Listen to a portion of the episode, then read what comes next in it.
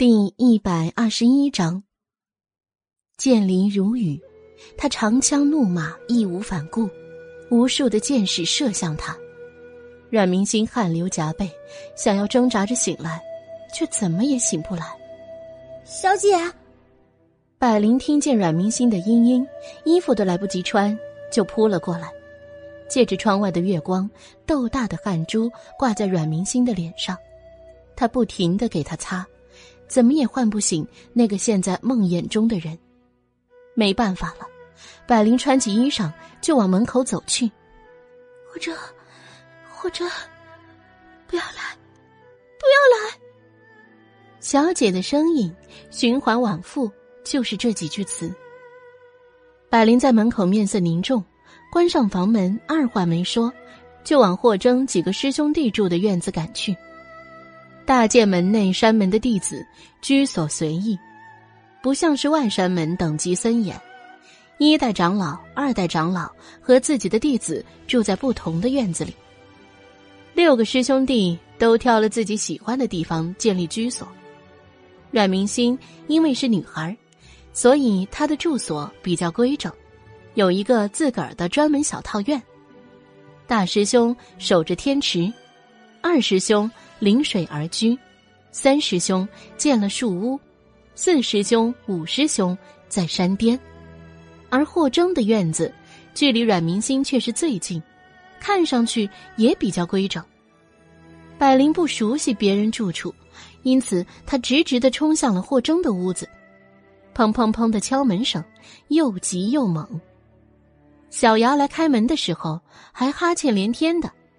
一见到来的人，砰的把门给关上了，一边找外衣，一边吼道：“你怎么都不出个声啊？”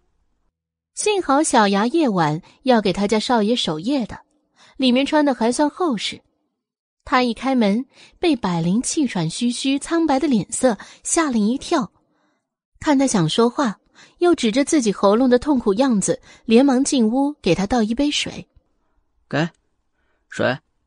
先喝点润润嗓子，别着急，慢慢说。百灵三两口，一杯水就下了肚子。深夜的水，冰凉刺骨，流经喉咙进入胃里，整个人都是冰冰凉的。百灵顿时整个人都清醒了，她语气着急：“快快，我家小姐生病了，我不熟悉这里，你们这里有没有大夫啊？”走。说话的间隙，霍征已经出来，显然是已经听到了百灵的话。小牙惊讶看他，已经穿戴整齐，这速度得是他开门的时候就已经醒了呀。霍征直接领着百灵和小牙径自往通向万山门的天池赶去。到了那边的一个小楼，霍征直接敲响房门。百灵疑惑的看着这里住的是谁。霍征敲完门，还忍不住喊道：“大师兄，大师兄！”平静的声音下，无不掩饰着加急的语气。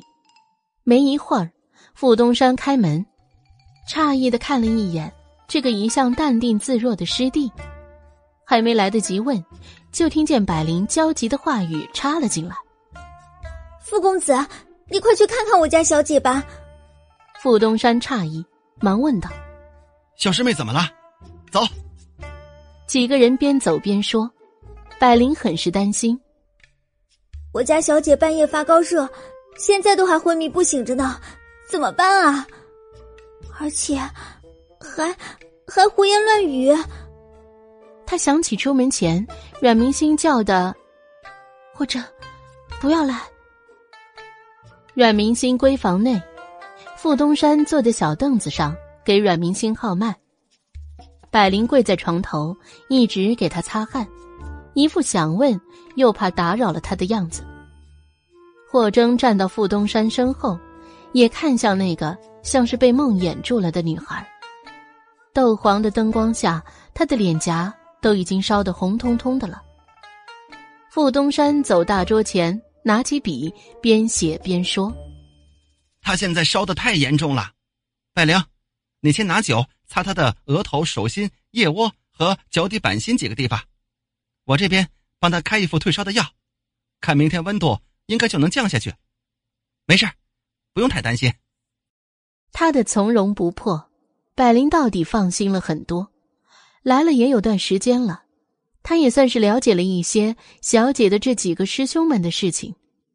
苍离精通剑术、医术和观星之术，而他的七个弟子，除了新入门没多久的阮明星，却是各有所长。大师兄傅东山擅长剑术和医术，尤其是医术，几个师兄弟中最为精通的。二师兄易书行三个都学，却三个都不是最拔尖的，经常被徐少宁取笑。就两只手，还是你什么都抓，最后是肯定都抓不稳的。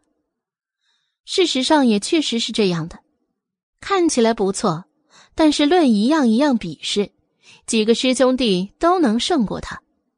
不过他这个人呢，想来心宽，什么都不计较。二师兄是徐少宁了，专攻剑术，恰好霍征也是，两个人的剑法路数又不一样。一个刚猛激进，一个温和绵长，跟他们的为人倒是恰恰相反。都说他们两个当初学习剑法的时候，互相学了对方的剑法。还有姚宝宝，别看他长得可爱，像是个没长大的孩子，学的剑法却是几个师兄弟中最好的一个。徐少宁和霍征都不是他的对手。别看苍离很宠爱阮明星的样子。其实他最喜欢的弟子，却是这个世事不通的四弟子。至于五师兄赵长渊，之前傅东山介绍给百灵就说了，这个孩子在几人中唯一选择的就是观心术了。其余的几个弟子对于其他两门怎么说还会有一点皮毛，他是压根儿踩都不踩，腼腆又固执。有了傅东山的保证，百灵放心多了。写好药方，傅东山就对百灵说：“他去煎药。”霍真和小牙也退了出去，百灵就专心的给阮明星擦身子降温。擦着擦着，豆点儿的泪珠就落了下来。要不是他这两日跟小姐置气，他也不会不早一点察觉到，现在小姐就这么羸弱的躺在床上。百灵难过的恨不得代替自家小姐生病。小姐，您快点好起来吧。您醒了，您说什么百灵都听，再也不跟你置气了。他早就应该察觉到，小姐不一样了的。自从夫人去世后，小姐整个人都变了。百灵觉得，小姐心里肯定是压抑着什么大事。不然，当初也不会那么决绝，豁出性命都在所不惜。只是百灵不了解，边擦边哭，耳边恍惚听到晚间的时候，小姐给他说过什么。这里不是你表面上看到的那么简单的，不简单吗？可是这里明明就是其乐融融的，在百灵的眼里，美好的几乎都觉得像是幻觉。明明那么多人都在疼爱着小姐，为什么说不简单呢？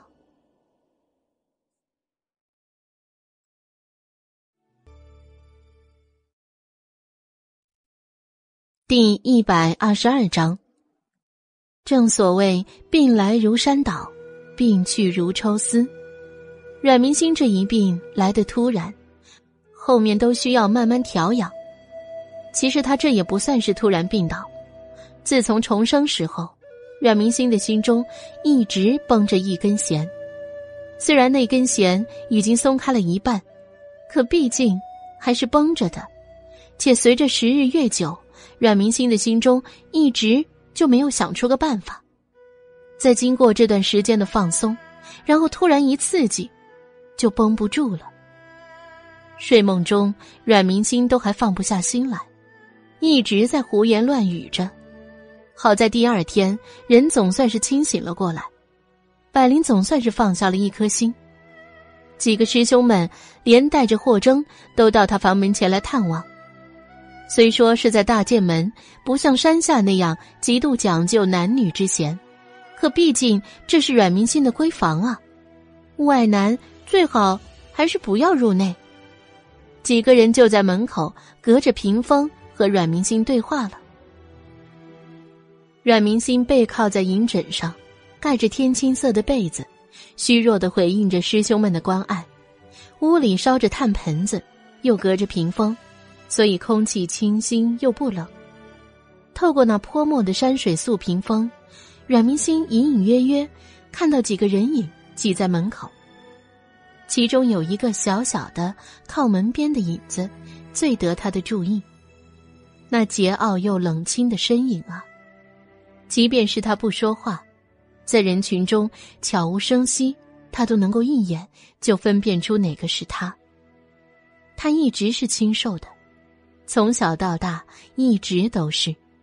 不知是不是在大剑门待久了习惯了的原因，还犹爱着白衣，却总是浓墨重彩的披着一张漆黑的皮裘，黑白鲜明，就像他认定的事情一样。是黑非白，一点儿也不容许含糊。即便是有时候他是狡黠的，但是对于那个认定的结果，从小到大从未变过。他知道昨晚大师兄来的时候，他也在。多年的患难扶持，他早就熟悉了他的一切。大师兄、二师兄、三师兄、四师兄、五师兄、六师兄。你们回吧，我很好了，不用担心。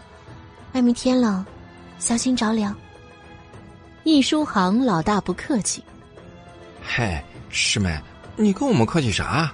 不冷，你啥时候看到过我们冷过了？看着他们一个个的衣襟单薄，阮明星不说话。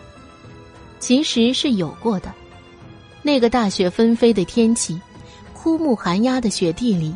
易书行终究倒下去的时候，是他一把接住了他。那个时候，他就口吐鲜血的说道：“ 好，好了，好了，师妹，师兄怎么觉得这么冷呢？”无论他怎么温暖他，他却都说冷。最终，他一个人将他留在了那片荒山野岭之上，没有墓碑，终年与积雪为伴。他知道，三师兄也是怕冷的。他说过：“你看他们整天装腔作势的，在那耍风流，要是就他一个人裹得跟个球似的，那岂不是很没有风度？所以多冷他都忍着，忍着忍着就忍习惯了，也就不冷了。但是那颗怕冷的心却一直都在，而他却没用，让他的灵魂。”都被冰冻着。阮明心沉默。师妹，你怎么了？怎么不说话了？易书航吊儿郎当的声音又传了进来。你要有事儿，你告诉师兄啊！师兄这就来看你。易书航说着，就要提脚跨进门槛别！阮明星赶紧深吸口气，压下那一股突如其来的难受。好一会儿，嗓子才舒服了，可以说话，声音却怪怪的。我没事儿，你们先回去吧。擦下那不知何时流下的眼泪，阮明星强打着笑容，语调上扬：“我很快就好了，好了就去找你们练剑。下山的时候答应好了的，你们可不许赖皮啊。”易书行收回脚。那好，师兄们到时候一定好好琢磨你。徐少宁拿手肘寸他，低声道：“说什么呢你？不会说话别说。什么你琢磨师妹？说话请去掉那个门，小心师傅回来收拾你。”一书行丈二和尚摸不着头脑，挠挠头：“没错呀，师妹不是要我们陪她练武功吗？师妹不会。”那还不是被我们吊打？想当年，我就是这么从大师兄手下过来的。他还说的尤其无辜，像是要找到一个同盟。转头对着傅东山说：“是吧，大师兄？”这回不只是徐少宁，五个人齐齐的对着他摇头，傅东山都不好意思应他了，显得自己特傻。连最腼腆的五师弟都忍不住开口说他了。赵长渊戳戳他的腰肌，惹得易书航本能的一闪，想要对他发飙，看着是他腼腆内向的五师弟，到嘴的话又给忍了下来。赵长渊弱弱的说：“那是指点，二师兄。”然后又继续拉着易书航让他凑近，自己踮着脚尖儿在他耳边说：“你小心大师兄真的搓磨吊打你哦。”哎，不都是一个意思吗？易书航还是不大明白。徐少宁说：“枉费义郡国公文韬武略，怎么生出你这么个儿子？”在易书航的瞪视下，摇晃着走了。可惜呀，可惜，苍天不长眼呐！其余几个人也是一副爱莫无奈的样子，跟着徐少宁的步子，摇头晃脑的走了。切，你们什么意思嘛？易书航指着几个人的背影说，急急忙忙转过身，跟阮明星告别。小师妹。三师兄也还有事儿，也先走一步了啊！立刻噔噔噔噔的跑了，一副火烧眉毛的焦急模样。三日之后，阮明星的病彻底好了。或许是那日食堂的大师傅见过百灵抱着阮明星去打菜，这几天阮明星病着，百灵从食堂提回来的食盒也是格外的丰盛。他刚从别庄带回来的琉璃滚球小探球放在食盒的底部，隔上一层，再在上面两层放上饭菜，这样从食堂提回院子里饭菜就是热的。那个琉璃滚球小巧精致，镂空的金色雕花，无论怎么滚，里面的炭火都不会露出来。听以前的老嬷嬷说，是夫人的陪嫁之物。以前经常给阮明星暖被窝用的，这回上了千仞山来，百灵收拾行李的时候，鬼使神差的就把它给带上了，这会儿正好用上。饭菜提回来，百灵正在摆饭，阮明星自个儿穿好衣裳，绕过屏风坐在圆桌上，看着他的眉眼说道：“你不用这么小心翼翼的。”我又没什么事，又不是你的原因。百灵听见阮明星这样说，心中更是愧疚。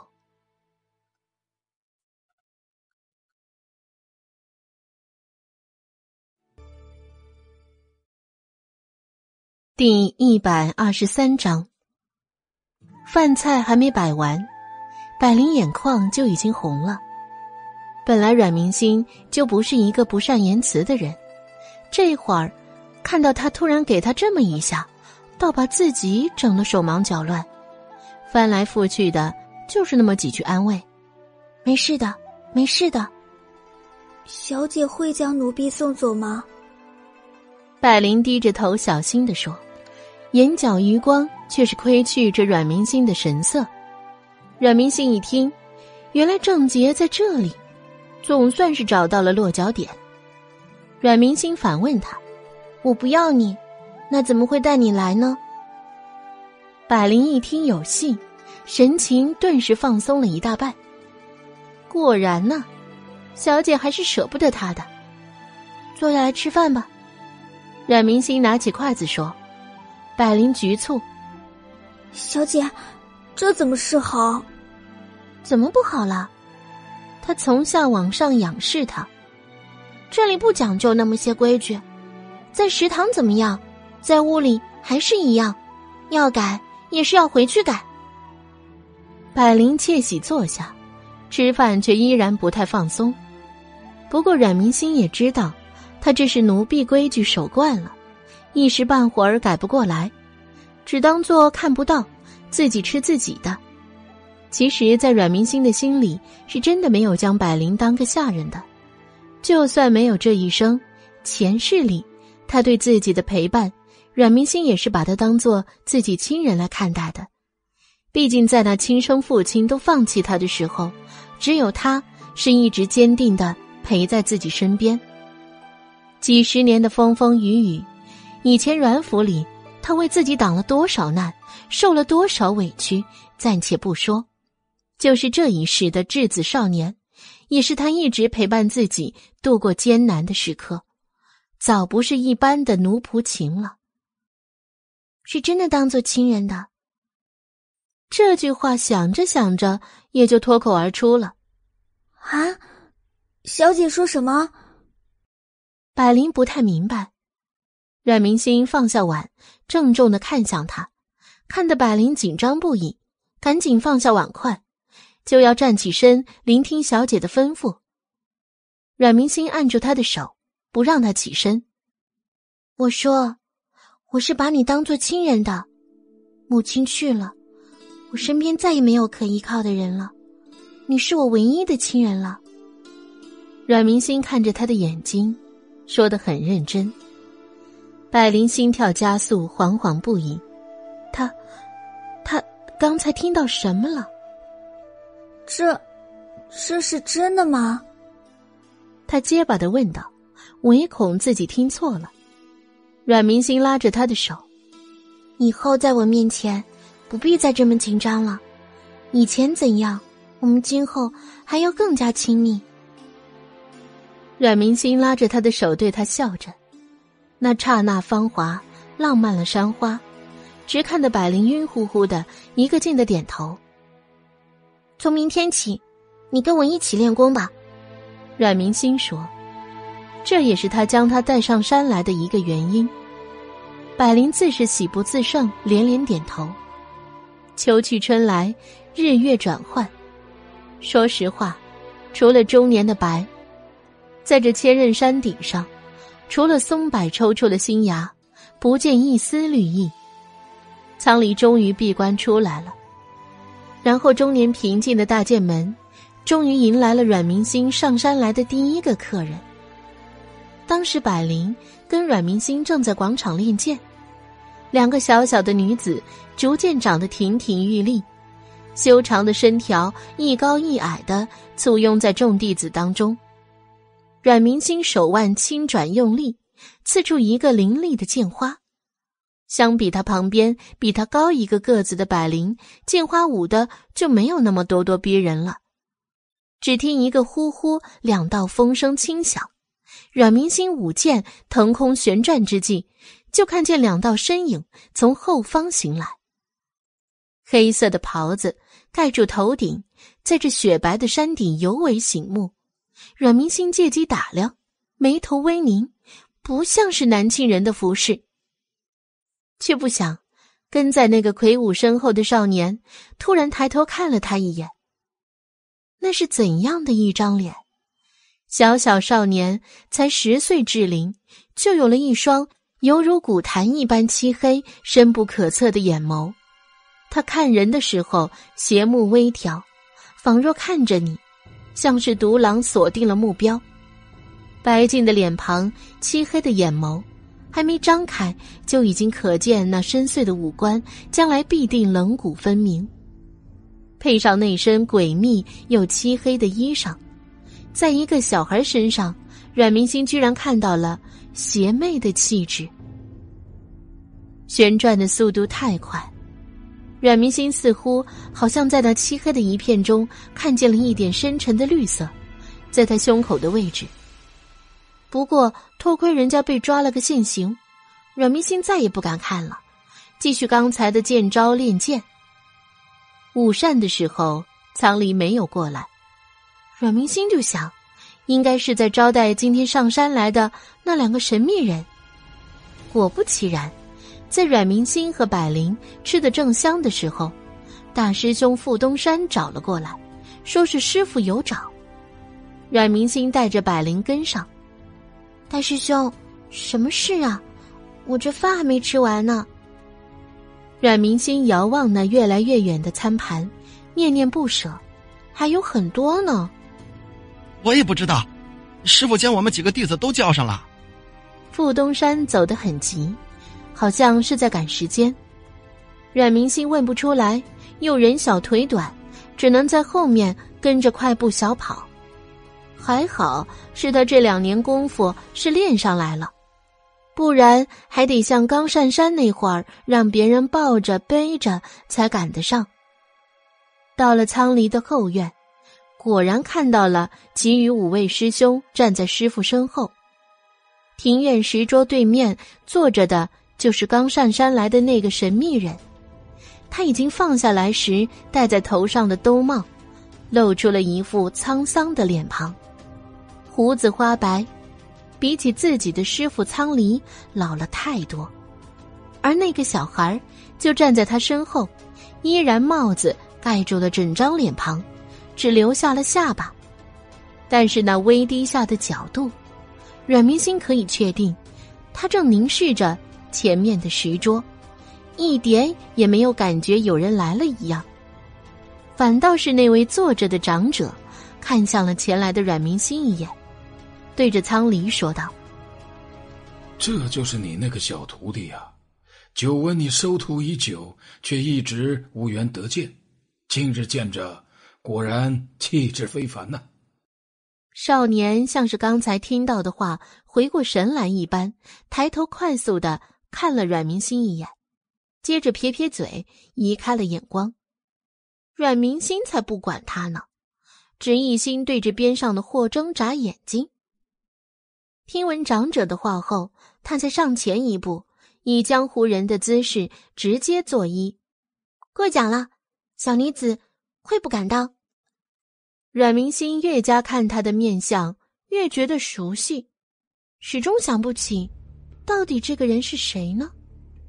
明心呢，还不快拜见左丘大师？他可是东省第一大剑师啊！苍离给阮明心介绍道。左丘行一，那个拥有巫蛊之术的北狄国师，前世师傅得道后，联合其他几国的大剑师一起血洗他大剑门的那个人。嗯，怎么了？苍离察觉阮明星的气息突然不稳定，问道。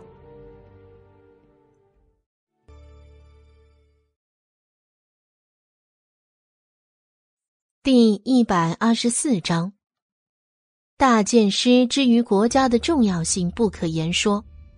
本身这已经是超越五境九阶的存在，前无古人，后亦无来者，和天地时运而生，破九州十国之乱，分四国鼎立。这是一种制衡，也是四国不像以前十国之乱之间互相征伐的原因。但是大剑师之间，在境界上已经不可能互相压制，往往就寄希望于下一辈的比试。当时阮明心一心扑在帮龙逸轩夺嫡之上，并未察觉师门有变。等他接到消息赶回去的时候，大战已经发生了。都说千里冰封，万里雪飘，可那几日的千仞山雪顶一片鲜红。再厚重的雪都掩盖不了那空气中飘荡着的血腥味。怎么了？苍离察觉阮明星的气息突然不稳定。啊，没什么。阮明星被霍征推了一下，赶快回神，恭敬的回道：“就是，没想到居然是名震九州的左丘大剑师，一时有些惊讶。久仰久仰。”阮明星边作揖边说道：“左丘行一嘴唇微勾，花白的胡子微微翘起，眼神慈爱，一副和蔼可亲的长辈样子。他勾唇看了看这个四国之中唯一的女弟子。小姑娘不必紧张，我与你师傅是故交了，只是突然想起老友，想来拜会一下。”不知可有叨扰啊？最后一句是对着苍离说的。苍离回礼：“哎，哪里哪里呀！左丘姓能来我千仞山，那是在下的荣幸啊，又怎会有叨扰一说呢？”两个大剑师互相推脱恭维。哦，对了，左丘行一突然想起还没有介绍自己的弟子，指着自己身后一直静默不语的少年郎：“这是我的嫡传弟子纳兰子墨。子墨，还不见过苍离大师？见过苍离大师。”纳兰子墨恭敬作揖，然后目光又低了下去。来往而不往非礼也。苍林也指着自己身后的弟子依次介绍。阮明星看着对面的少年，因为看不清他的面部表情，将目光顺着他微低的角度，也移向了石桌上一直没动的铁盘棋局。只感觉目光凝落的那一瞬间，棋盘上深寒的剑意厮杀扑面而来。围棋他没少下。但是用剑意融合的厮杀棋局，阮明星却第一次见着，一入眼就着了迷，不可自拔。难怪刚刚那个纳兰子墨看都不看他呢。这两年，阮明星除了学习武功之外，在奇门遁甲、天文八卦、医术上都有所涉及，其中为棋艺最精。古人云：“棋虽小道。”却自有一人一棋一天下之说，可见一盘棋局的厮杀，斗的还有心怀天下的胸襟、伟岸、格局。棋盘上黑白两方参差分两式，玄素引双行，舍生非假命，待死不关伤。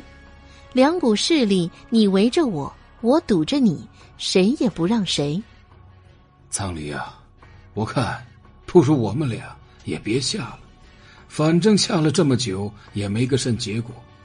你看我们身后这两个小娃，眼珠子都快钉在上面了，不如让他们俩代替我们继续，可否啊？左丘行一活动一下肩膀，感叹：“上山这么久以来，就看你在这对弈，砍了一早上路，午饭你去请我一口。”主随客便。苍离看了一眼后面同样着了迷的阮明星，站起身来让座。明星，你来对弈纳兰子墨。阮明星摩拳擦掌，他看了好久。那个纳兰子墨很明显也是想要跃跃欲试。两个稚嫩的少年各坐一方。两个大剑师淡笑不语。他们这次其实比的就是弟子。很明显，在人数上，阮明星是占优势的。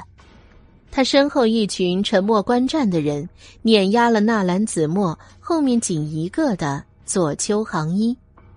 但是那个沉默不语的少年郎，却好似一点也没有察觉到，一心都扑在棋局之上。铁棋棋盘巨大，是完完全全镶嵌在大圆石桌上的。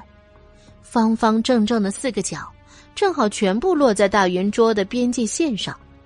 旁边两处空余的地方，大大的石槽内堆放着所剩无几的几个黑白大棋子。纳兰子墨看了半天，早就蠢蠢欲动。左丘行一一起身，他就坐了下去。对面的阮明星也毫不客气，真是看着这两师徒就来气。今天。就要好好的杀杀你们的威风，还敢来挑衅我们师傅？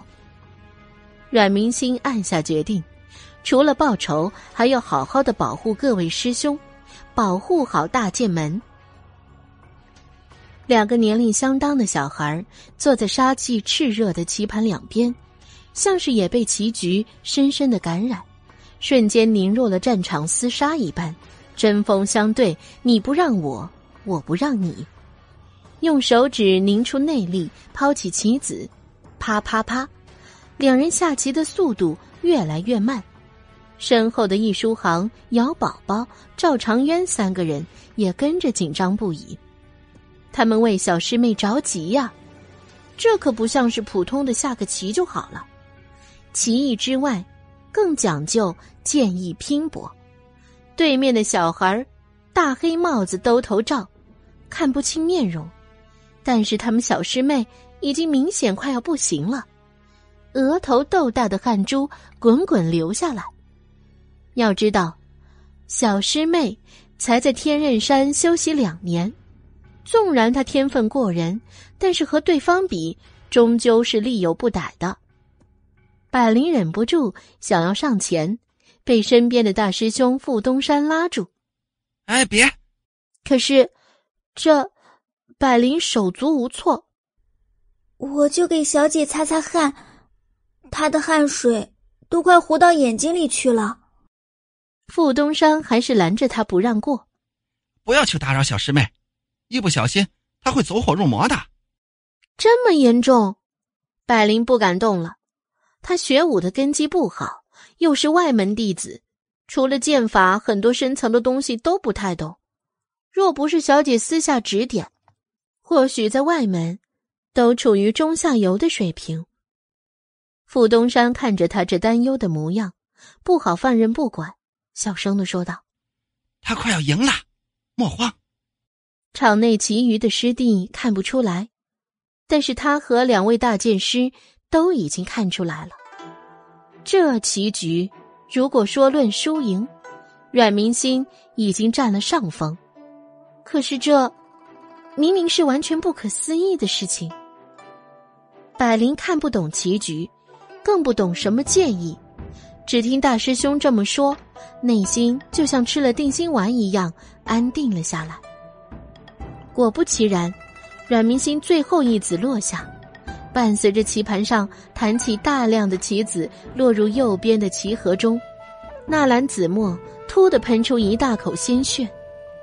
这是百灵这么久来第一次听到他说话，他的声音清脆，似泉水叮咚，黄莺出谷。若是不见人，就像是一个开朗大男孩在唱歌一般的天籁，与他的整个神秘气质形成鲜明对比。他没顾上擦拭嘴角的鲜血，先是直直看向了左丘行一。师傅，对不起。左丘行一的眸中有阴霾一闪而过。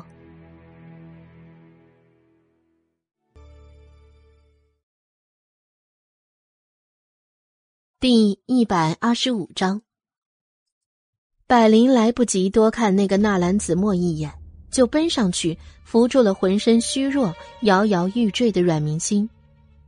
他刚想拿锦帕擦拭阮明星额头的时候，眼中突然映入一双白净修长的手，也扶在阮明星的肩膀上。那双不似成年人的大手，比他的还大，骨骼。也要硬朗一些。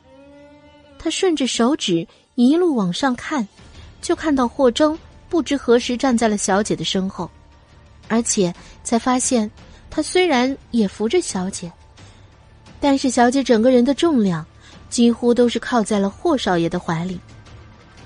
师傅，徒儿先送师妹回去休息。霍征扶着阮明星开口，打破了这场僵局。苍离看了眼阮明星惨白的脸色，点了点头。霍征就让百灵扶着阮明星一同回去了。没有人注意到，那个头戴兜帽的少年郎，轻轻的抬手，用衣袖试了一下唇角的血迹。他的动作舒缓，在嘴角停顿片刻，像是在掩饰什么。左丘行一看了眼站在他身边，只见帽顶的黑色身影，对着苍离淡然一笑：“ 苍离啊，果真胜于兄良多，一个女徒竟然也如此了得，果然教出的弟子不同凡响，小徒拙劣，也算是不打不相识了。”苍离听到别人夸奖自己的得意门徒，与有容焉的说。哎，哈哈哈，哪里哪里呀！令徒小小年纪，如此也是不错，不错呀，后生可畏呀！哈哈哈，后生可畏呀！他本就容颜年轻，在他这个白发苍苍的人面前，这样一副捧着长江后浪推前浪的架势。左丘行一的面上陪笑应是。那紧抓着权杖的手上，白色骨节却出卖了他心底的情绪。苍离身后的徐少宁看到之后，淡笑不语，心情甚好的对着苍离一拱手说：“师傅，师妹不舒服，我也去看看她。”苍离点头应是，徐少宁就扬着大步直接离开了。易书航见他走了，又是要去到师妹面前刷好感，哪里肯依，也一拜手：“师傅。”我也去看师妹。说完，他蹭蹭蹭的就追了上去。后面的几个丈二和尚摸不着头脑，蠢蠢欲动，想去又不敢去的样子。苍林一见他们这个样子，慈爱道：“唉，罢了，知道留你们不住，都去了吧。”他一挥手。留下的姚宝宝和赵长渊，呼啦啦的就没有了，仅还剩个傅东山还站在这儿，依旧谦恭守礼。回过手来，苍离对着左丘行一歉意笑笑：“ 小孩子顽皮好动，还请见谅啊。”哎，哪里哪里，令徒们师兄妹感情好。还羡慕不来呢。左丘行一了解的说道，看着纳兰子墨的目光有点责备，又饱含宠溺。因为千仞山与东胜伏击相邻，加上也与北狄相隔不远，在男女之防上不像京城那样严格。另外，霍征与阮明星的关系也非同寻常。一离开人群视线，霍征就将阮明星从百灵的手中接了过去，自己背着他，快步往阮明心的闺房走去。虽然早有察觉霍少爷跟他家小姐关系亲近，百灵依旧在后面看得跺脚。嘿，他又不是扶不动他家小姐，用得着他从他手中抢人吗？十二岁的霍征。已经身条修长，虽然身子依旧清瘦，从小的练武使他即便是背上背着个人，依旧健步如飞。百灵在后面追得困难。等他回到小姐房间的时候，霍征已经将阮明星放在床上，被子盖好，正把在桌边给阮明星倒的水往他手上端。百灵看见了，立马冲上去拦住。霍少爷，这么凉的水，你就要这样给我们小姐喝？百灵责备的看着霍征，虽然已经正式拜入大剑师门两年，对着其余众位师兄的叫法也都改了过来，唯独对霍征和阮明星这两个一直保持着霍少爷和小姐的称呼。或许是在百灵的潜意识里就知道，迟早他们。还是要回到那个纷纷扰扰的红尘俗世中去的，嘴上就一直没有改过来。霍征听到他的话，愣了一下，他一心想要好好照顾阮明星，却连最基本的都忽略了。此时一经提醒，才真的感受到手上的茶杯触手冰凉，不禁责备自己，还好。没有给心儿喝。他一向心绪内敛，但却总是在他的事情上冲动。近来随着心儿不断主动亲近，越来越有些难以控制。这还没完，门外的几个师兄来了有一会儿了，一直不出声。现在看见他被一个小丫头教训了，立刻扑哈哈的嘲笑起来了。一阵说辞，就属易书行的。六师弟是傻了呀！鉴定完毕。尤为突出，霍征的心率有点不整齐了。他还是第一次犯这样的失误。抿着唇，瞪着他不说话。虽说千仞山的民风相对松懈，但男子进女子的闺房总归不太好。加上这一次，阮明星手上霍征也只进过这个房间不到十次。此时，霍征终于从师兄们的取笑中清醒过来，见阮明星的脸色已经恢复了一些，顺手就把茶杯塞入了百灵的手中，对着阮明星说道：“你好好休息。”就如来时一样，快步离开了房间。出了门口，见几位师兄还不走，冷眼凝视着他们。这才是他们认识的六师弟呀。刚刚那个人是谁呀？赵长渊和姚宝宝首先扛不住跟他们同龄的六师弟冷眼，默默的让开了路，看着二师兄和三师兄两个求助，怎么办？这个从霍征上山对他们就一直冷漠的师弟，那必须是师傅才能驾驭得住啊！连大师兄跟他说的话，都是用商量的。哦，对了。还有屋里的那个，他们人见人爱、花见花开的小师妹，无情冷漠的六师弟也抵挡不住小师妹的可人风，在他面前化作了绕指柔。易书航和徐少宁在霍征的眼神冷冻下，终于扛不住了，往屋里阮明星的方向望了望，可惜透过朦胧的山水屏风，什么也看不见。两个人的步子终于挪动了一下，也给他稍微让开了一点道路。百灵在拨弄桌上的茶炉，徐少宁可乖多了，自动站在一边，什么也不做，等着三师弟给百灵使眼色的结果。只要霍征发话，他们也无需走人的。奈何百灵也不敢触怒这位主啊，没看见他从他手上。抢了小姐，他连吭一声都不敢吗？这要是一惊动别人，毁了小姐的名声，他可是会恨不得杀了自己以死谢罪的。第一百二十六章。于是百灵专心致志升起火炉，放上茶壶，全当什么都没看见。易书航见没戏了。立马转变笑脸，嘿嘿嘿嘿嘿，师傅那边还不知道怎么个情况呢。师弟，我们去看看。他抬起右手，想要拍到霍征的肩上。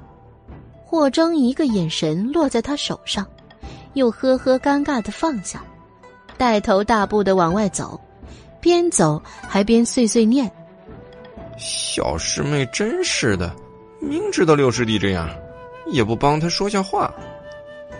徐少宁跟在他后面踢了他一脚，易书航就彻底闭嘴了。接着是姚宝宝和赵长渊，一路无话。霍征走在最后，临走前还跟百灵交代：“好好照顾你家小姐。”百灵取茶叶的手停顿，见人没影儿了，对着门口一顿龇牙咧嘴。时间一晃就是三日过后，阮明星除了比试当天整个人虚脱之外，第二天睡一觉就又活蹦乱跳了。倒是霍征这两日面色凝重，霍家派人给他送来了一封信。这日天朗气清，风和日丽，是一个温暖的天气。阮明星练完剑，就让百灵给他打水来，他要沐浴。自从那日被送回来，百灵总是担心他邪风入体，约束着他。今天天气这么好，怎可错过？当然，打水这么体力劳动活百灵一个弱女子是做不动的。这时候，他这两年的关心问候的成果就显露出来了。原本伺候阮明心是卓伟分内的事。如今百灵请他帮忙，只要说一声这样的小事，就万事大吉了。热水提了过来，百灵伺候着阮明心在屏风后脱衣解发。屏风后面细柔的乌发浓密黝黑，如瀑布般滑落。大剑门内弟子统一的白色直多被百灵搭在屏风上，一件又一件。霍征路过窗前的脚步就这样停住，不可自拔。窗子的缝隙没关严，现在还是初春的天气，千仞山顶上还处于寒冬的温度。阮明星屋子里的炭盆子还没有撤去，留出一道小缝隙来通风。窗子平时一直就是这样关着。百灵看门窗都是关着的，也没有太过留意。凝脂般的闪着光泽的身影，消失在木桶里。子曰：“非礼勿视，克己复礼为人，为人有己。”霍征用了好大的力气，才让自己离开那个方寸之地，却不想，刚走到小院的月洞门外，就听见院子里传来声响。纳兰子墨是在霍征之前就在这个院子里了。他看见那天跟他比试的丫头身后站着的那个女子，从一个粗衣男子手中接过木桶，正想出去的时候，就听见有脚步声。往他的方向来，情急之下就一闪身躲了起来。等了半天也没有听到那个脚步声离去的声音。当然还有屋子里不时传出的水声。离开的时候不知怎么的，他也在霍征驻足的地方停了下来。这一看不打紧，原来木桶里不是那个接水的姑娘，而是跟他比试的那个死丫头。这一惊讶，就没控制好呼吸，因为很明显，里面的人在沐浴。半人高的木桶散发着蒸蒸热气，水雾缭绕间，白皙的身子和如黑瀑的秀发对比明显，看上去别有妖娆。他坐在木桶中，背对着窗子，所以看到的只有香肩背影。谁？阮明星回头，一把扯过屏风上的中衣遮挡，神情骤冷。师兄克己有礼，绝对不会在他窗前偷看，而他现在这个样子，也不适宜被人看去。纳兰子墨有些尴尬，但却也不服气的开口道：“小身板有什么好遮挡的？切！”他的声音透着不屑。捏起的双拳却有些紧张，他天资过人，是左丘行医最钟爱的小徒弟，如今却在奇术上败在这个小丫头手下，心底的不服气始终没有散去。所以现在虽然是偷看旁人，但想到自己终究占了上风，不由有些洋洋得意。这个清脆的声音。虽然只听过他说一句话，但是那深刻的印象怎么也挥之不去。他一开口，阮明星就知道，外面的登徒子必是那个左丘行一老头的徒弟，眸中锋芒一闪而过。左丘行一，你不是不服我师傅吗？那我今天就断你师门奇才，以除后患。阮明心几个大起落的呼吸，猛地站了起来，扯过长袍往身上披上。在他站起身的瞬间，窗外的黑影快速的背过身子，闭上眼睛。你你你，他怎么敢在他面前站起来？那可是裸身呢！惊讶间，他连话都说不清楚了。毕竟，他也还是一个十岁少年郎。再怎么沉默，在突然刺激下也会无措的。阮明星见他这样，不由冷击：“小身板而已，有什么可怕的？”这是用他刚才的话回敬，脚步却是轻轻的往身后移去，取上那把挂在床头床柱上的佩剑。凌冽破空的声音传来，纳兰子墨才反应过来。他这是要杀了自己，足尖点地后退，黑色的身影在小院里划出一道黑色的光，后面紧追着一道白色、闪着粼粼剑光的白色弧影。霍征闻到动静，出现在小路尽头，前后将纳兰子墨夹在中间。此刻的纳兰子墨早没了刚才的调戏，雪地黑影更加衬托除了他周身的森林漆黑。黑黑的身影周身，就只有胸膛那一块古朴诡秘的绿松石是唯一的色彩。师兄，杀了他！阮明星剑笔直的指着中间的纳兰子墨，对着路尽头的霍征说道。说完，手执利剑直刺纳兰子墨。在这一刻，他难掩心底的杀机。多年后，此人绝对是南庆的祸患。并且，也是大剑门的祸患。这个人，终究会得尽左丘行医的真传，并且更是有一身诡异的巫蛊之术。霍征一愣，还有些反应不过来。他偷看我洗澡，阮明心冷冷的说道：“现在这是最好的理由，而且他确实需要霍征的帮忙，因为他衣服并未真正穿好。”所以出招犹有顾忌，此话一出，霍征脸色顿时沉了下来。他也看出阮明星的出招匆忙，甚至连头发都没来得及擦拭，杀意顿时从身上迸发。他提剑也加入了战团。阮明星并没有在霍征杀来的时候撤出，因为他真的存了杀心。无论如何。一定要借着这个前所未有的时机，把这个潜在的威胁斩于剑下。而这里的杀气动静，已经被其他那些师兄弟也注意到了。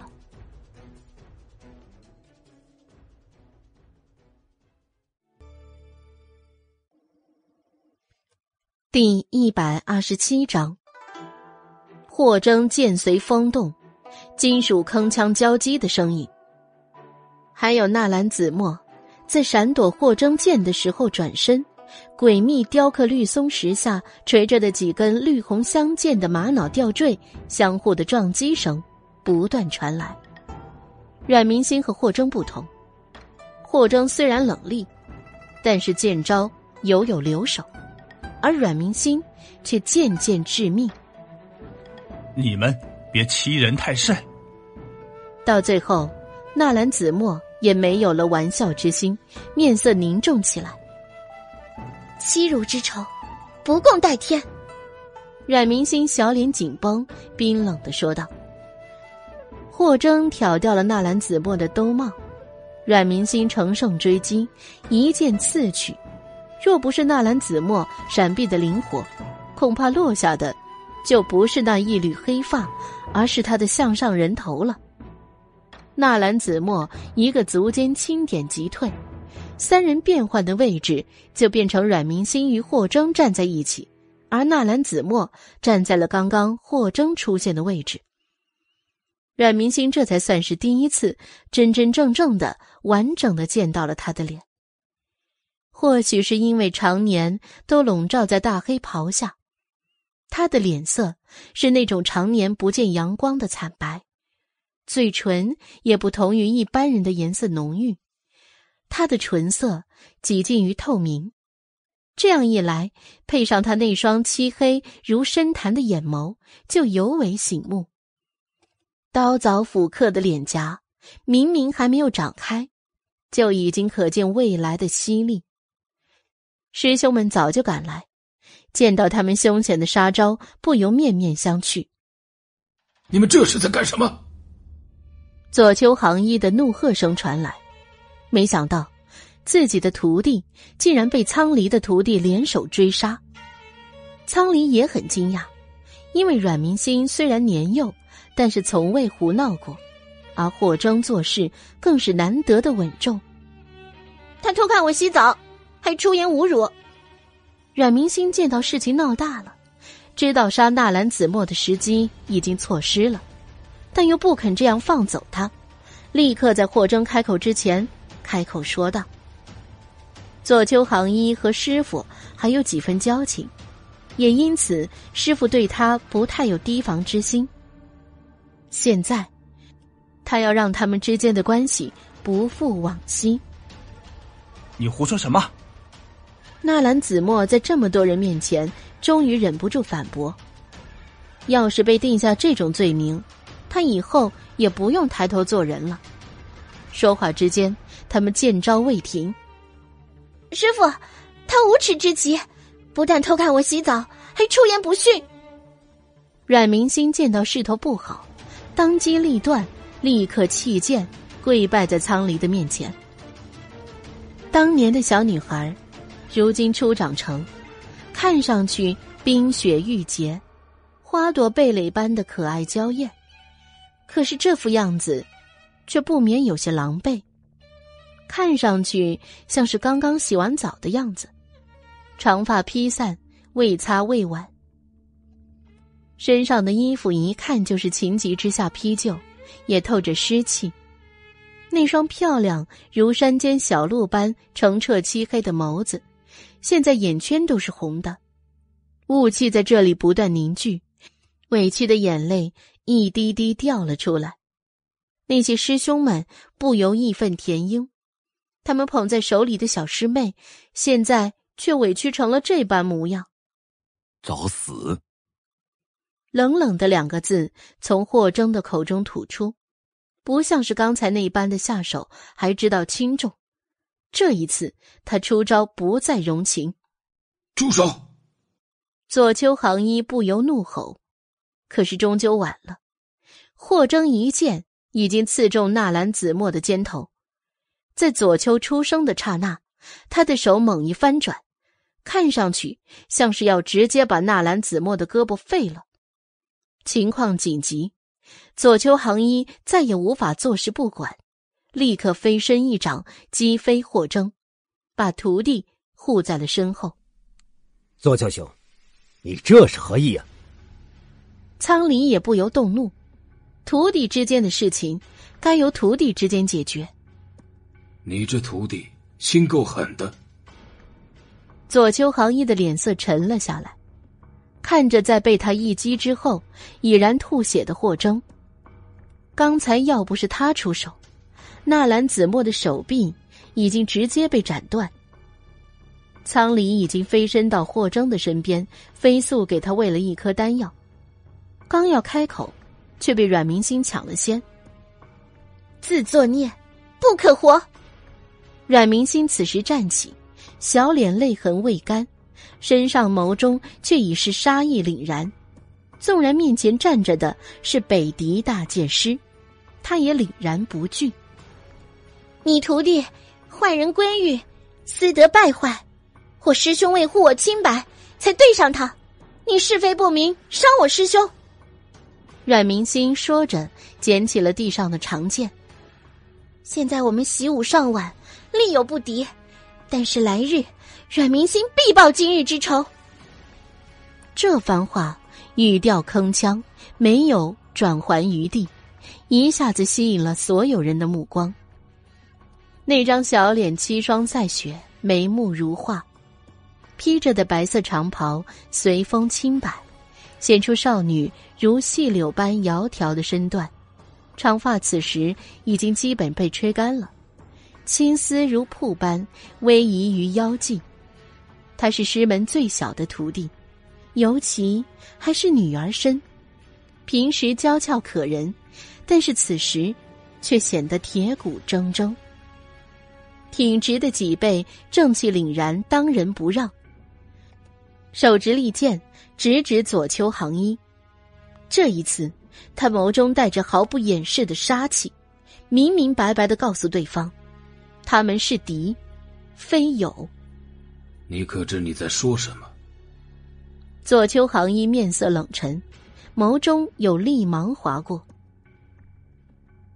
那你可知你在做什么？你带着徒弟登上山门，我师傅带你试课。你徒弟闯我居所，偷窥我洗澡，还语出不逊，这就是你们北狄的剑门风范吗？阮明心却仍是针锋相对。在这一刻，他能看到左丘行一眸中的杀气。既然心有杀机，何苦要装作和善？我师兄有什么错？如果南庆有这样的登徒子，被抓住之后，按律编五十，断一手，流放千里。你为了护住你这个徒弟，竟然还以大欺小，伤我师兄。别看你现在是大剑师，但是我不服气。这话带着孩子闹别扭的执拗，也透着绝不妥协的倔强。除了霍征，没有人想到阮明星竟然会有这样的反应。执剑在手，看上去竟是一言不合要直接杠上大剑师般的人物。他顾不上和师傅多说，径自捂着胸口，提剑站在了阮明星的面前。如果对方要仇视，那就先仇视他吧。就算是面前刀山火海，他也要挡在阮明星的面前。谁也没想到会闹成这样。他们少男少女竟然直接剑指贵客，一时间场面顿时变得冷凝僵硬。左丘行一气得脸色发黑，这小女孩，还有那少年，竟然敢这样对他说话。可是，还没等他说话，或者苍离说话，一向爱说话斗嘴的那些师兄们却罕见全部保持了沉默。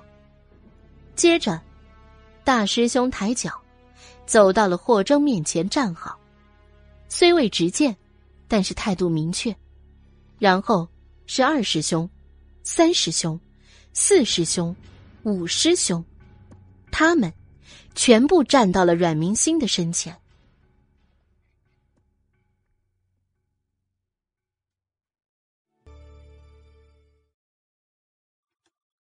第一百二十八章，这一下看上去就像是南庆的大剑门对上了北狄。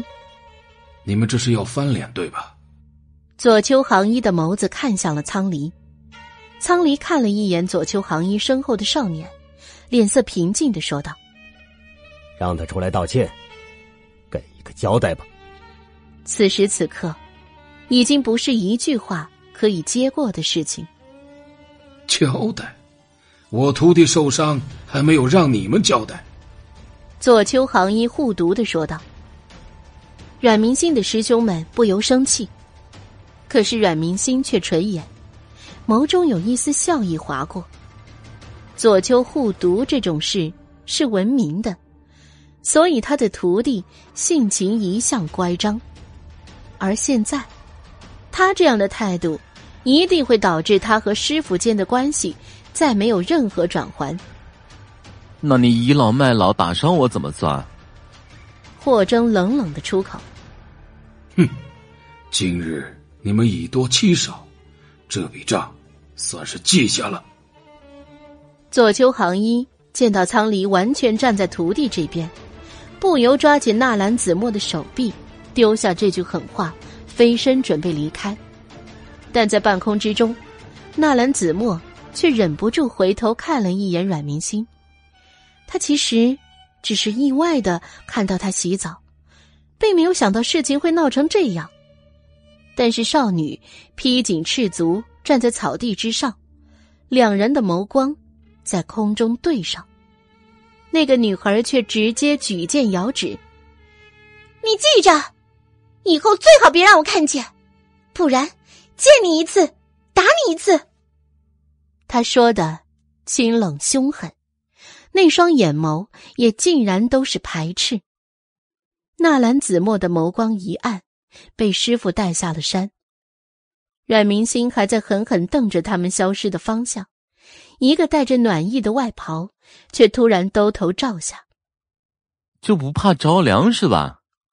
霍征的脸色不太好看，看着少女忍不住怨怪：“小姐，你还是先换了衣服吧。”百灵早就着急的像是热锅上的蚂蚁，如果不是因为他实力不够。一定狠狠砍那个纳兰子墨几刀。明心，先去换衣服吧。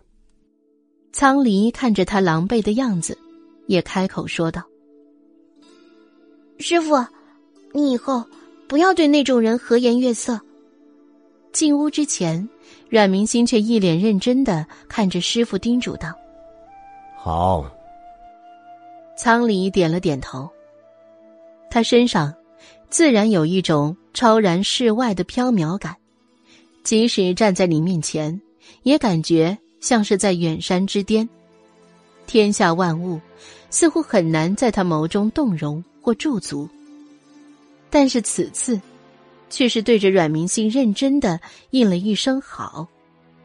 阮明星这才满意的进屋，觉得至少解决了一个心腹大患。师傅所追求的是最终的那个道，所以那些人事纠纷的纷纷扰扰，向来并不放在心上。现在，至少，那个左丘行一在他心中已经有了恶感。小师弟，大师兄傅东山却赶快帮霍征把了把脉，眉头不由一皱。他竟然下这种重手！一代宗师。却直接对一个子侄辈下这样的重手。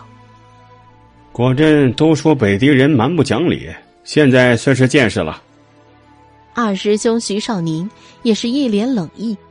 下次别让小爷见到，见一次打一次。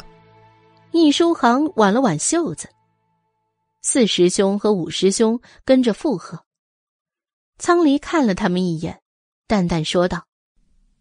想要成为打人，而不是被打的那一个，你们还需要勤加练习。这次的答应听上去要少了几分敷衍。左丘行医这件事，显然也激发了这些师兄弟们的愤慨。本来师兄们还想要一起等着阮明星换衣服出来，但是大师兄却开口说道：“明星是女孩子，刚出这种事儿。”未免会不好意思，我们先撤去吧，让六师弟开导下明星。什么是六师弟开导啊？难道我不行吗？易书航不满的说道。每一次只要是小师妹的事，直接就划分给霍征。霍征闻言，眸光清冷的扫了他一眼。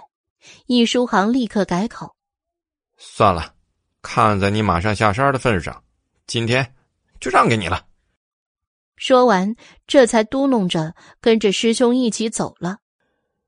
那个纳兰子墨真是可恶，怎么可以偷看小师妹洗澡？我都没有看过。易书航，你皮痒了是不是？斗嘴声渐渐远去，霍征站在阮明星的门口，眸光渐渐暗了下来。是的，他要走了。手抬在空中，想要敲门。却似乎在犹豫什么。可是就在这个时候，屋门却一下洞开了。阮明星刚穿好里衣和中衣，披上外裙，开门就走了出来。师兄，刚才三师兄说什么？你马上要下山了吗？小女孩一脸的惊疑不定。她年少沉稳，这已经是很难得的失措。霍征收回了自己举在空中的手，看着他稚嫩脸庞，似是觉得怎么也看不进。他伸手揉揉阮明星的头顶，以后好好练剑，好好听师傅的话，不要跟易书航那个人走太近，也离徐远宁远一点。有事情找大师兄啊。他似有交代不完的话，第一次。这么跟他这么啰啰嗦嗦的说了一大堆，阮明星有些茫然。师兄，你为什么跟我说这些呢？他微微摇着头，像是小孩子闹别扭般不满的说道：“师兄，我有你呀，我有你就够了，我不需要那么多。为什么要找大师兄？我找你不就好了吗？”霍家来信。要我回家一趟，可能会需要些时日。霍征看着阮明星，开口说道：“本来从来不觉得离别有什么，但现在却觉得不免苦涩。很多事想要交代，但是却交代不完。”阮明星不舍得拉着他的袖子，走到了天池。霍征温柔的帮他系好了衣扣。他又不舍得跟到了外山门，从山上跟到了山下，他却始终不想放手。山上的这些日子，像是偷来的，弥补了之前的那些错失。只有真的用心去看，才知道他对他有多好。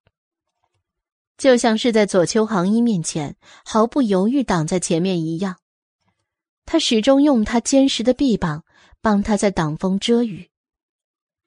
想要说什么，却又觉得好像不用说，他也明白。师门一共七个人，他不准别的师兄太亲近他。也不准他和别的师兄调笑。那份明明白白的在意，大剑门谁都清楚。他们都以为这是两小无猜、年少无忌，却不知他始终如一。他现在全部明白。可是他，可曾知晓他的用心呢？或者，阮明星抓着他的衣袖，好像不放手。他就不会离开。想要说什么，但是还没开口，他却急急的说道：“你以后洗澡可不要再开窗子了。”说完，他收袖离去，竟像是有火烧眉毛的急促，也像是一路纠结，终于说出了这句。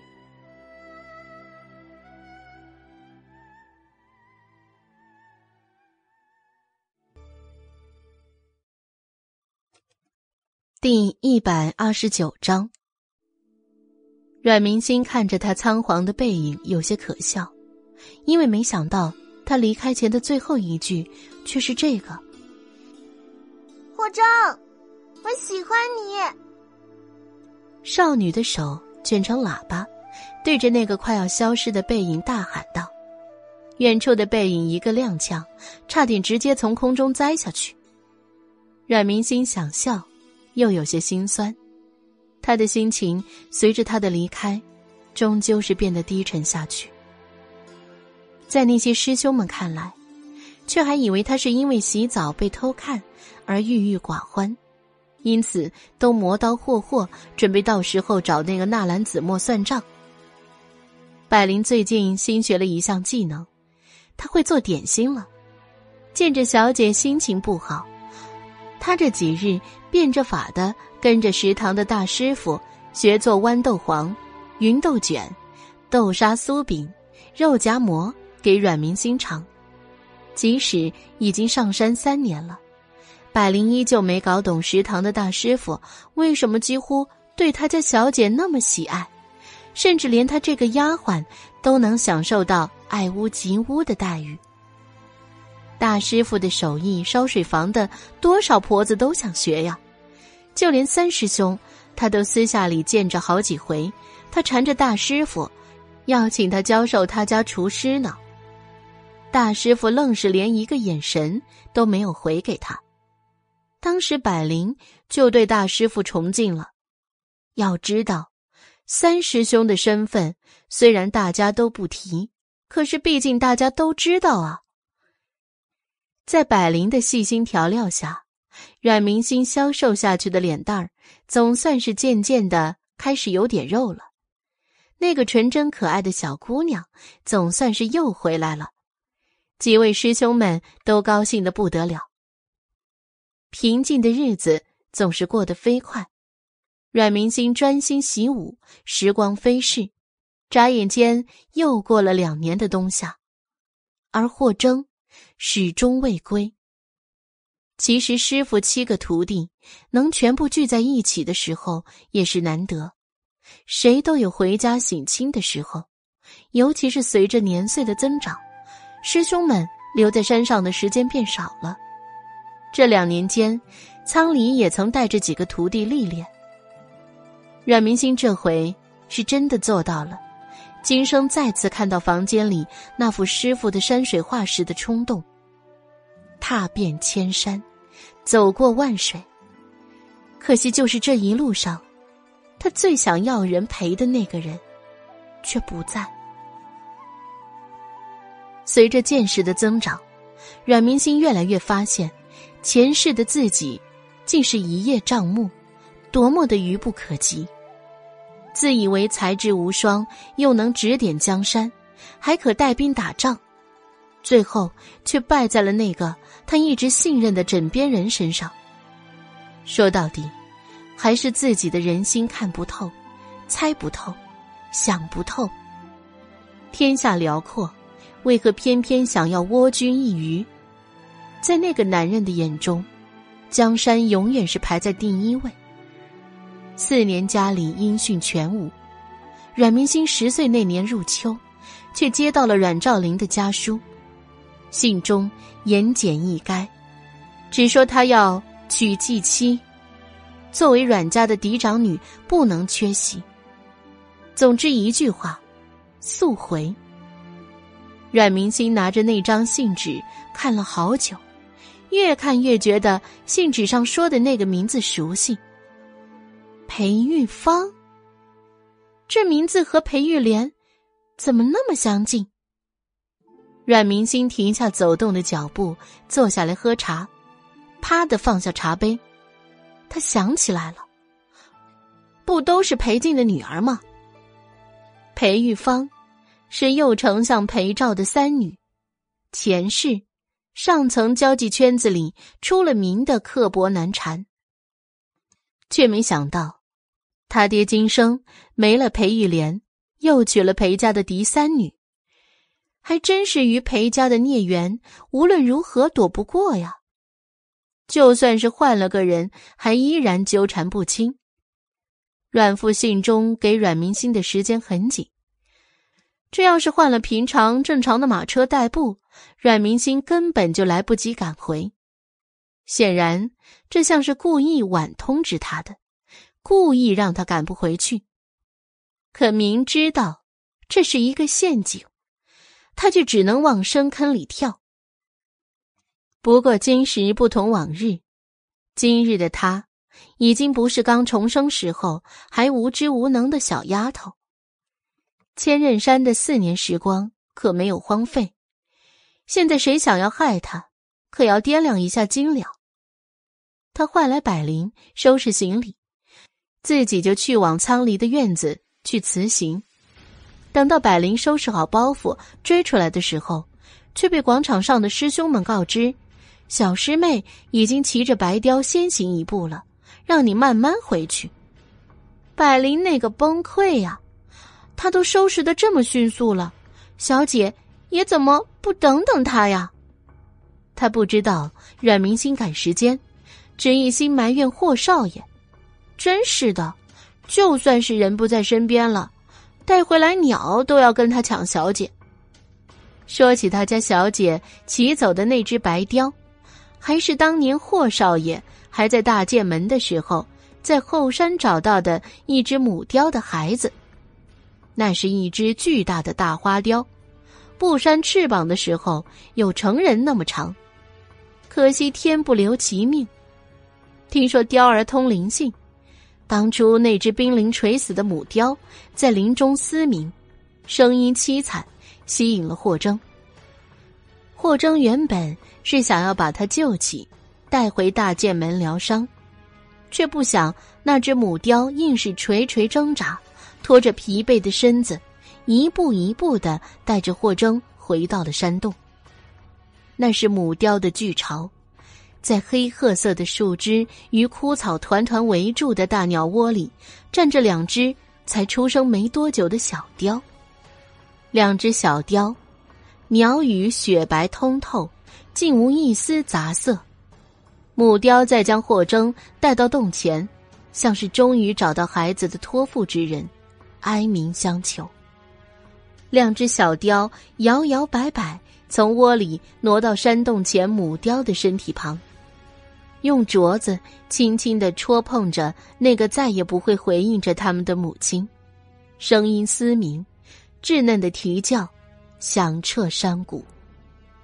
原本依照霍征的冷情冷性。是不会多管闲事，可是那天可能小雕的啼叫太过刺戳人心，也有可能是母雕临死前的护犊之心感动了他，还有可能是他仅仅只是看着两只小雕长得不错，想要将它们送给阮明星而已。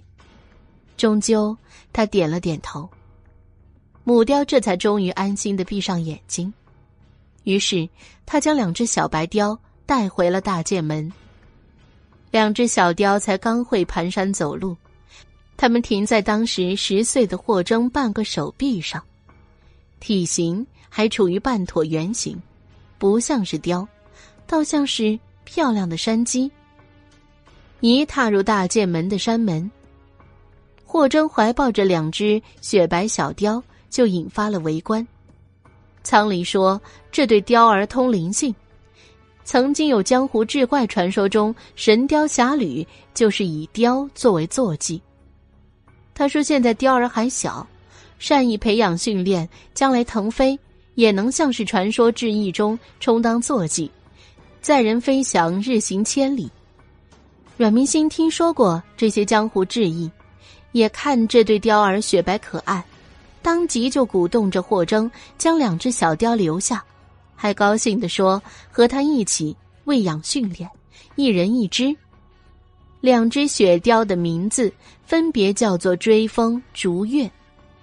追风两年前就跟着霍征离开了，如今独留在阮明星身边的就只有竹月。现在阮明星骑走的，就是竹月。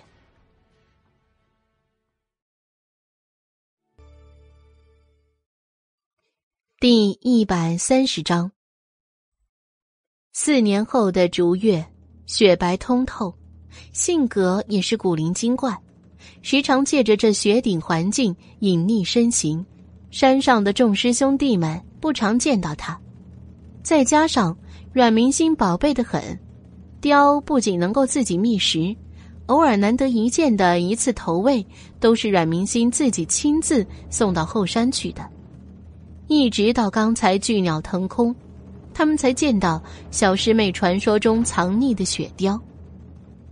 一丈多长的圆润巨大白雕肚子，从天极殿的后方冲出来，掠过广场上的众位弟子。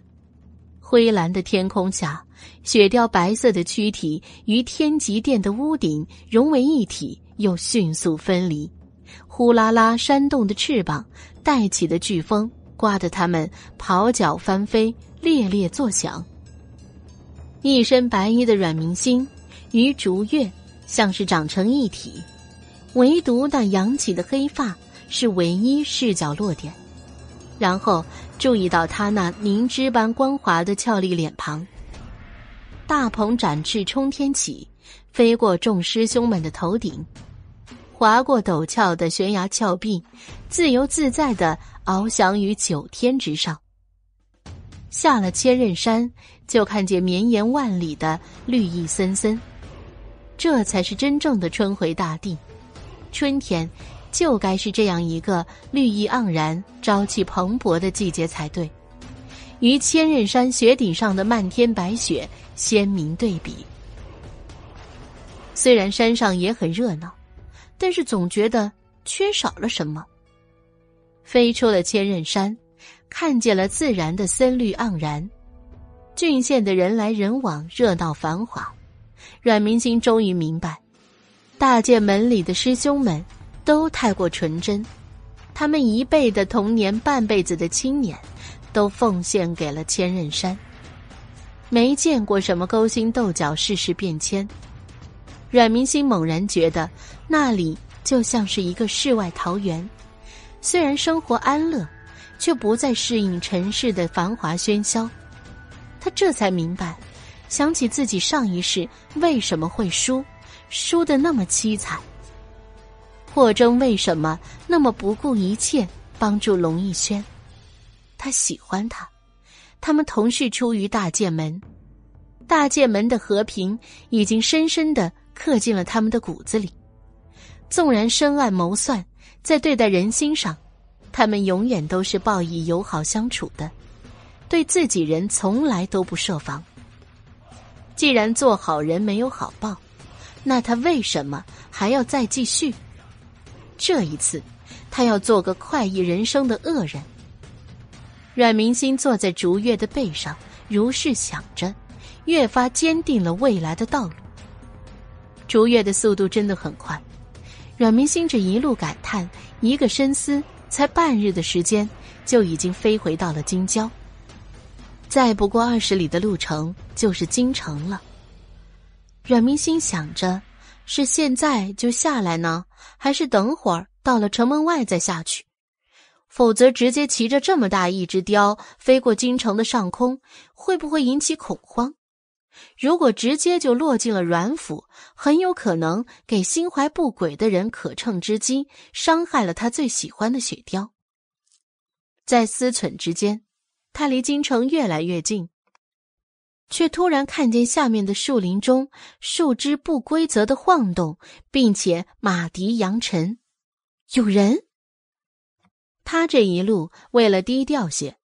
除了刚下山的时候专心看了一下山下的村民热闹，一路上都是让竹叶飞得很高，几乎都快接近云层了。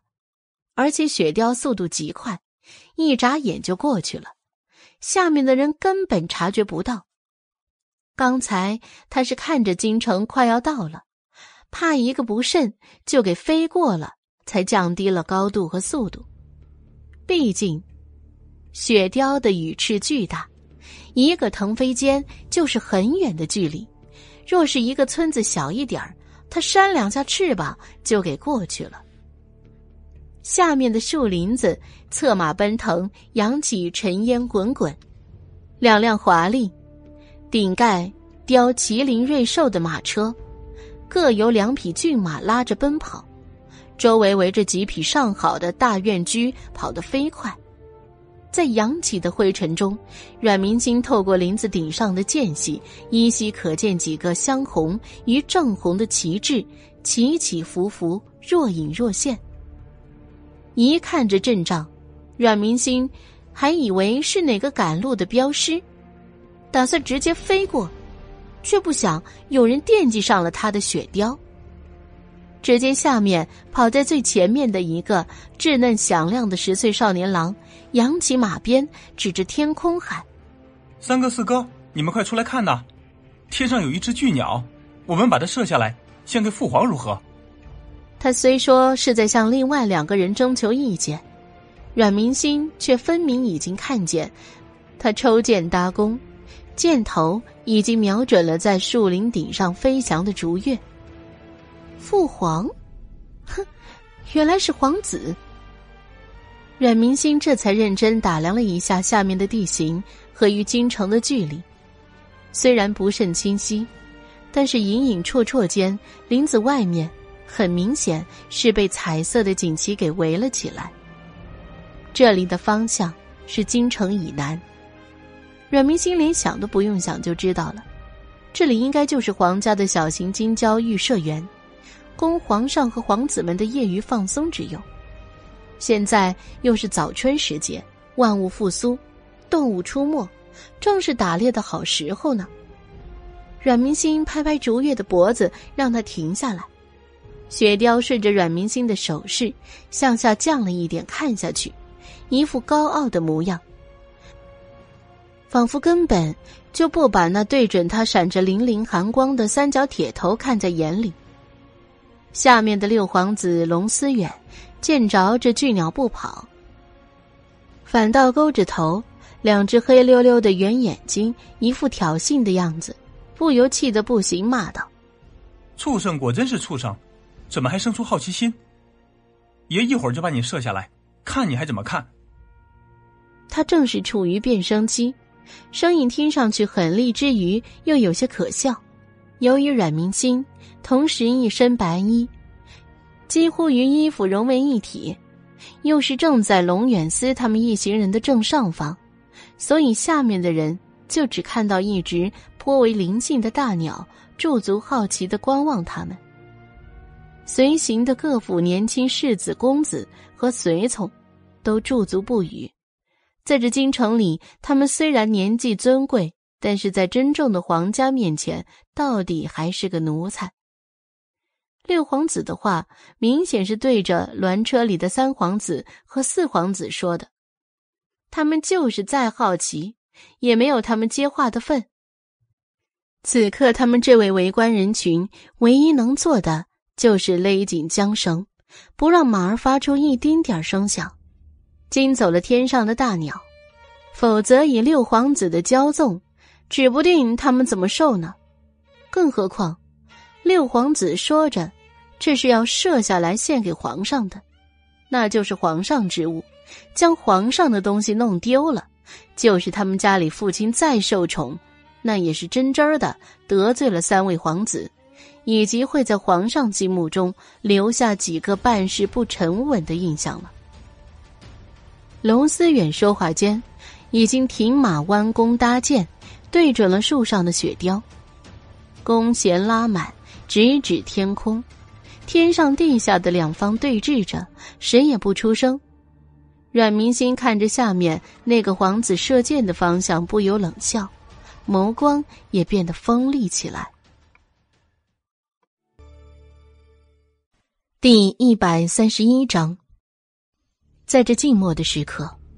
鸾车的帘子动了，一只手指修长的手撩开暗红色和靛蓝色的马车帘子，已经脱离了少儿郎的粉嘟软嫩，有了少年郎的坚毅硬朗的风骨。随着帘子越撩越开，阮明星渐渐的看清两个从鸾车里出来的少年男子。不同于看上去才十三四岁的龙思远，仍未脱稚气的脸庞。十六岁的黄三子、黄四子，已经渐渐的在少年郎的身影发展，身体修长，真是身体快速成长之际，各个男性特征都开始逐渐明显。龙三子龙以沫，温润如玉，好览群书，真真是人如其名。即便是身穿香红黄紫正袍，也掩饰不住那通身的墨香气息。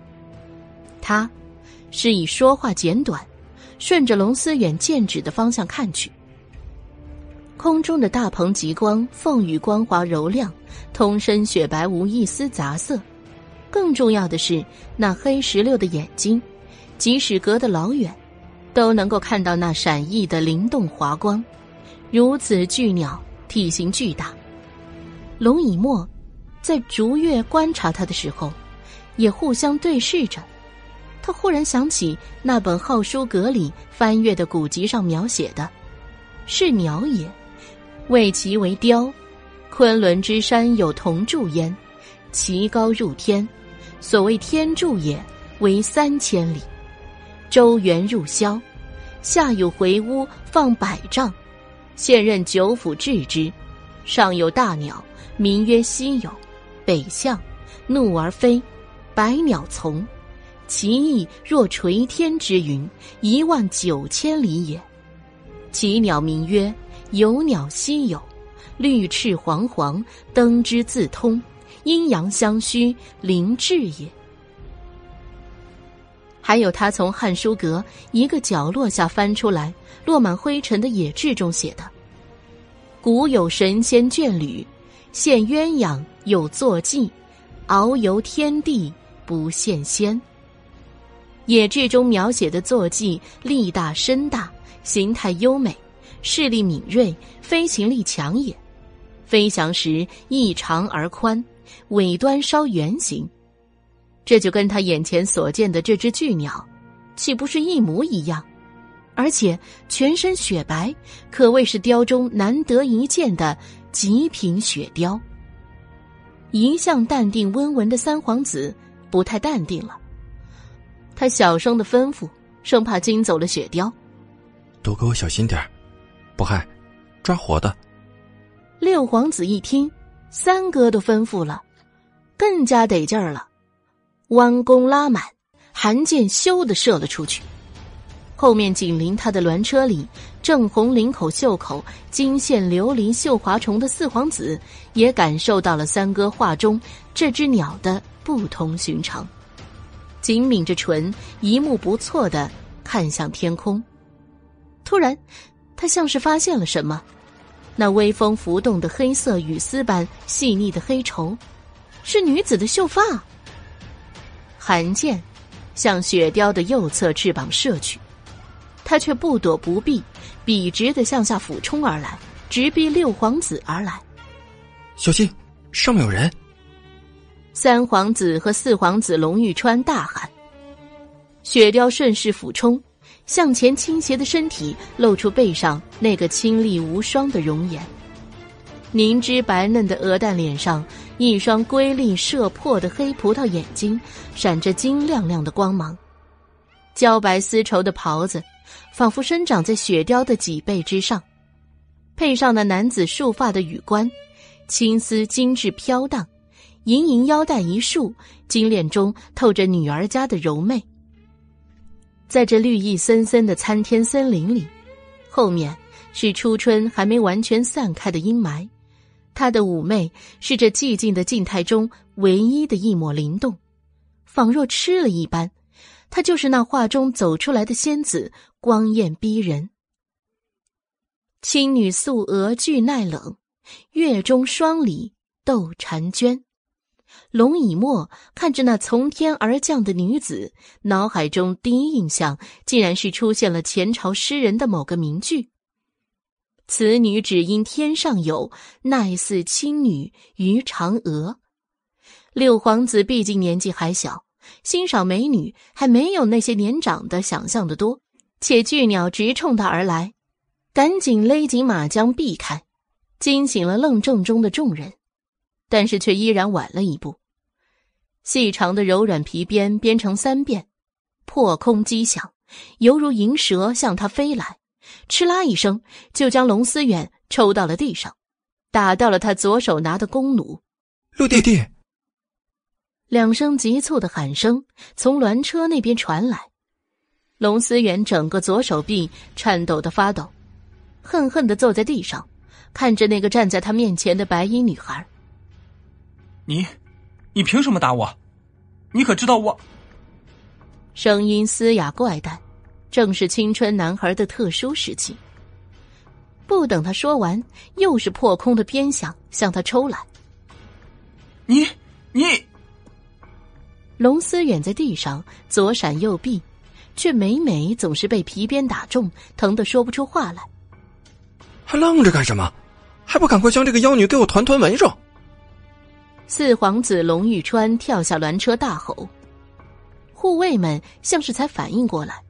他们真的是被这个突然出现的神秘女子惊呆了，立即抽出武器，将六皇子和阮明星隔开，在阮明星身边形成了层层的包围圈。四皇子赶在三皇子前头快步过来，将地上的皇帝扶起来，愤声道：“妖女，你可知罪？”与他们的大动干戈相比，阮明星淡定从容的多了。只见他一边收拾鞭子，轻轻挽着，别在腰上，一边温柔的抚摸身旁的大白雕，仿佛是在轻轻的安慰他刚才受惊了。他仿佛不经意的抬头，这才撞上那两双狠瞪着他的眼睛，却一点也没有移开，漫不经心的说：“哦，不知我何罪之有？”说完，还小心的。扶了扶雪貂，好似在说：“还好你没受伤。”龙玉川看着他这个样子，气得牙痒痒，将受伤的龙思远递给过来的三哥，一抬手立即下令：“给我把妖女抓起来！”那些护卫呼啦啦刀剑出鞘，寒光凛凛，透着杀气。阮明星广袖长衫随风飘摇。身边的雪雕更是把他衬得有若神仙下凡。看到这一幕，他不由抬起右手。等等，皇子和护卫们全部一愣。阮明心立刻一抬下巴，扬声说道：“这天下有没有王法了？堂堂天子脚下，就在京郊城外，就有人公然抢劫，竟然还要射杀我的爱宠！”现在抢劫不成，居然还要杀人灭口了。他说话间，好似并不知道面前是一群贵公子哥，并且也没有给他们说出身份的机会。他越说越理直气壮，指着靠在龙以沫身上的龙思远怒喝：“你可看清楚了，我这雕可是有信物的。”说着。他就从一片白羽覆盖下掏出竹月挂在脖子上的水晶吊坠。黄澄澄的水滴状，在这灰沉沉的天空下，依然显出耀眼的光芒。仔细看，在各个棱角的反射下，水晶的中间似乎还有能反射光线的存在，更加显得此块水晶由内而外的光芒璀璨。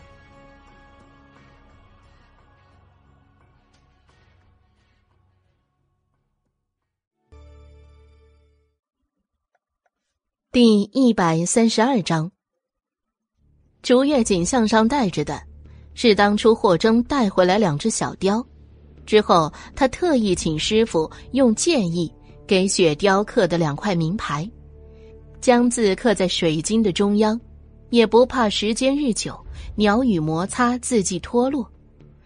光这一手刻字的手段，就是国内独一份，两只雕长得一模一样。刚开始的时候，他跟霍征还真得靠这两块水晶，才能将他们俩区分开来。龙思远吃打不记痛，明明此刻站都站不稳了，但是看着那块闪耀耀的黄水晶，立刻靠在自家三哥的怀里，蛮横的命令道：“那块吊坠我也要了，给我抢过来！”而后像是想起什么，立即补充道。不许伤了雕儿，还有我的吊坠儿。由于折射反射，距离又隔得远，他没看清楚吊坠里面是什么字，只觉得华光耀眼，是平常都没有见过的好物事，他要拿回去送给母妃，保管母妃见了很欢喜。你，阮明星就没见过这么不要脸的人，在那外围的侍卫们。自以为隐蔽的前往准备活捉雪雕的时候，他不由轻蔑一笑，抬手将黄水晶吊坠继续掩入血色的毛羽中，防止飞行晃荡以至于脱落。温柔不舍的抱着竹月的脖子蹭了蹭，依依不舍的与他惜别，全然不顾周围的氛围已经剑拔弩张。竹月，乖，快回去找师傅。阮明星说着，眼神一扫周围，像是要雪雕也跟着他记住周围都有哪些人一起欺负他一样，一字一句道：“告诉师傅，他们都在欺负他最宠爱的小徒儿呢。”他话语还没完全落下，周围拉紧的铺天巨网已经扑了下来，却始终慢了一步。雪雕在大网落下之前，已经飞离地面。巨翅扑腾，冲天起，在广袤的树林顶端盘旋不去。在它飞起的屁股后面，跟随着数不尽的羽箭，冲天的羽箭越发密集了。去找师傅。阮明星仰着头跟他告别，像是让雪雕看清自己的脸，确认自己目前还是安好。来人，将这妖女围起来。三位殿下还在一边。侍卫长没能捉到大鸟，不能跟三位殿下交代，将全部的怒气与恐惧都发到了阮明心的身上。在包围圈的一边，侍卫长慢慢走进圈子的最里层，眼神阴旧的看着阮明心，声音冷绝无情，犹如来自地狱。不管你师傅是谁，你就别想活过今日。他说话缓慢，就像是他从前对待犯人在他手中的凡人一样，要让他们慢慢的一点一滴的感受来自死亡的恐惧。他回头看了三位殿下一眼，三皇子龙以沫无所决断，仿佛是事不关己，只眼神示意四皇子和六皇子。六皇子全身是伤，他又被四皇子龙玉川接到了自己怀里。安心的靠在自己亲四哥身上，他忍着周身的疼痛，死命的瞪着那个春风吹拂着、飘荡着白衫衣摆而面不改色的女孩。杀了他！龙玉川扶着弟弟，微不可察的对侍卫长示意眼睫轻眨点头。有了主子们的许可，侍卫长就是拿到了令箭，意气风发，直指阮明星，声音洪亮，毫不犹豫：“乱箭射死！”周围的侍卫拉弓搭箭，阮明星总算是有了表情。他转过身，侍卫长以为他这是恐惧了，得意道：“现在才想着给自己求情，哼，晚了。”却不想，阮明星却连一个眼尾都没有施舍给他，眼神轻蔑扫过，侍卫长嚣张的嘴脸气得脸色涨红。阮明星冷笑，正对着四皇子说道：“即使是苍离，也完了吗？”此言一出，周围都是倒吸一口冷气。除了皇子外的那些贵公子哥们，本来事不关己的，还在想。谁家的女孩这么倒霉？可是阮明星此话一出，所有人都眼睛圆瞪着看着他，一脸不可置信。怎么，不相信啊？阮明星，已不是四年前做事还需要跪求同意的孩子了。如今他扫视周围那些拿剑正对着他的侍卫，眼神冰冷又桀骜。嚣张的不可一世，就像是在看死人一样，没有一点感情。他的眼神足以说明了一切。一般人是做不到他这样狠厉的，只有对自己狠的人，对别人才能更狠。在他的逼视下，侍卫们拉剑的手都开始不可抑制的颤抖、放松。大剑师啊！那个连皇上都要敬重万分的人，在南庆国，他就是神一般的存在。所有人都只有敬重与畏惧，从来不敢有丝毫的挑衅心理。就现在，只是光听到他的名字，就令他们惧怕的身体打颤。侍卫长是不想活了吗？居然下令，让他们拿剑对着大剑师的徒弟。已经有胆小惧怕的开始垂下握着弓箭的双手，熙熙攘攘，神色犹疑的超过了大半。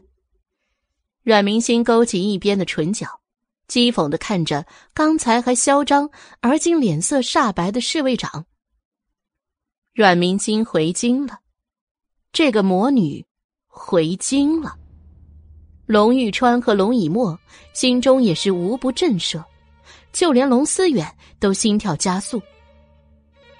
苍离的女弟子，全天下也只有那么一个，阮明心。四年前告御状滚钉板的那个丫头。皇子们见过当年的情景，此时仔细打量着这个丫头，虽然已经开始初具少女风姿。但眉目如画的五官，依稀和当年那个孩子重叠了。你是阮明心？六皇子龙思远不可置信的看着面前的这个女孩。京城里若说哪个女孩能像她这样有名，恐怕根本没有。但是谁都知道，她去了千仞山。当年事件已经变成了一个传说，而她。则是那些京城大户口中的小魔女。阮明星啊，那个六岁时候就御前状告右丞相之女，连丁刑都不怕的魔女啊！父皇还当众夸过她，至纯至孝。要是就这样杀了她，回头父皇追究起来，龙思远想想那些被鞭抽的地方，就更疼了。他不可抑制的在四哥怀里打了一个颤，刚刚被打的时候，他都没有这么怕过，现在却有些后怕，幸好没有下令直接乱箭射死。阮明星好像长大了。三位皇子沉默了，侍卫长就更加沉默了。他是学武之人，学武之人一生中最大的梦想，便是能够拜入大剑门。能拜入大剑师的门下，无疑，他对大剑师是绝对的崇敬与畏惧，连带的对看阮明星都有了不一样的目光。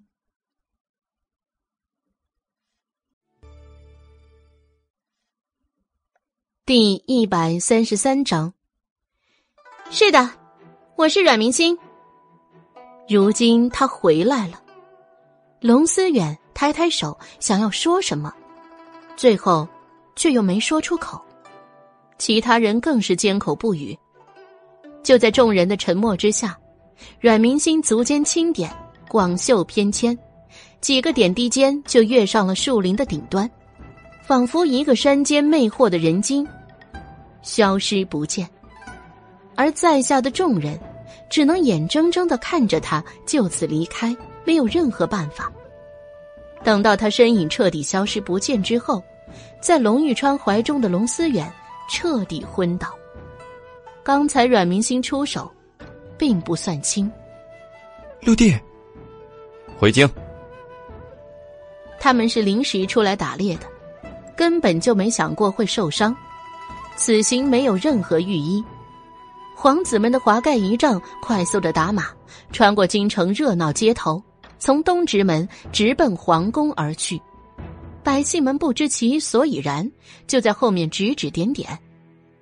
第二日，皇宫中传出风声，六皇子打猎受伤了，也算是对昨日街头打马惊了百姓们一个交代。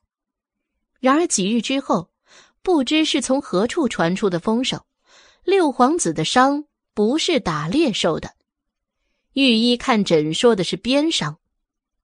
谁人敢打堂堂尊贵无比的六皇子？一时间，京城里的猜测一片，有说是兄弟们打马误伤的，又有说是几个皇子兄弟戏强，想要除去六皇子。毕竟几个皇子中，六皇子是很得皇上宠爱的。然而又是几日过去了，还传出了说是被户部尚书家的那个天不怕地不怕的魔女打的。京中一片哗然，都道是绝不可能。小魔女现在还在千仞山上呢，怎么可能突然出现在京城？有人给出证据。说是亲眼看到皇子们回京后两天，就看到一辆马车进了户部尚书府。有眼力劲儿的，当年围观过阮明心受过钉刑的，都说那个马车上下来的女子就是当年阮明心的贴身丫鬟，还拿着包裹。这下百姓们就有点怀疑了，每每路过阮府的门口都格外注意。然后有一天，他们居然就真的在上香的庙口见到了那个白衣素衫的小少女。看到她的第一瞬间，会让人恍然所觉，似乎她还在带笑中，可其实三年孝期已经过了，依旧是那个明朗清丽的样貌，但是相比较于四年前。这少女却像是更加有了风骨与英气。目光下落，素淡的衣裙，唯一色彩的点缀就是腰上的三色腰带，可仔细辨认，居然是一条软鞭。这可不就是当日传闻留在六皇子身上的三角鞭伤的软鞭吗？一时之间，阮明星回京。就鞭打六皇子的消息传遍了京城，越加坐实了他魔女的称号。京城东东筒子胡同，两边青砖白墙连绵不绝，偶有几簇出墙的红杏招摇着。这一边都是世家大族、朝廷重臣们的院子，看起来地方广阔，实际上没有几家人。一路上都是寂静无声的，跟大界门里的热闹天差地别。阮明星一个人走在平整的斑驳错落的青石板路上，眼前都是那一年十一月大雪，一路上的行人连绵不绝。他走在最前面，一身校服，捧着娘亲的新牌，后面。跟着的是他的亲生父亲，还有边关赶回来的舅舅。那一次，也是这样的寂静无声。明明有那么大的一行人，他的内心依旧孤独，是对未来彷徨又无依的。这一次又走在这条青石板路上，不同于上次的雪白一片，即使在这静谧的地方，也被春天的朝气笼罩。阮明星看着前面自己门前的石狮子边上的那棵柳树，长长的枝条上面挤满了嫩绿的新芽，热热闹闹的在迎风招摇。阮明星不自觉的挂上了一抹微笑。透着淡漠和蔑视。这座府里的那些人呢？他阮明心回来，再给他们掀起狂风暴雨吧。一手握着腰上鞭子的手柄，阮明心敲开了阮府朱漆鲜红的大门。果真是要办喜事了呀！新期的大门比他那年回来的时候还要红艳。吱啦。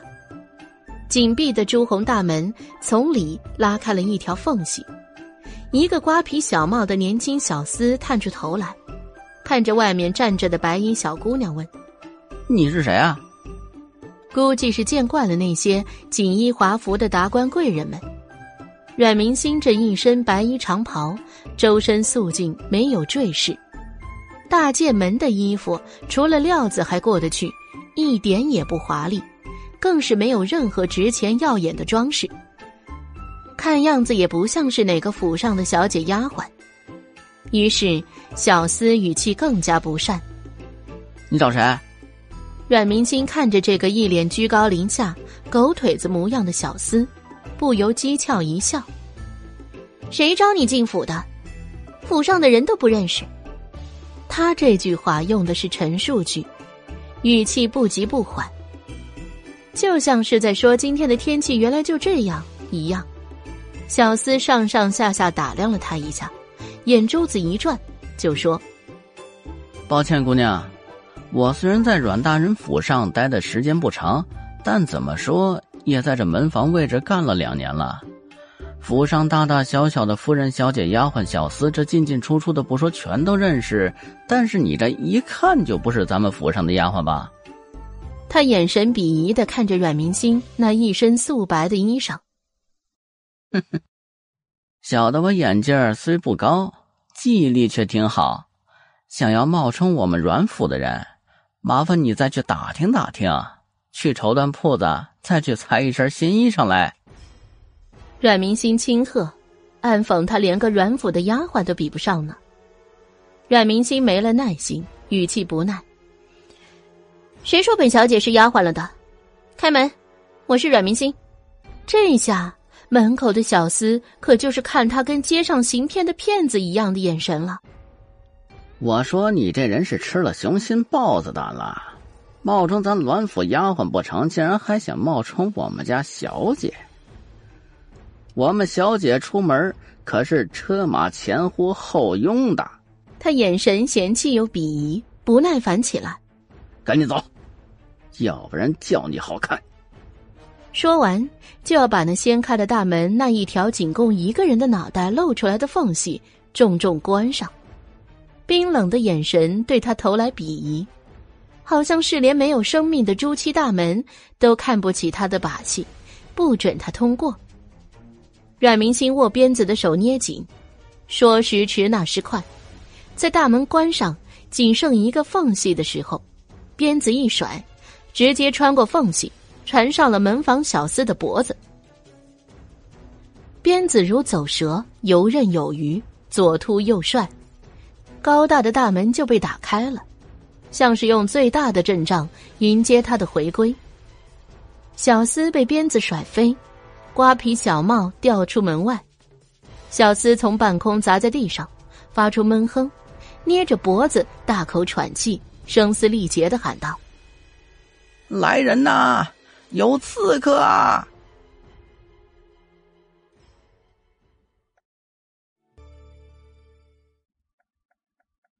第一百三十四章，看门的守卫本就不止一个，另一个门房看见同伴被甩落在地上，迅速的猫着腰消失了。府上的护卫听着声响，大批的集结过来，将隐蔽前面的阮明星团团围住。阮明星的气势比背后的黑色石头还要寒烈，鞭子地上一甩，谁敢过来？一时之间，大家都被他的气势所迫，无人敢前进一步。就在这剑拔弩张的时刻，一道柔美的声音由远及近。哎呦呦！我说是谁呢？这不是咱们大小姐吗？大小姐一回来就这么大阵仗，这是要做什么哟？刚被甩在地上的小厮，看见那个身穿团花装、花缎长裙、头挽风流别致圆翻髻的妇人走了过来，委屈的走上前，弓着腰说：“叶姨娘。”叶姨娘瞥他一眼，斜挑着丹凤眼，又转而温和的看着阮明星。大小姐回来了，就算没有车马仪仗，要脸面，您通知我们一声啊，府里给您准备好了，去接您回来不就好了？怎么能这么没教养，私闯宅邸，还要鞭打家仆呢？听着，叶姨娘字字句句都是为了阮明星着想，实际上暗讽她没有仆随。一个千金大小姐进家门，还要靠自己强行开门，真真的没个教养。跟着叶姨娘后面的小女孩跟着附和道：“就是呢，大姐当年走的时候多洒脱啊，我们还以为你从此一去不回了呢。咱们这户部尚书府这些年就当没有过您的存在，不也过下来了？是吧，姨娘？”阮玲雪撒娇的拉着叶姨娘说道。好像这些戳心的话，不过就是想博得娘亲一笑罢了。叶姨娘拍拍阮玲雪，拉着她柔嫩白皙的手，再对比阮明心手指紧握鞭子、略显苍白的右手，宠溺的对着阮玲雪笑笑。旁若无人，跟阮玲雪两个聊起私房话一样。可不是，五小姐当年还小，不知道。这夫人当年呐，也不知道是怎么的，忽然就搬到庄子上去了。老爷真是的，十年八年的也不去探望探望。府上那些不知情的传的可厉害了呢，说是夫人在外面做了什么伤风败俗的事儿，这才一直避着老爷呢。说着说着，他像是指证给阮玲雪看证据一样。眼神猥琐的看着阮明星，只用自己自以为小声，实际上周围人都能听到的声音，悄悄的说道：“其实呢，你看大小姐这一回来，这大眼一看呢，可不就是还真和老爷一点也不像呢。不然就算没有仪仗车队，府上的小厮就看着像你一样跟老爷神似的脸。”也不会误会他呀。阮明星的手越握越紧，在棕色皮鞭的映衬下，发白的手指骨节分明。他明明知道，他娘去别庄是因为照顾当年幼小的他，不得已去的。现在他娘人不在了，居然还敢当着他的面侮辱他。叶姨娘就像跟阮玲雪看稀奇一样，斜觑着。阮明星那张越来越冷凝的脸，阮玲雪有些害怕，阮明星那种冰冷、看着像死人一样的眼神，小声的叫了一声“娘”，往叶姨娘的身上靠了靠。阮明星走后，叶姨娘的身份就被老夫人提了上来，甚至用二房没有管事当家夫人为由，直接就把二房的管家权力给了叶姨娘。再加上阮明星又常年不在家，她这个五姑娘名义上是庶出的，实际上可是一直都被当做嫡姑娘养的，且这一路上都有她娘护着，不免生养的娇气了一些。阮明星的回归令他恍然意识到，自己在阮府的地位即将发生变动，那种深深的不安，再加上阮明星那强势又狠厉的眼神，让他心里不由得一缩，本能的就要靠近自己的亲娘，寻求庇护。说到底，他年纪小，又被娇养长大，就是个纸老虎。可是叶姨娘不怕，她当家了这么多年，早就练出了一身气魄。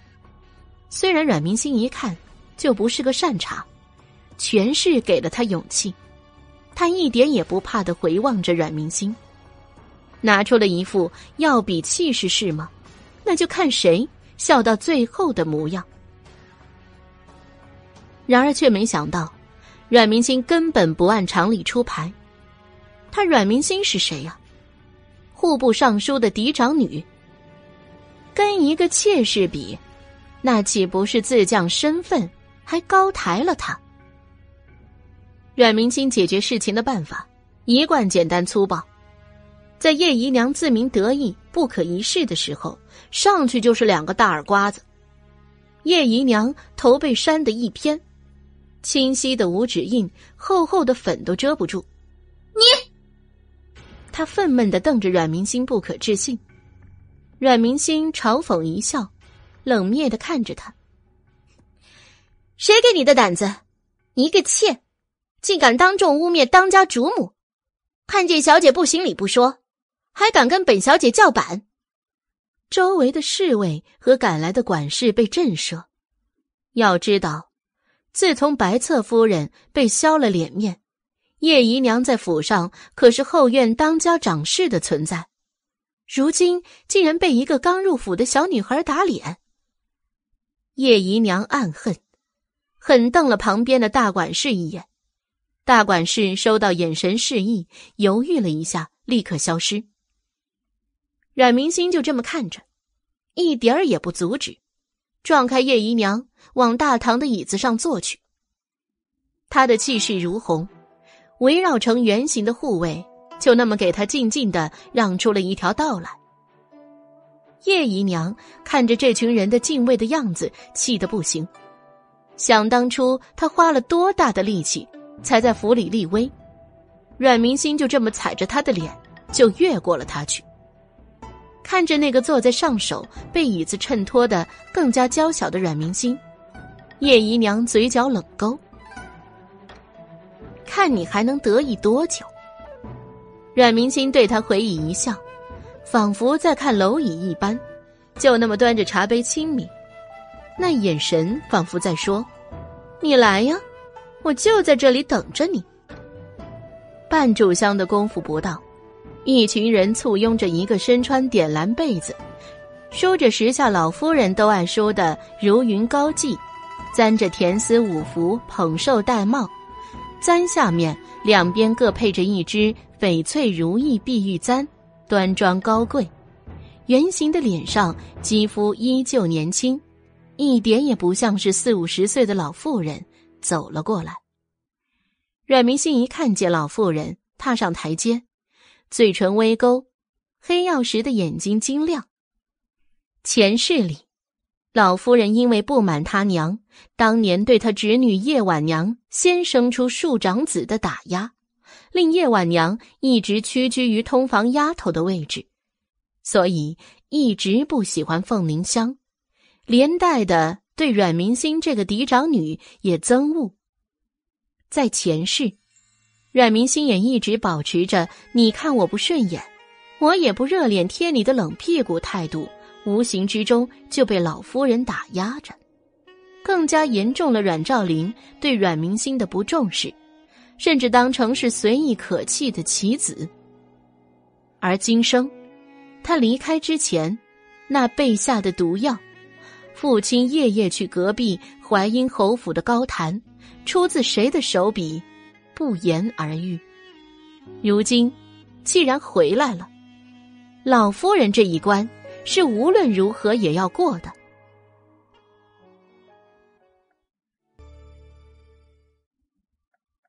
第一百三十五章，想要在阮府站稳脚跟，必须先让老夫人站在他这边。想到这里，阮明星立马放下茶盏。做出一副欢喜的样子，从椅子上蹦下来，奔过去就奶奶奶奶的叫着。阮老夫人一看他这跳脱的样子，没个正形，就蹙眉。他这样子粗陋无比，哪一点像个世家千金的样子呀？好好的一个户部尚书嫡千金，衣着如丝，简陋粗鄙就算了，还在腰上别着根鞭子，这是他们阮府千金小姐该有的样子吗？更何况四年之前，他本来就没想留下这个孽孙女。想到现在侯府和尚书府的名声，好不容易依旧如昔，那件事终于已经在京城淡忘。但是他竟然这样张扬的回府，而且还足足晚了两日才归家。这次叫他回来，本是想直接将当年的那件事接过去，但现在鞭打皇子，简直是比以前更无法无天了。阮明心却仿佛一点儿也没看见老夫人嫌弃的目光一样，一个劲儿的摆出盈盈笑脸，往阮老夫人眼前凑。叶姨娘和阮玲雪简直看得目瞪口呆，这阮明心的变脸速度未免也太快了吧！刚才还摧枯拉朽、要毁天灭地的女霸王。一下子就变成柔弱可怜、为前为后讨好人的小麻雀了。阮玲雪放开叶姨娘，给她投去一个鄙夷的眼神。阮明星奉茶的手丝毫不停顿，就跟完全没有看到一样。老夫人不接，他也丝毫不在意，一直亲昵的叫着奶奶，还一声比一声撒娇。跟个久别亲人的乖乖女，想要一展笑意似的，一直举着。反正他从前扎马步的时候，举着十千斤，可不知道比这重了多少倍。那可是一举就是好几个时辰呢。叶姨娘看着老夫人，一点儿也不理会阮明心，就放了心。虽说心里知道，老夫人。不喜欢阮明星的母女，这是一回事；这没亲眼见到，总是不安心的，生怕老太太太久没见到孙女儿，脑子里指不定哪根弦就崩坏了。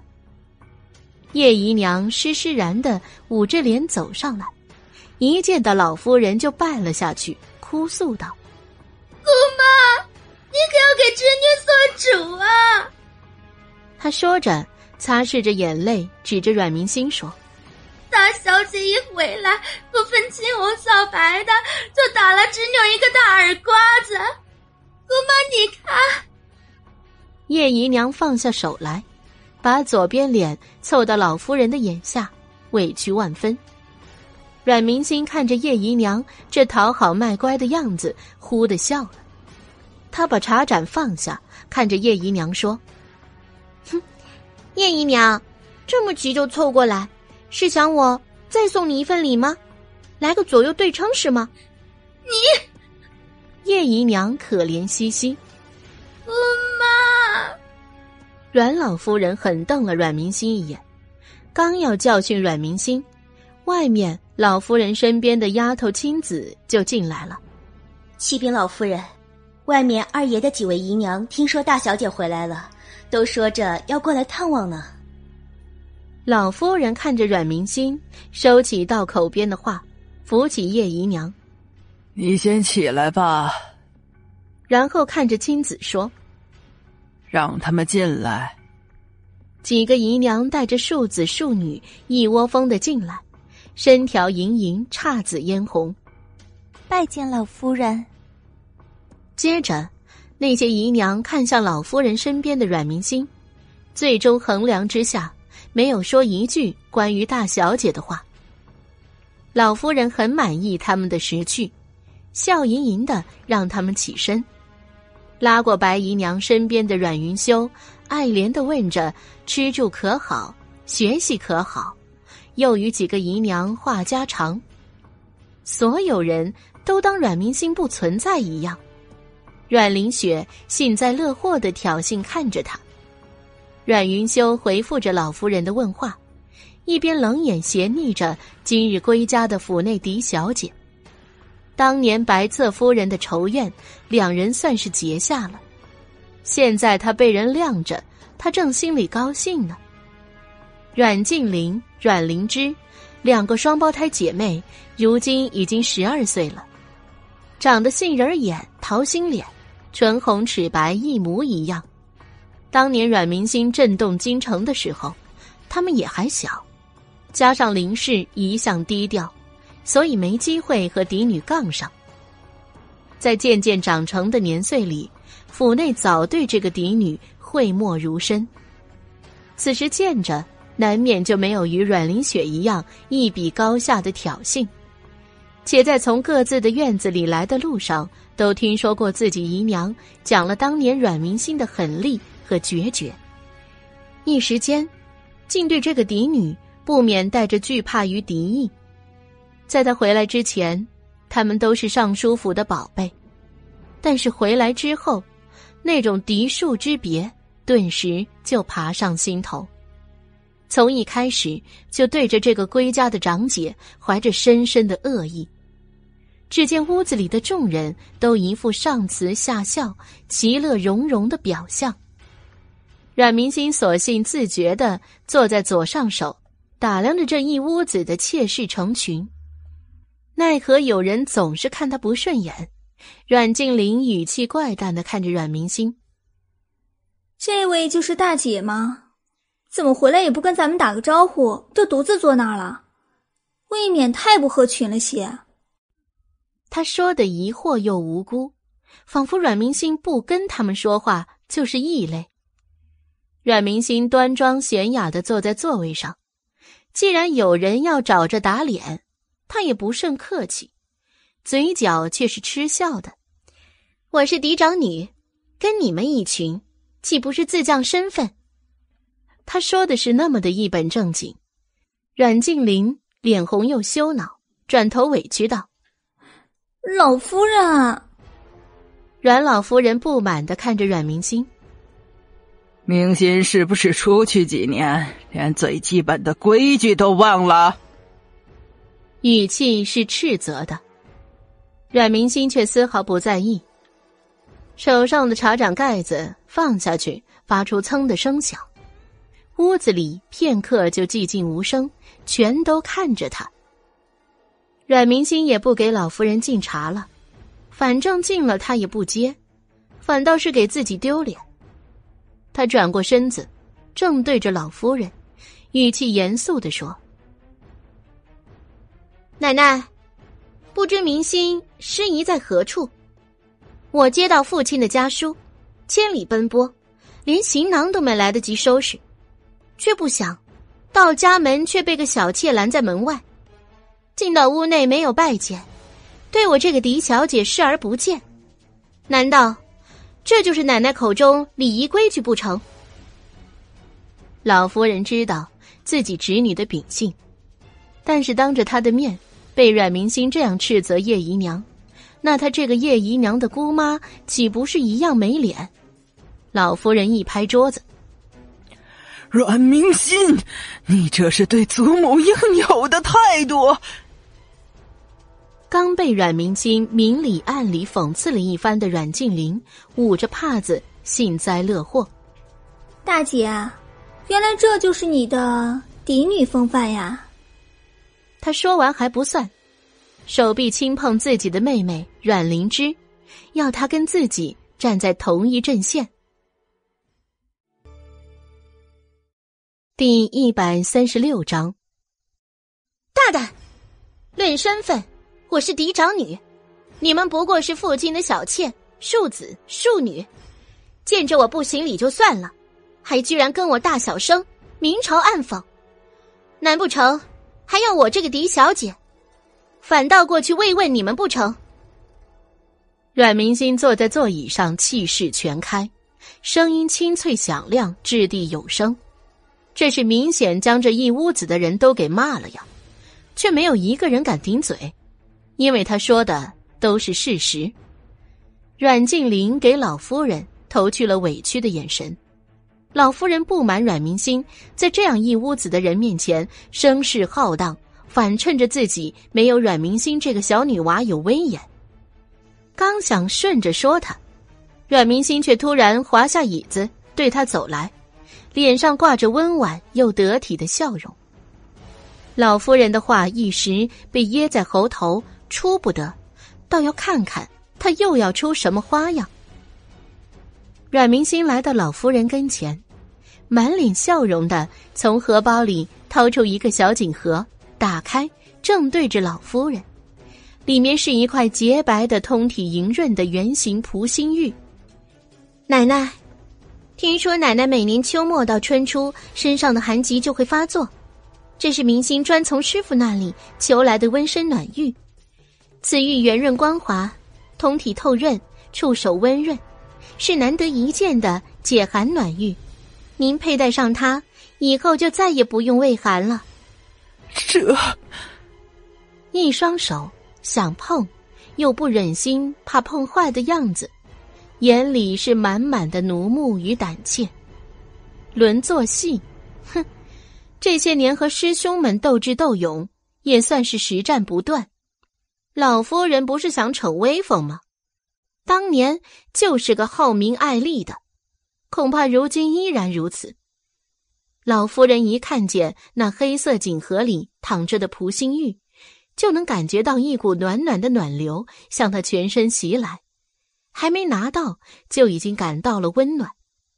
她这畏寒的毛病已经折磨了她多年，年年吃药看大夫，甚至是宫里请来的御医都说只能温养，慢慢调理。可是都调理了这许多年，一点都没有改善不说，近两年还有越演越烈的趋势。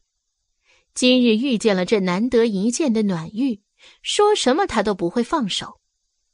何况这是从大剑师那里求来的，绝对是天下无双的宝贝。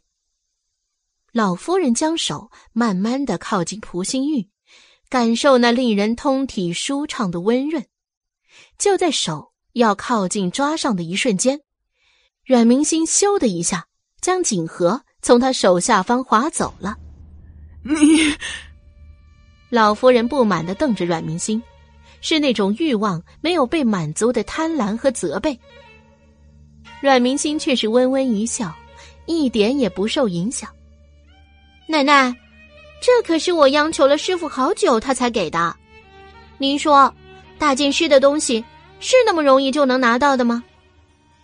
阮明心看着他笑，一副你懂的样子。老夫人确实懂，不仅是他，周围的几个姨娘们也都明白了阮明心话中的含义。大剑师的东西不是那么好拿的，想要得到必须有足够的理由，而阮明心现在要的。就是名正言顺的回归阮家，并且必须给他该有的狄小姐的尊重。老夫人立即挂上慈爱和煦的笑容。当然，我们阮府的狄小姐回来，当然是要大设宴席。等你父亲回来，我们一家人就总算能吃上团圆饭了。阮明心一身素衣。在老夫人面前，裙角翩跹的跪了下去，拿起刚才的敬给老夫人，他却没接的那杯茶。早春气息虽不像寒冬那么严寒，却依旧算不上温暖。老夫人本来晾着他，跟一群妾室庶子闲聊，那杯茶早就冷了，但是阮明心却故作不知，依旧举着茶盏。老夫人想要那块蒲心玉，明知道茶水是冰冷的，依旧咬着牙喝了下去。奶奶，给。阮明心表面恭敬又欢喜的送上了蒲心玉，弯弯的眸子里却没有一丝一毫的亲人友爱的孝顺，满满的都是冰冷讽刺，嘴角轻勾。老夫人怎么看都觉得那微笑的弧度不对。伸手拿过蒲心玉，就不耐烦的挥手让他下去。阮明星从大厅出来，门口边上有个小丫头，看着他目光游移，欲言又止，最终在阮明星走了几步之后跟了上来。四小姐，奴婢，您几年不曾回家，奴婢送您回您的院子。他笃定阮明心从小离家回来，一定不熟悉，加上统共没在府内住过几天，估计这府内的布置早就忘光了。刚才看他在院子里对叶姨娘和四小姐那么有气势，刚刚又在门外听到他跟几位姨娘和老夫人的谈话。老夫人分明是一点儿也不想接纳他的，现在却让他分毫无损，且还承认了他大小姐的身份不说，还让他在府里住了下来。小丫头只是个低等丫头，府里的姨娘们争斗厉害，各自都有他们自己的势力。小丫头地位太低，没什么利用价值，插不进去他们的一方阵营。只能天天都受着各个姨娘们手下丫头的欺凌，就连个门房洒扫都能对她呼来喝去。小丫头不甘心，现在终于让她发现个强势的又新归家的四小姐。她相信自己听到看到的，大小姐一定会是这府里的新一股势力。她要好好的把握机会。说不定搭上大小姐的这股顺风车，将来她也能做一名大丫头呢。看看那些曾经欺凌过他的人，他谁也不会放过。想到这里，她笑得越发的精心、小心翼翼。阮明心站定，打量了他一会儿，脑海中同样风云翻腾。他在府中的根基尚浅，四年不见。也不知道英子是否依然还是忠心。现在有个丫头主动送上来，要给他当做心腹眼线的，当然是好。只是这突然冒出来的，不知是否是个两面三刀的。万一又像素菊那样不可靠，或者背后捅你一刀的，可是要再考察考察可不可用啊？而且，横竖还有素兰姐姐他们。阮明心看着小丫头期盼的眼神，很是清冷又不失人情的回道：“我虽离府多年，毕竟是在这府上生活过，如今刚回来，想要一个人静静走走。”那言外之意就是不想人打扰。阮明心的眼神是慈爱友善的，小丫头顿时迷失在大小姐的善意当中。等她回过神来的时候，阮明心已经走远了。他突然想起二夫人原先的院子已经被白姨娘给住了，他提步追了几步，然后又犹豫了。反正大小姐总会知道，如果现在就追过去，说不定讨的不是恩赏，就是罚了。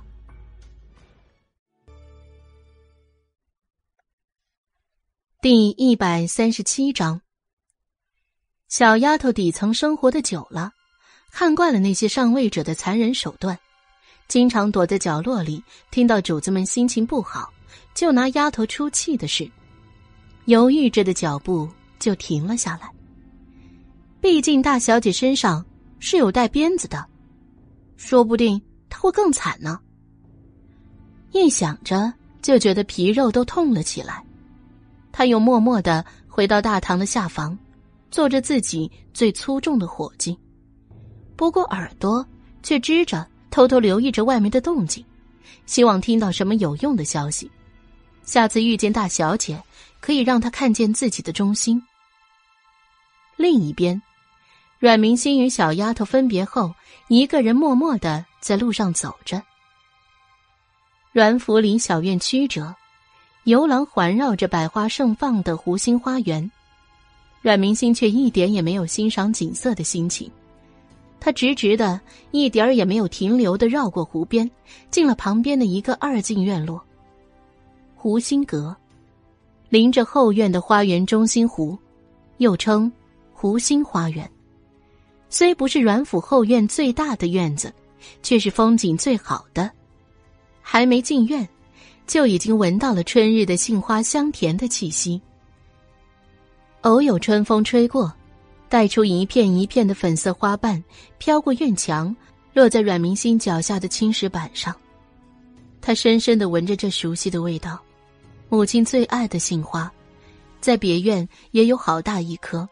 每年春天，母亲都收集花瓣为他做杏花春饼，那是阮明星最快乐的时光。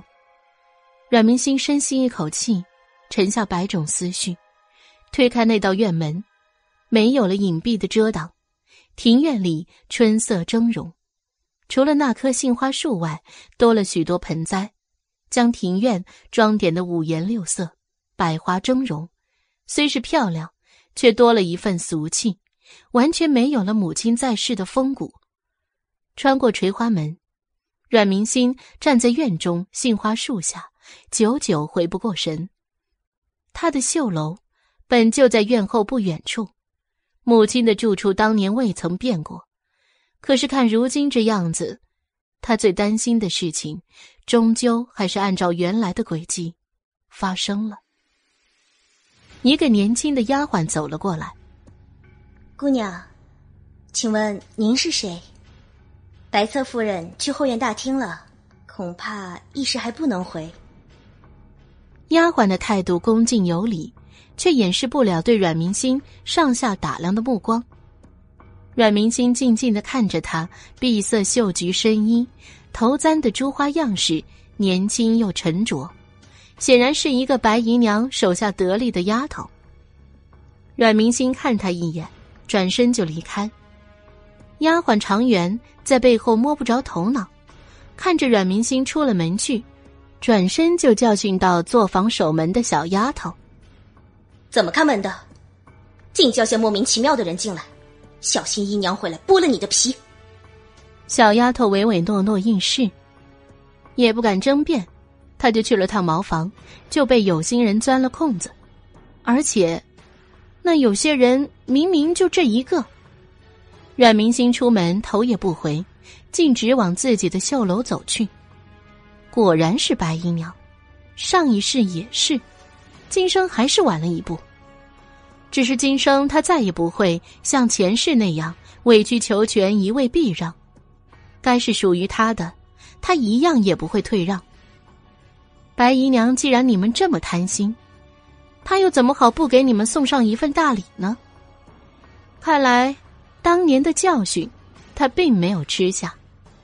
柔弱只能为他人做嫁衣，阮明心受够了。这事，你们欠我的，我都要一样一样的拿回来。阮明星站在湖心桥上，看着那映眼在招摇柳树枝条后面的小院子，眼神意味深长，闪着金光。阮明星的急切，明明绣楼就离湖心阁不远，他甚至是用上了轻功，脚步在地上虚浮，甚至是没有落到地上。一进门，就看见自己院子里的沉寂，几乎没有人气。好在院子还算是干净整洁。阮明星踏进小楼，就被英子的热情迎接撞得内心波动。四年了，四年不见英子，还是那副一见着他就叽叽喳喳有说不完的话。阮明星坐在圆桌边上，喝着英子为他斟上的观音茶，茶香清爽。茶叶在原瓷白杯上下漂浮，好像是无根的浮萍，跟英子见到他的时候一样，慢慢的往杯底沉寂下去。英子的心总算是落了地，她见到小姐第一句话，不是抱怨自己这几年在府里的几经艰苦，而是：“小姐，夫人的院子被白姨娘给占了去了。”她的语气是委屈的。像是终于见到可以为她撑腰的人那样坚定。夫人对她有恩，而小姐走前对她那样叮嘱。他要想在府里平安的待下去，等着小姐回来，就只能夹着尾巴做人，眼睁睁的看着白姨娘得意洋洋的搬进了那属于夫人的院子。阮明星放下茶杯，郑重看向他：“白侧夫人。”是何时搬进去的？就您走后三个月就搬进去了。老爷夫人跟老爷都没有说话。英子委屈，那时候夫人都还尸骨未寒呢。白姨娘无耻就算了，老爷竟然一点也不管不顾。阮明心咬唇，目光狠厉。很好啊。听到是什么原因搬进去的吗？说是有了二少爷，院子不够住。湖心院宽敞又明亮，正好在湖心院为二少爷装一个书房读书。哼，想的倒好。阮明心一拍桌子，站起身，气势汹汹就往垂花门后的老夫人院子走去了。他料定了这些个姨娘们在他走后会缠着老夫人应和着说他坏话，但是前院毕竟是外男的地方，老夫人这人贪图舒适又讲究规矩，铁定是会回自己的院子的。走进飞鹤院，果不其然，还没走近呢，就听见白氏那尖锐又娇媚的嗓音：“老夫人，不是妾身说大小姐。”确实是太没规矩了点儿，您是没看见呢。她走的时候，那个叫趾高气昂的，仿佛是咱们一屋子人都欠了她似的。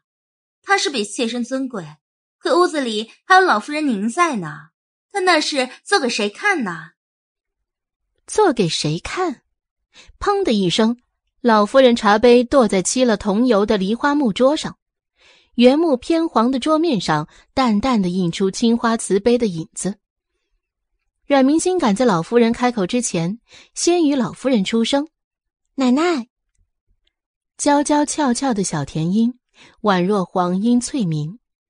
老夫人正待出口的话，就这样被他压在喉咙下，没好气的看着他：“不是让你走了，又回来作甚？”阮明心娇笑着走进来，直接在老夫人下手坐下。本来他还想要去握住老夫人的手，以示亲近的，但是看老夫人刚被白氏刺激的不轻，还是不要去蹙那眉头了。万一老太太一个不爽，不管不顾的把他甩开，那才真的没脸呢。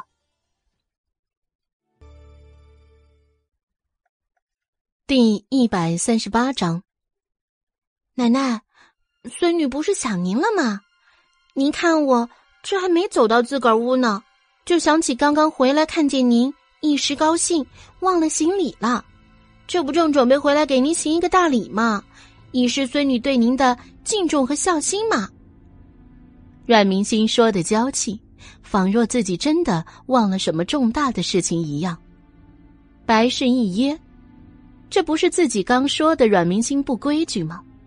人家转身就这么郑重的又回来，专门为了行礼，哪里还不规矩了？眼睛里看得喷火，帕子都快扭断了。死丫头，走了就走了，还回来干什么？阮明心看着他的眼睛，嘴角似笑非笑。白氏暗道不好，却不知道他要做什么。这时，老夫人发话了。不是说回来给我行礼，怎么还坐着不动？阮明星扭着不知道从哪抽来的帕子，欲语还休，兰花指压着在眼角轻按，一抬头眼眶都红了。老夫人搞不懂他这是在做什么，却不好直接敷衍了他，一副慈母作样的问道：“怎么了？可是受了委屈？”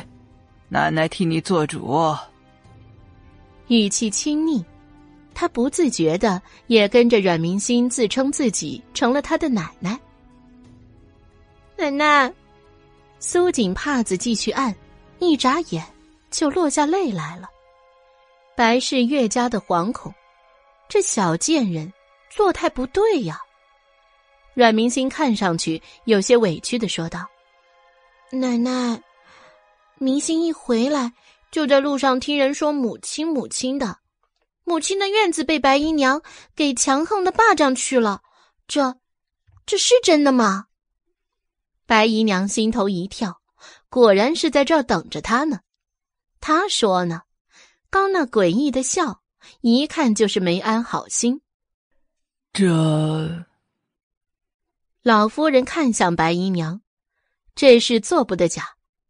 白姨娘都在那院子里住了三年多了，全府的人都知道，那湖心院当初叶姨娘也看中了，奈何她还是一个通房，之前一直被凤凝香压着。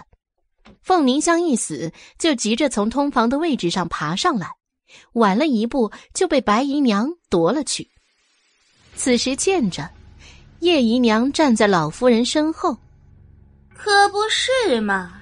当时白姨娘下手可真真是快呢，夫人都尸骨未寒呢，白姨娘就迫不及待的搬了进去，也不知道是何居心，难不成以为住进了夫人的院子就能娶夫人而戴笠了？你府上姨娘一直争斗的厉害。白氏当初却想的，她是御史家的女儿，虽是庶女，好歹也是正经的妾室进的门。既然阮明星当初没给她脸面，那阮明星既然走了，她只要住进了凤鸣香的院子，借此立威。下一步，就是重掌阮府二房后院的管家之权，却没想到。最后，管家之权却被叶姨娘一个通房丫头给夺了去。为此，这些年来，白氏和叶氏一直是明抢暗斗的。白氏深知，此时白氏和叶姨娘这个贱人斗嘴的时候，转头对着老夫人委屈道：“老夫人，您是知道的，我原先的梅园只是一个一进的小跨院儿，原先只有琳琅一个丫头的时候。”还能住得下，可是二少爷总不能一直跟着我住吧？将来要是读书识字，这书房可怎么办呢？是实在没办法了，才搬到湖心院去的。哦，白姨娘可真会选啊！阮明星看着他笑。你要说是为了树地，明明海棠院更幽静，茂林修竹，离府上的学堂也更近。怎么非要搬到一个离学堂最远的院子去呢？难不成是想要锻炼树胸、独立能力不成？阮明心抢在白氏要狡辩之前，又立即开口：“白姨娘可要注意了，湖心院可是出门的是大湖口，出门就是水，夏天蚊虫又多，冬天结冰，鼠兄要是一不小心在冰上玩耍掉下去了。”阮明星话未说完，就这样看着老夫人，话语中带着淡淡的威胁和警告。而且，如今树兄已经年长，早该有自己的院子，怎么还能跟没断奶似的和妾室住着？这也平白堕了男子的眼界呀！十三岁的年纪，早该自立了。这番话说出来，老夫人倒也是有些赞同。毕竟二房的男孩还是太少了，而且是还没有正经夫人打压之下。白氏和叶姨娘整天明争暗斗，没教坏少爷，也拘泥于内围之争。不过是一个思量，老太太就已经拿定了主意。白氏，你就搬到海棠院去吧，那里清静，府内也该拨出个院子。给修哥单住了，老夫人。白氏不可置信。就这样说定了。老夫人看着他，不容置疑。是时，阮明星跪下，仰着头，一脸天真的说：“奶奶，明星这次回来东西比较多，都还在路上，恐怕进府后绣楼里搁不下，到时候府上乱糟糟的也不好看。”明星想要搬进母亲的院子，奶奶，老夫人，那本就是你母亲的院子，现在你回来了，应当物归原主。多谢奶奶。阮明星声音雀跃，手臂伸直，平行滑到身前，叩首福跪，大礼完成。当天。阮明星就带着英子去监督着白氏立即搬离湖心院。叶姨娘站在阮明星旁边笑道：“哼，大小姐真是好手段，才回来就让白姨娘在这住了四年的院子里搬出去了。阮明心不屑他，看都不看一眼，直盯着那些丫头小厮打包的有没有故意破坏院子。奶奶都说了，这叫物归原主，怎么说是赶出去呢？叶姨娘这话可要当心了。你这是不满意奶奶的安排吗？叶姨娘被他一噎。大小姐说什么话呢？妾身掌管着这府邸大小事务，大小姐回来不是说东西多吗？妾身见着大小姐，原先都是在别院住着，府里的丫头也没几个，唯二的几个还都是看门洒扫的粗使丫头。妾身琢磨着，大小姐要些什么样的丫头，各院的丫鬟名色都给您送来了。您看，不用了，原先母亲身边的丫头都还在，丫鬟够用就好，不讲究那些奢侈华丽的排场。阮明心冷淡的说道。素兰他们目前并没有在阮府。听英子说，在白氏搬进湖心居的时候，他们就被凤家直接派人接走了。本来也想把英子带走，但是终归还要有人守着绣楼，加上英子想为小姐探听消息，因此并没有离开。叶姨娘见他趾高气扬，也知道是当年夫人留下的心腹丫鬟都被直接送到大将军府去了，现在阮明心想要回来。要不要的回来，那就不关他的事儿了。反正他是来问过了。第一百三十九章。哼，既然如此，大小姐您就自便了。叶姨娘冷哼一声，妖妖娆娆的走了。路过湖边花草，狠狠的踩了几脚，留下一片狼藉。英子张望回来，小姐她走了，看她气得脸都绿了呢。可惜了那一片的山茶花，那可是白姨娘最喜爱的呢。英子笑意不明的看着里面指挥着小心班花的白姨娘。阮明心看了眼比自己已经高出近两个头的英子，什么话也没说。阮明心一拿回院子，就着人去大将军府捎信。当天晚上，素兰和几个可靠的丫鬟嬷嬷们就坐着马车回来了。他们一直忙忙碌碌，直到天黑虚时，才将将将白姨娘弄得乱糟糟的屋子大致整理出来。英子在看着几个粗使婆子将阮明心的绣楼闺房里的家具、刺绣、摆件都搬过来，好好的摆上。她这几年一直留在阮府。天天的都要给阮明星打扫一下那些东西，最是熟悉不过。素心几个比她年长的丫头也不跟她抢。英子看着往前几个总是说她规矩的几个姐姐，包容宠溺的看着她，别提多高兴了。于是就指挥的更加有干劲了，看见珍贵的还要自己上手去。阮明星坐在杏花树下的石桌前静静喝茶。听着屋里的挪动声响，和丫鬟们的叽叽喳喳，嘴角勾着恬静的微笑。岁月静好，他不求时光停在这一刻，只愿今晚有个好眠。明天又是战斗的一天，但是老天爷似是没有听到他的声音，这不，麻烦上门了。阮明心放下茶杯，冷冷的看向不请自来的阮静玲、阮灵芝。和阮玲郎几个府内庶女，唯唯诺诺的阮玲玉明明比阮玲雪还要大，却低着头跟着走在最后。进到院子，他小心的抬头看一眼阮明星，又很快的低下头去。阮明星知道，他这是被迫而来的。前世里，阮玲玉就是这副胆小如鼠的模样。其他庶女不将她放在眼里，阮明心也一样不看她。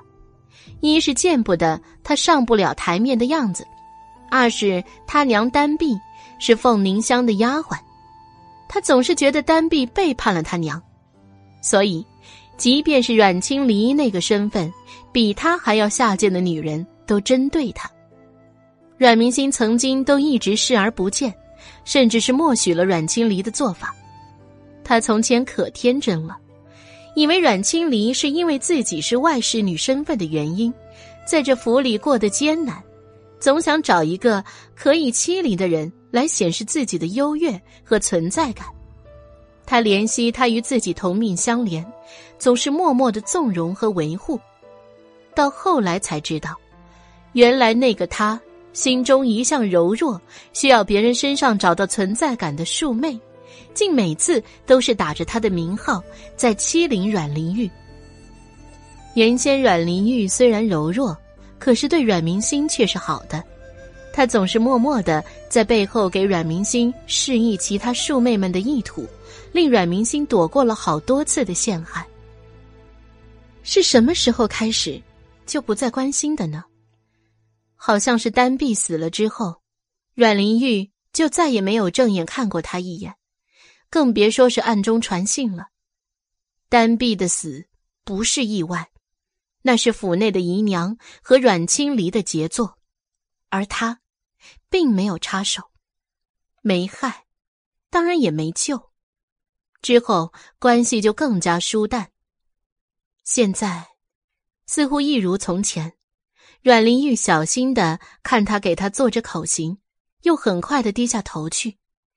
期间瞥见阮明心含笑看着他，飞快的低下头去，耳尖绯红。四小姐，果真是娘说的像夫人一样温柔又漂亮呢？哪里凶狠了？但是很快，他就见识到了四小姐的厉害。阮玲郎今天被狼狈的夺了院子，满心愤恨，在花园里揪花泄愤，花草大杀了一片，总是不甘心。后来遇见饭后散步的阮玲雪，阮玲雪毕竟年纪小，又被叶姨娘宠得无法无天。今天姨娘受了可大的气了，她说什么都要为姨娘出一口气。此时见到大姐，就想起白日的白姨娘一房被赶走的事情，就说要来找阮明心泄愤。他心里可没有把阮明心当做嫡女来敬重。和阮玲郎不同，如今她已经即将及笄，作为府内的庶长女，一向被宠着护着，但并不像是阮玲雪这个幼妹，因为老夫人的关系。一直被当嫡千金一样宠着，她还是知道事情的厉害，略一思索就拉上他，把三小姐、四小姐、五小姐全都拉上，于是就出现了现在正对着阮明心嘲讽的一幕。哟，妹妹这可真乱呐！阮玲琅如是说，呵呵呵的眼怕娇笑。阮玲琅不是个甘于落后的性子，立马接着道：“哎呀，看四妹这儿忙活的，还没吃完饭吧？”她说的肯定，因为阮静玲两姐妹的姨娘林氏是永昌侯庶女，就算是给吏部尚书做妾，那身份也是够够的高了的。在阮府的后院，一月中，阮兆林总有一半的时间。是去林姨娘住处的，她们姐妹俩可是最得阮兆林欢心的，因此被人捧惯了，说话总是没个顾忌，一点也不掩饰林姨娘在阮明心晚膳的事情上动过的手脚。阮灵芝虽是妹妹，到底谨慎些，拉着她，阮静玲却一点不理睬。阮玲郎这时像是突然发现了什么，惊叫道。哎呀，我说四妹，你好歹也是咱们府上的嫡女，原来你这么的清寒，回头姐姐给你屋子添点物食。他回头，仿若是郑重的征询几个女孩的意见，是吧，妹妹们？阮静玲也一副鄙夷的看着阮明星那搬进正房的家时，真的是清水的可以。那个丫鬟居然还那么宝贝的捧着，放到他们房里，真是摔了都只为听听那破碎的声音而已。阮静林一副理解你的怜惜又无奈的表情看着阮明星，皱着眉头又摇头，声音可同情了。四妹，英子抱着大肚粉彩青花瓷瓶，听到声音过来，动作可小心，那是当年夫人送给小姐的生日贺礼。英子在府里安安静静做小，伏低了四年，终于有了小姐撑腰。正要发飙，说说他这花瓶价值多少。宿主赶忙过来，压下英子的暴躁脾气。四年过去，宿主比起当年，无疑是更加的沉着和睿智。他中气十足的开口，句句不离规矩礼仪，全部都是你们一群庶女，见到嫡长女不守仪态，反而大呼小叫，而且大厨房苛待大小姐。府上是谁人管事？说着，立刻就要去找侯府的老夫人来评理，论论规矩。第一百四十章，谁人不知道阮老夫人好面子，最是重视规矩礼仪。这要是捅到老夫人面前，少不了要被罚抄女诫经书。阮玲琅跟阮静林愤恨又不甘心。袖子甩得呼呼作响，大踏步走了。临走之前，阮玲玉偷偷回头看了一眼阮明心，但终究是不敢单独留下，也随着人群离去。昨晚一群人精神振奋，收拾完毕，早已经过了亥时。正常情况下，此时已经睡在了梦乡中。大家累了，忘了还要吃饭一回事。但是第二日。即便是依旧兴奋，但身体已经发出了警告。好在昨晚素竹的威胁还有点作用，不知是否是阮静玲两姐妹回去告诉了林姨娘。京城英子去膳房领回了清粥和两碟咸菜，一笼冷掉了的灌汤包。灌汤包里汤汁浓郁。若是趁热，肯定是吃的酣畅淋漓、舒爽无比。但是这要是冷掉了，那里面的汤汁都凝结成了腻腻的油花，既恶心，吃了人又不舒服。阮明心只得勉强配着咸菜喝了一碗白粥。原本英子以为自己早上去的晚了，所以才领回来了这些冷掉的东西，中午特意早早的就过去了。但是提回来的依然是冰冷油腻的膳食，而且不知道是不是厨房故意的，明明一点荤菜都没有，却把每道菜都做的用油泡着，这如何可吃啊？一连几天，英子都快要哭了，素兰却仍是淡定，拉住她说：“不是你的错，这是有人故意整我们小姐呢。”那那怎么办啊？我们院子又没有小厨房，总不能一直吃这样的东西啊！英子不满的说道。阮明心此时已经专门按捺了几天，站起来深吸了一口气，收拾起桌上的东西，跟我走。一群人浩浩荡荡的往厨房出发。英子忙不迭的把桌上一筷子未动的饭食收入食盒中，提着紧追了出去。厨房内，阮明星站在厨房正中间，几个厨房的厨子嬷嬷围在他边上，形成了一个圈。前面的桌上摆着英子拿出来的菜盘子，白白的猪油凝结在盘子表面，偶尔露出青一点、绿一点的蔬菜尖尖。你们倒是给我好好说说，这炒白菜是这个做法吗？就是啊，我们小姐是堂堂嫡小姐，又不是和尚，顿顿都吃素。你们是不是暗中替换了小姐的份例？英子紧随阮明星之后，对着嬷嬷吵架，每回都是这个嬷嬷给她分菜，食盒装好，欺瞒她不知道里面是什么。哎呦，我的姑娘喂！你可不能冤枉我老婆子呀！这、这，我可都是按照大厨给小姐炒的菜直接装的。这可不关我的事啊！大小姐，您是不知道，这厨房里每一房都有各自配好的厨师，老奴只是个装菜洗菜的呀。老嬷嬷被吓一跳，一股脑的全部推到了大厨的身上。阮明星顺着他的目光看了过去，声音清冷，仿佛带着寒冬的凛冽。就是你负责湖心院的，胖大厨害怕呀。大小姐年纪虽小，可是看人的眼光，不知怎么的，竟然像是刀子在凌迟一样。胖大厨身子颤抖，强自镇定的说道：“呃，是是小的负责湖心院的膳食。”阮明星目光一狠，不知从哪里拔出了一把袖剑。他常年习武，身上的气势和一般闺阁小姐自然不同。本来这种事应该用后院的手段给连消带打，但是如今他更喜欢这样的风格。胖大厨立马就跪了下去，不受控制的颤抖：“呃，大小姐饶命啊！这、这、这真不是奴才故意的，是、是、是您姨娘吩咐的呀。”哦，阮明星漫不经心，用剑尖挑起胖大厨肥厚的下巴。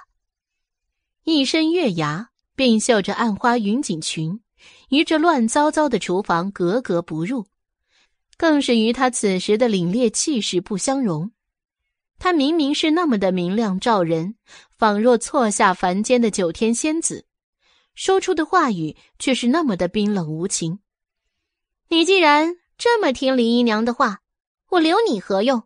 大小姐饶命啊！呃，大小姐饶命啊！胖大厨止不住颤抖着身子，致使肥厚的双下巴在阮明星寒亮的剑尖上蹭出细微的血丝。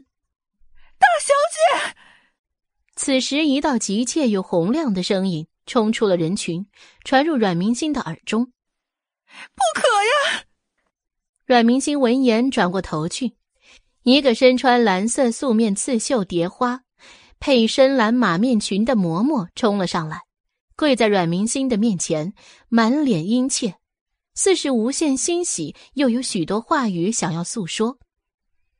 阮明星疑惑的看着他，总觉得此人面熟，却又想不起来在哪里见过。宫嬷嬷，素兰惊讶的叫道：“眼前苍老的宫嬷嬷，哪里还像当前那个容光焕发的厨房长事？”就连这厨房待久了，那风雨起来的身子骨都消瘦了下去。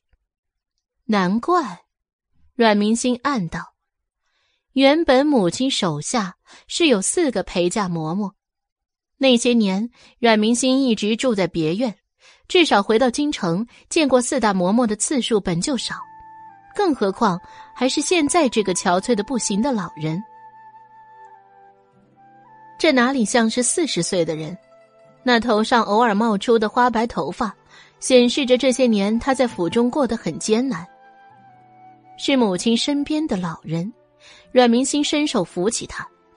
宫嬷嬷，请起。宫嬷嬷顺着阮明星的手起身，受宠若惊，看着大小姐身后的宿主等人，心中甚感欣慰。小姐长大了。还接回了夫人身边原来的伺候的人，无论当年还是现在，甚有凤家儿女的明智决断，也不枉费他在这厨房里隐忍四年之久，如今终于可以一展眉气，抬头挺胸了。虽然心中畅快，恨不得把这些姨娘们的爪牙全部杀了，可是依然设身处地的为阮明心考虑。大小姐，此人不可杀。虽然杀了他畅快，可连带小姐的名声恐怕有损呢。宫嬷嬷说的是比较委婉的。经历了一世，阮明心当然知道，这些人会如何谣传他。他其实也没有真的打算杀人，不过就是想要吓唬吓唬他们而已。不然，谁都当他阮明心软弱可欺。他要拿回厨房的大权。必须得有些强硬的手段。虽然敲打或者别的手腕，他倒也不是不擅长，可是如今记忆在身，他为何还要隐忍？阮明心移开剑，冷冽的看着两个跪着冒冷汗的嬷嬷和胖大厨。既然宫嬷嬷替你们求情了，那本小姐今天就先放过你们。第一百四十一章，那柄悬在喉咙上的剑，终于拿开了。胖大厨紧绷的身子一下子就瘫软在地上，他狠狠的抹了一把额头上的冷汗。两个人忙不迭的跪着叩谢小姐的恩典。不过，阮明星冷悠悠的声音再次在他们头顶响起：“本小姐不杀你们。”但是暗中算计本小姐的这一账，不知道你们要怎么还呢？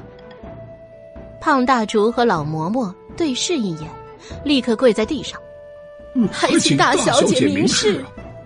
两个选择，阮明星声音清脆，不容置疑：一，我杀了你们，好顺了我这几天的气。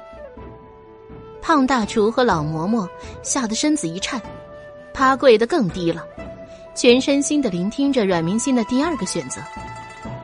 这第二嘛，你们给我指出来，这厨房里哪些人都是谁的人，否则死的还是你们。他的声音陡然飙高，气势慑人。厨房的人全部夹紧臀骨，头低得极低，回忆自己以往的行事作风，有没有露出马脚。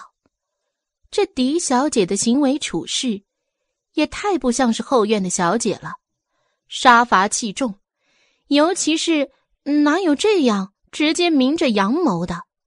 要知道后院可都是隐私的手段，因为不曾经历，所以心中更加忐忑。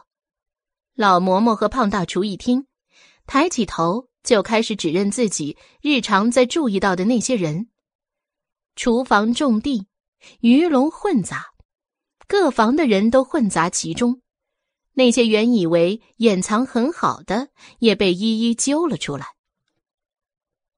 原因无他，阮明星将威胁老嬷嬷和胖大厨的方法，同样施加在他们身上。谁人都不想死啊！这时候能认出一个人就是保命啊！再加上宫嬷嬷在厨房被打压隐忍的四年之久，总会看出些蛛丝马迹。一时之间，厨房那不宽敞的空地上，竟然跪下了一大半的人。哼，很好，很好啊！阮明心气得发笑了，袖剑往旁边一挑，剑气凌人，吓得众人集体发颤。跪着的人为自己的性命担忧。这可是大剑师的弟子。此时此刻，这些人终于意识到，狄小姐和府内小姐的不同，至少这种底气，也就只有她有了。而跟着阮明星来的，则怕大小姐一时忍不下这口气，要大开杀戒。这可不是杀一个两个厨子那么简单的事情。京城到时候，恐怕除了魔女。又传出更可怕的风声，甚至给小姐带来性命之忧。袖剑被阮明心一掷，飞过跪着众人头顶，插在了跪着众人身后的木柴树干上，力道之大，剑身没入几寸之深。众人冷汗，见识到了阮明心的实力，这要是偏差一分。插入的可就是自己的头颅了。宫嬷嬷，阮明星声音清冽，在这寂静到连大气都不敢出的厨房，犹如惊涛拍岸，巨石滚沉，掀起了一股巨大的气势。从今天起，阮府二房的厨房就由宫嬷嬷负责，宫嬷嬷挑选些人，重新负责各方的膳食。我看着厨房的人也确实太多了，以至于某些人的手伸得太长了。阮明星强硬接手厨房的事情，就像是敲响了一记警钟。凤凝香当年留在府里的几个嬷嬷，前后都到了湖心阁来探望阮明心，一表忠心，愿意誓死再为大小姐效力。四个嬷嬷，除了宫嬷嬷，当天就来了两个，无一不是备显疲态。显然这些年因为嫡妻不在，他们几个被几个姨娘夺权迫害的不轻。阮明心奶娘白嬷嬷与宫嬷嬷三人就别叙话，宫嬷嬷三人欲言又止。之前四小姐不用到他们就算了，如今大小姐明显是要重掌阮府后宅大权，有些话虽然伤人，却也不得不说。怎么了？白嬷嬷拉着老姐妹们粗糙的手掌，不由得有些心酸。她这几年在大将军府修养的很好，虽然也是做伺候人的伙计，却也算是小半个主子的待遇，生活安泰。而他们，明明与自己差不离的年龄，个个手掌粗糙，比同龄人都还要苍老。宫嬷嬷为难，旁边一个身穿中年罗紫色的李嬷嬷见过宫嬷嬷，闭了闭眼，沉重开口。是陈嬷嬷。陈嬷嬷现在已经到了白姨娘名下做事。白嬷嬷不可置信的说道：“不可能啊！那天晚上我们看着白姨娘搬的院子，怎么没有看到她？”李嬷嬷继续说道：“陈嬷嬷原本就是管内宅和外院交接之事，她虽不在白姨娘处，我们这些老人却是知道的。”她消息灵通，经常与白姨娘身边的大丫头长生交头接耳。这白嬷嬷仿若受了巨大打击，她们多少年的姐妹啊，从来没想过背叛。猛然一个消息砸过来，还是当年与她最好的陈嬷嬷。白嬷嬷的身子受不住的踉跄了一下。嬷嬷小心！宿主眼疾手快的扶住她。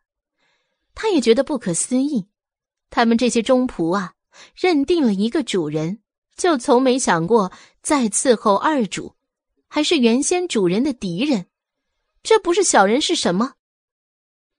花开两枝，各表一枝。另一边，几个姨娘们也陆续聚在了一起。外面细雨霏霏，白侧夫人在长生撑着的藕塘荷花伞下迢迢走来。水墨色的荷叶在灰蒙蒙的天空映照下，浓刺渐开。鲜艳的绯红荷花间，或两三个花骨朵滑下细细的水滴，与脚下的荷塘相映成辉。这把伞的画，还是前段时间白姨娘专门管阮兆林要的呢。那日也是下着雨，两人被困湖心亭，阮兆林无事就做了这幅画。白姨娘觉得这是她与老爷的感情的亲密，每到下雨天都要带着这把伞出来招摇晃荡一番，以示老爷的宠爱。平时撑着都是格外的宝贝和自我陶醉，然而此时却脚步匆匆，即便是撑着藕荷伞路过藕荷塘，都没有一点欣赏自明的兴致。下了石拱桥。顺着林青小道，拐过阮明心原来的吊脚绣楼，就是林姨娘的芙蓉园了。细雨似雾洒在巴掌大的芙蓉叶上，留下一层像盐粒子一样的晶莹，朦朦胧胧，霎时惹人眼。林姨娘是一个专一又执拗的人，就像是林姨娘喜欢芙蓉花一样，满院子。都是芙蓉树一样，不像是白姨娘，各花都能入她的眼。白姨娘跨进芙蓉园的二道门，长生收起藕荷伞，跟着她从垂花门顺着抄手游廊到芙蓉园的正厅。长生留守在门外。哎呦，姐姐来晚了，妹妹们都久等了。白姨娘边走边拍下袖边沾上的雾一样的水珠。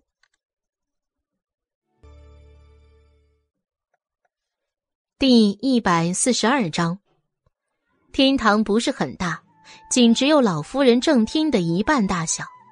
虽也是二进的院子，毕竟只是一个妾室居住的地方。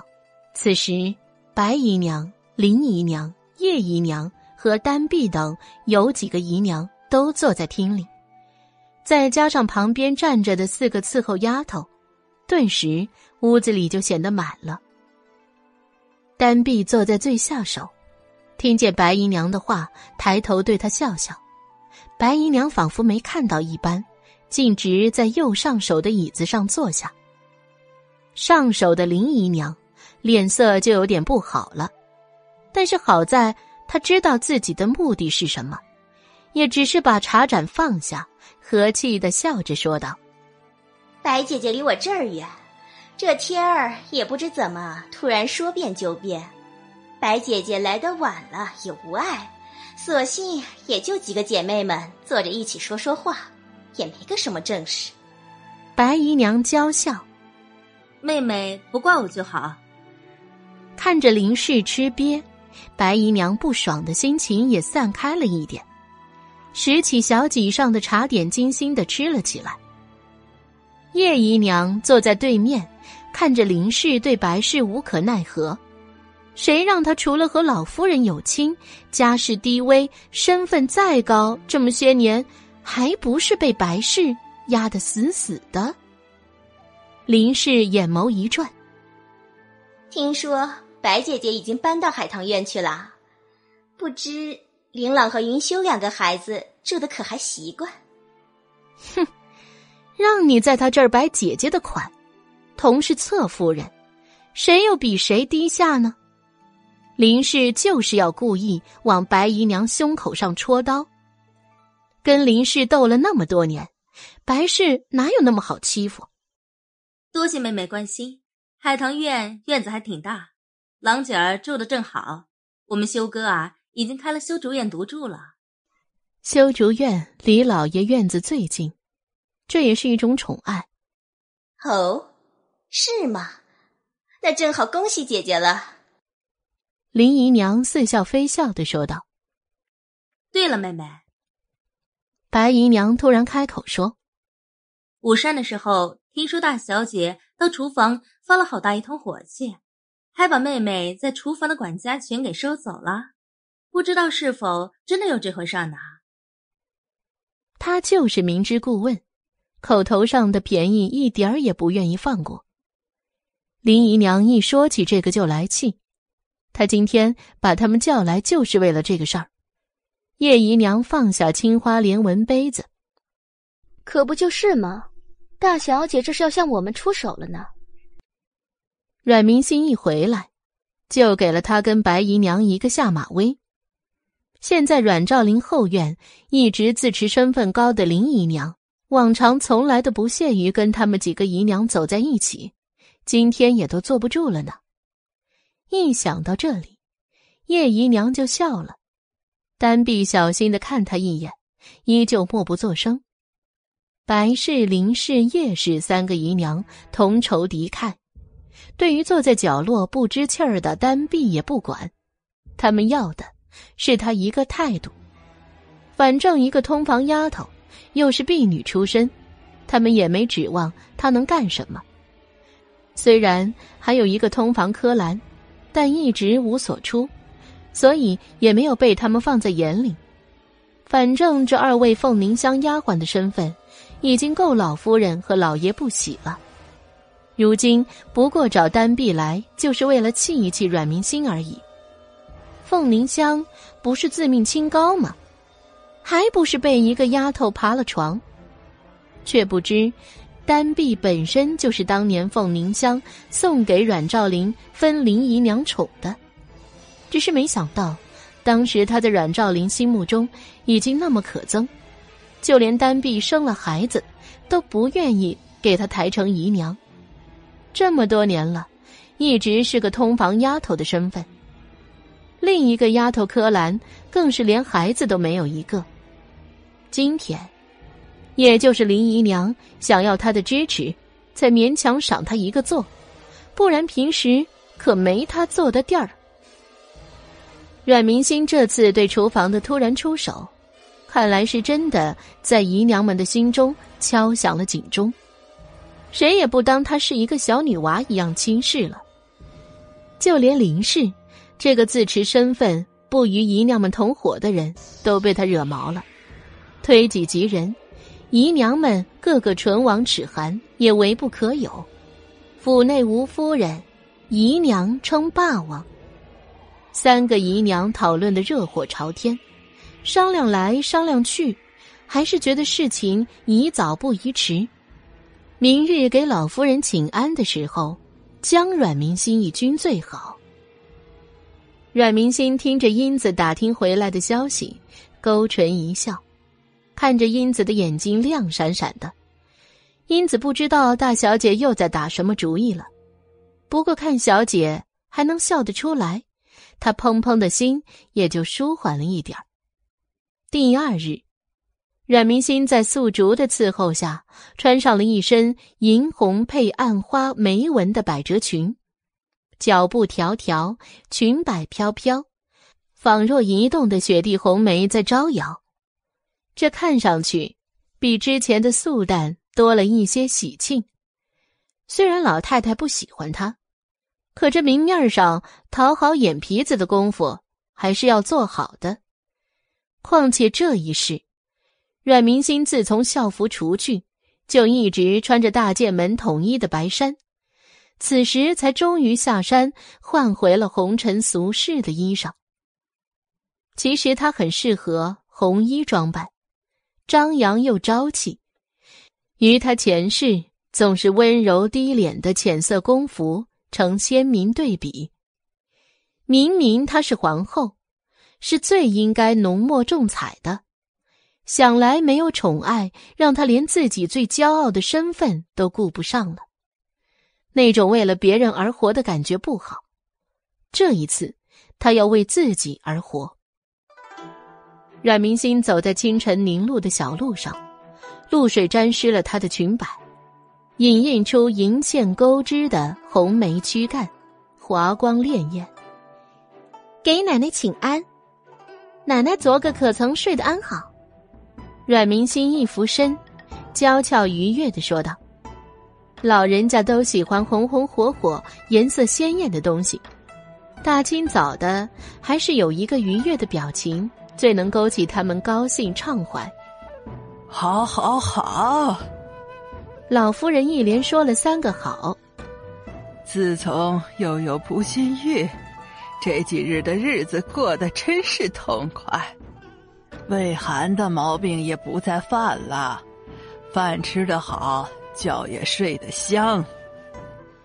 显然是真的很高兴，不然他不会扶起阮明心请安的身子，还拉着他的手说了这么多的话。阮明心起身，眼角余光扫过在座的几位姨娘。叶姨娘一看到他那轻视的笑意，就暗道不好。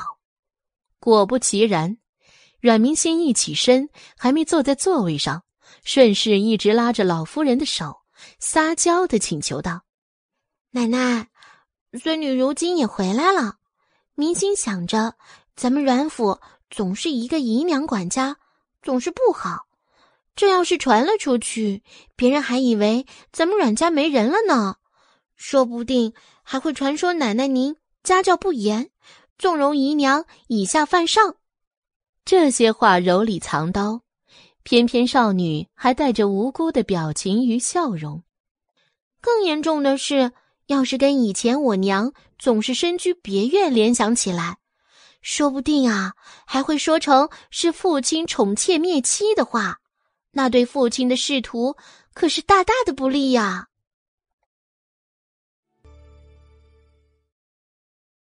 第一百四十三章，阮明心这番话说的是句句站在老夫人、站在阮兆林的角度上想，字字句句都像是钢针戳在了叶姨娘的心口之上，也打乱了林氏和白氏即将出口的话。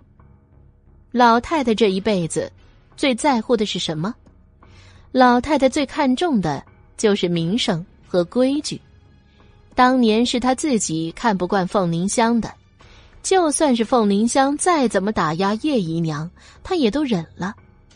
毕竟姨娘生下的男孩是阮府的第一个孩子，凤凝香又嫁进来，久久没有身孕。这要是不将云亭记在他的名下，传出去没有嫡子，先有庶子，他们阮府百年世家的脸面可怎么放呢？第二，老太太在乎什么？阮家虽说是簪缨世家，说到底，近些年没有特别优秀的后辈，已经开始没落了。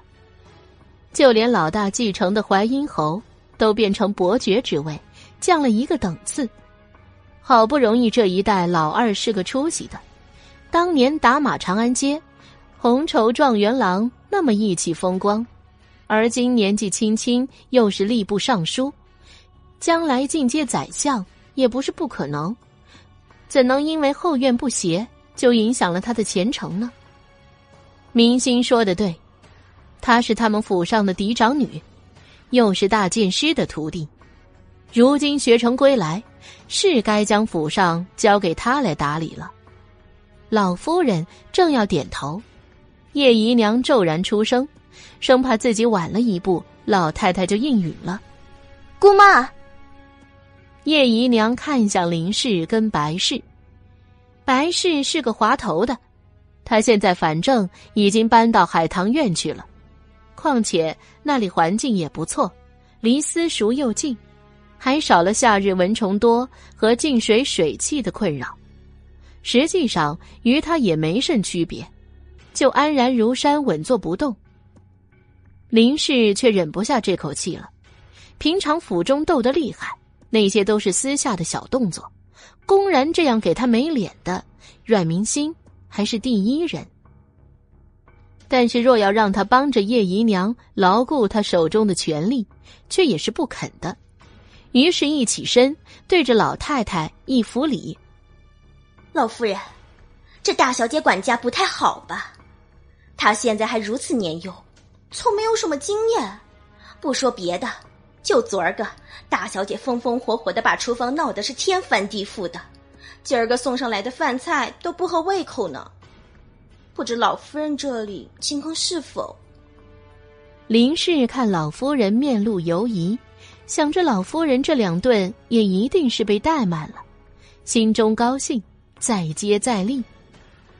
再说了，这新夫人马上就要进门了，按理说填房进门那也是正妻，老夫人若是这时候将管家之权交给了大小姐了，那新夫人进门了，裴家又会怎么看咱们阮家？林氏说的有理有据，老太太陷入了难题。她看向自己身边的陪嫁顾妈妈，顾妈妈也是面露犹疑，只是看向林氏的目光有些奇怪。虽然说昨日大小姐大闹了厨房，可晚上跟今早送到他们飞鹤院的膳食明显更合老夫人的胃口，准备的也更加精致了，怎么说是怠慢了呢？林氏还在得意，想着很快就能拿回厨房的管事之权，却不知道，阮明心就在昨天将厨房大换血之后，刻意将以前厨房不得重用的两个资格较老的大厨提上来，为阮兆林和老太太院子准备膳食。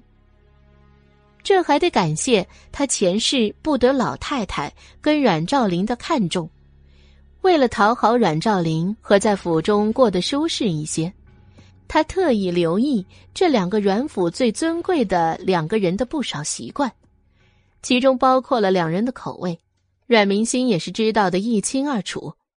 即便是老厨师久不掌勺，可是知道了主人家的口味，还能做不出他们满意的饭食吗？阮明心不着痕迹的对着林姨娘冷笑一声。继续对着老太太撒娇：“奶奶，真是因为新夫人即将进门了，孙女就更要抓紧这段时间来好好学习才是呀。明星都已经十岁了，再过不了几年就要出嫁了。平常人家谁家的女儿不是这个年龄就开始学管家之事呢？这要是孙女出去交际，别人家小姐太太问起，明星平常的家都学些什么呢？明星一问三不知，那岂不是丢了咱们簪缨世家的脸面，更是丢了老夫人和爹的面子呀？阮明星一席话直戳老夫人心窝，他转身得意的看着林姨娘，又转头看向老夫人。更何况，林姨娘怎么就说奶奶饭食用的不周呢？林氏搞不懂阮明心哪来的自信，只听老夫人说：“这两顿饭准备的确实合我心意，明星管着厨房，确实没有任何差错。”老夫人这个月在尚书府暂住，也在为阮兆林的婚事统筹安排，因此吃住。都主要看尚书府的安排。听到老夫人如是说，再看阮明心那高贵又得体的笑，似乎无声的在说：“本小姐分明做的比你还好。”林氏整个人都懵了，但是这依然不足以让老夫人对他放权，他还在犹豫。阮老夫人看向眼前这个举止从容、小小稚嫩脸颊上还明显的婴儿肥、身段越长开越像凤凝香的神态，心中就有一种止不住的反感。虽然他在厨房的事情上处理的很好，但是那强硬的手段也是听顾妈妈背后描述心惊胆战，于是越发的对他这个人喜爱不起来了。况且。当年告御状那件事，始终是心里的一个疙瘩。前世，阮明心虽然没有可以去讨老夫人欢心，可是怎么说也是跟他一起生活了这么多年，将他的脾气不是十分之十的摸到了，十之八九还是有的。此刻一看他频促，就知道老太太不高兴了，于是上前乖笑道。奶奶，明星前些天回来的比较急，一直没有来得及收拾香笼。好在孙女的婢女百灵都给明星带回来了，所以特意把为奶奶准备的礼物奉上。阮明星从百灵素竹的手中接过一个雕花繁复的黑漆木盒，盒子淡淡的散发着百年古木的幽香，一打开，顿时华光万丈。奶白色、拳头大的东珠，温润细腻的散发着莹莹光芒，耀眼而不刺眼，顿时吸引了一屋子女性的眼睛。据说这是藩国师傅到京城来，皇上赏他老人家的，但是师傅总觉得这个东西女儿气了些。你也知道，咱们大剑门不是那种主张奢华铺张的格调。所以，孙女回来的时候，除了求师傅送一块蒲心玉，师傅他老人家还另外为祖母准备了礼物。奈何旅途遥远，此物又太过贵重，孙女怕随身携带在路途丢失，所以才晚到了几天，还望奶奶见谅。第一百四十四章，这是大剑师的珍藏。还是皇上赏下来的。最重要的是，这可是藩国的贡品，就算是永昌侯夫人，也不一定有上一件的宝贝。老夫人看到眼珠子都快粘上去了，一目不错的一不动。阮明星说的委婉又诚恳，这明显就引起了老太太的兴趣。想着反正过不了多久，就是新夫人进门了。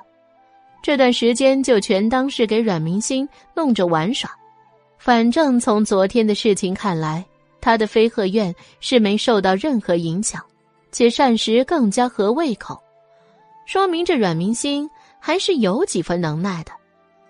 于是老太太拉着阮明星母慈子孝的说道：“奶奶当然是相信我们明心。”然后看向在座的几个姨娘。郑重说道：“明星的年龄确实也不小了，她又是嫡长女，管家之事也该捡起来了。你们要好好的从旁协作她，莫让她走了弯路。”是老夫人。三位起身，整整齐齐的一扶。谢奶奶。这个老狐狸说是从旁协助，还不是不放心，直接放权给他，让几个姨娘看着他，为着以后阮明心交权做准备。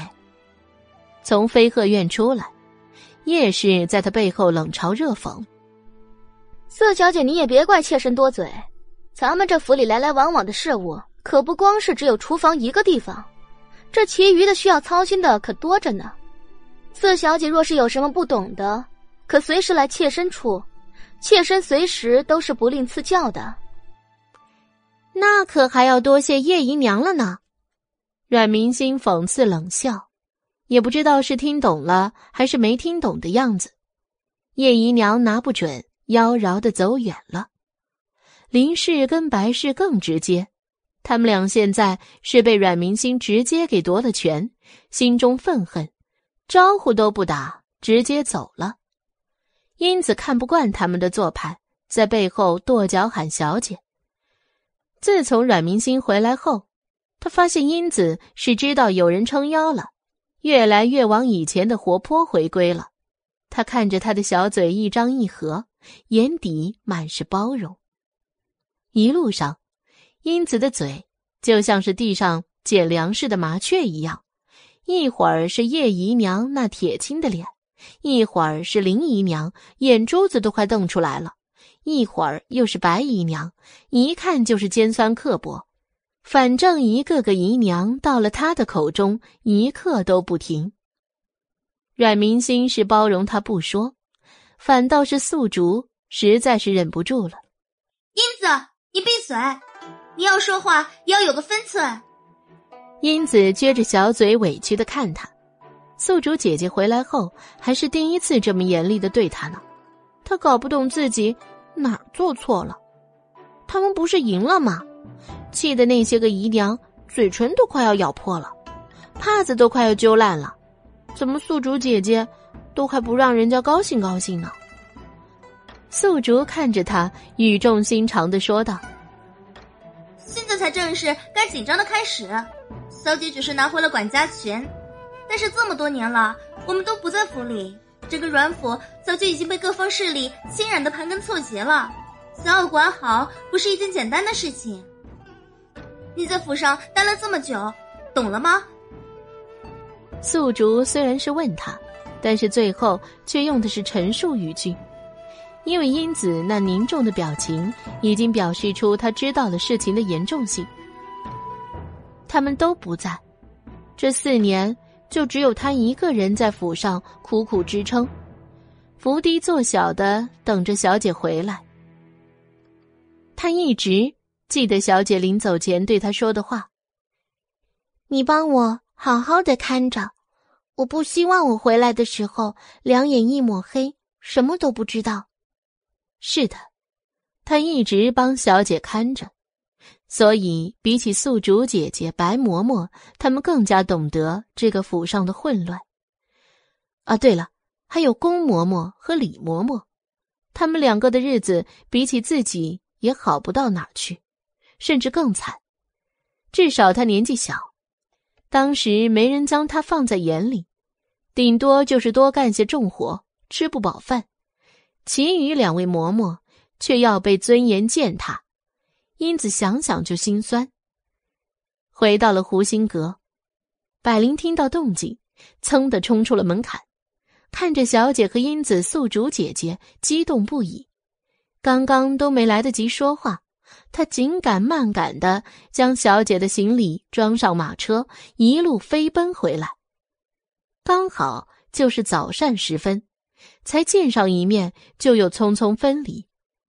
之前已经在屋里和三位嬷嬷报告了小姐这几年在千仞山上的情况，尤其是白嬷嬷，事无巨细，连每顿吃什么都要问清楚。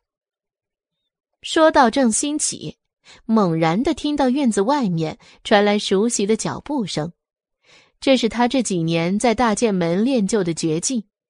因为小姐总是到处乱跑，害他找不到，总是担心。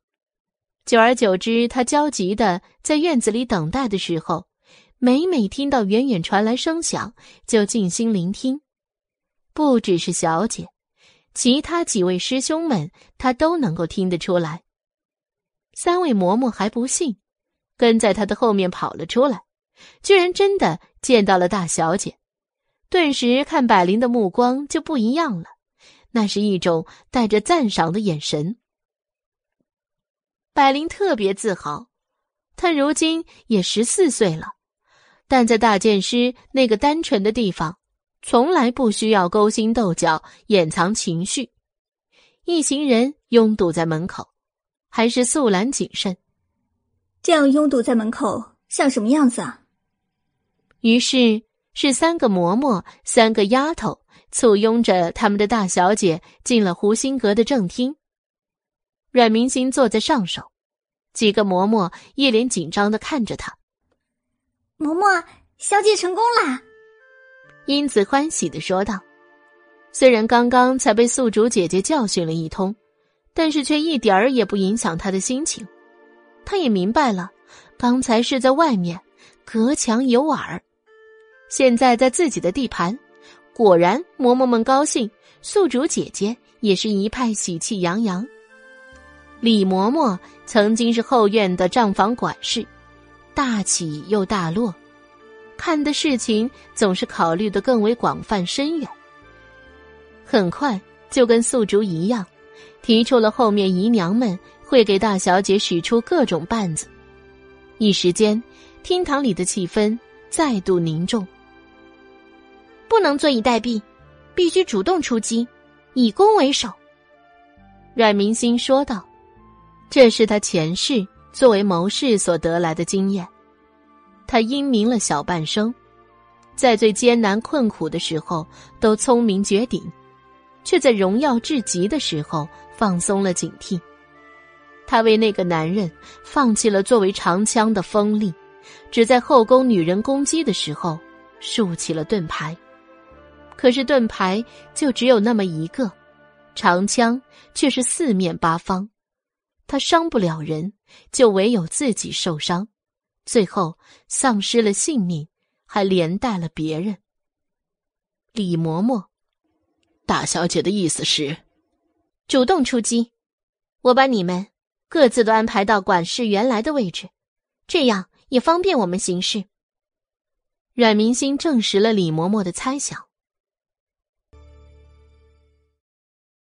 第一百四十五章，白嬷嬷提出担忧。可是我们都已经好多年没有管事了，下面的人恐怕会阳奉阴违。白嬷嬷忘记了宫嬷嬷的例子了吗？阮明心安抚道。白嬷嬷一想，确实，厨房的人换了之后，却是安心了很多。宫嬷嬷这两日都容光焕发了起来，只是毕竟是上了年纪，锐气不免不足，她还是有些担心。都这样的话，小姐的名声可就不好听了。而且，总是这样也不易收服人心。嬷嬷忧心了，方法不在多，管用就行。而且那些别人安的钉子，我收服他们的人心做什么？你看宫嬷嬷那边，现在谁还敢怠慢？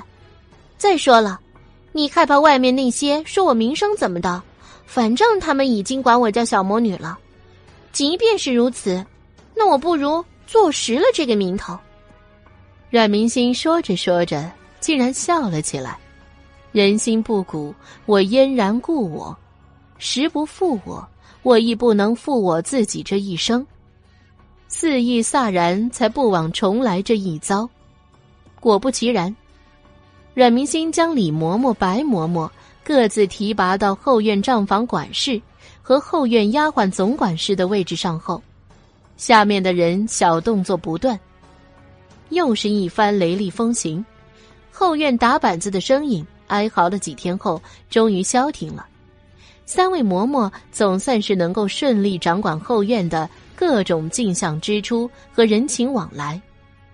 紧接下来，就是阮兆林续娶右相嫡女裴玉莲的三妹裴玉芳的大婚事宜。之所以前面阮明心如此兴师动众、毫无余力的将后院整治一番，也是为了后面的大婚。纵然阮父再娶妻，阮明心再不满，但是定然还是有更加不满、想要给他使绊子的人。阮明心可以不在乎自己小魔女的名声如何谣传，但是定然不会再允许自己在贵族圈子中将自己子虚乌有且被冤枉的后宅之事上让人钻空子。毕竟，小魔女从另一方面反映了自己坚贞孝顺的品性，那是美好的品德。而若是在婚礼上出错，必将令人联想到她个人的能力。将来无论嫁人还是上层圈子的交际，必将受到限制。后院的哀嚎终于清静了下去，阮兆林终于忙完了近期的考生事宜，回到府内，被几个姨娘女儿连番围缠，终于在书房气愤的召见了阮明星，却没想到，阮明星一见到他，一反多年前对自己的冷漠态度。笑嘻嘻的递上了他为迎娶裴玉芳准备的聘礼单子，正红色的硬壳折子礼单，翻开，就飘来一阵轻轻的墨香，入眼是长长的秀气簪花小楷写着的物品详称，折子连续折了近一手臂长。阮兆林仔细的看了过去，上面的物品全面又隆重适宜。阮兆林满意，甚至是他在礼单开头的地方看到了好几样贵重的御赐之物，显然不是阮家库房能够拿出来的，那必然就是阮明星从大剑师那里带回来的。阮兆林看到后，重重的、别有深意的看了阮明心一眼。呃，礼单礼得很好。后面的纳征和迎亲婚宴事宜也要谨慎，不可懈怠啊！是父亲。阮明心规矩又不失优雅的一服礼。父亲若是没有吩咐，女儿就先告退了。阮兆林挥手表示自己要处理事情了。阮明心告退，回到湖心阁没多久，英子就匆匆跑进来，一脸喜色。素竹撑他一眼。食指撑着他额头往后仰，你呀，英子嘿嘿一笑，满是腰赏，对着阮明星报告自己在外面打听到的消息。大小姐，您是不知道，奴婢光是听听就觉得白姨娘肺都快要气炸了。听说把多多宝阁上最珍贵的粉彩百花不落的包尔慈母瓶都给砸了呢，就还有林姨娘的院子里，听说。连林姨娘身边的大丫鬟出来的时候，脸都是青肿的呢。倒是叶姨娘那边只听到了叫骂声，没听见谁说碎了玉器瓷器和丫鬟被罚的传闻。叶姨娘先前被母亲压着位分，后来又有了掌事之权，自然是比起其他两位姨娘要沉得住气的。阮明心又问道：“丹碧那边有什么动静吗？”丹碧。原是母亲的丫头，这些年也一直不得宠，但是说到底，名下还是有一个六小姐的，不再是普通的通房丫头那么简单，总归是有个伺候她的小丫鬟在。阮明心想想前世，丹碧跟阮玲玉一直很乖巧，也默默的帮了她几次。阮明心想这一次再好好的观察观察。若果真心依然跟前世一样，那他就帮他一把，抬了姨娘的身份，这样阮玲玉的日子也好过一点。他想起前世丹碧去世后，在他也被远嫁龙逸轩没过两年，阮玲玉就被送给了一个东厂的老太监做妾。那些不男不女的东西，心里早就阴暗的不成了样子。阮玲玉到了他手中，听说是没过半年就死了，反倒是阮兆林抓住了那次机会，令老太监在皇上面前为他进了不少的美言，不然他也不会那么早就入阁拜相。那么温柔恬静的一个女孩啊，就这样成了阮兆林的踏脚石。阮明星目标杀不了阮兆林，也要让他身败名裂。对他来说，如此重要的一颗棋子，阮明星怎么能放任不管呢？阮明星连轴转了半个月之后，总算将父亲的病历全部整理好了，就等纳征时。阮兆林亲自送到右相府。这日，阮明星接到了阮静林炫耀于施恩般送来的一个帖子，是文心公主赏花宴的邀请帖。一场夹枪带棒的讽刺与反讽后，阮明星算是答应下来。阮静林走后，他坐在湖心阁西厢的花厅，看外面飘落的杏花，略微发呆。这帖子似乎有点蹊跷，粉色的杏花花团锦簇，与樱花的神态有些相似，就连花期繁盛的时候受不住那绚丽的生命要凋零的神态一样。粉色的花瓣随着风在地上铺洒了一层浅浅的花瓣地毯，阮明心也不让人清扫，就那么任由它们堆积着。这是母亲最爱的话。以前母亲总是一个人静静的坐在杏花树下，独寂哀思。然后晚膳的时候，桌上总有一碟杏花酥饼。他的春天，总是在杏花香气和绚烂中度过。如今花树依旧在，人已长相思。赏花呀！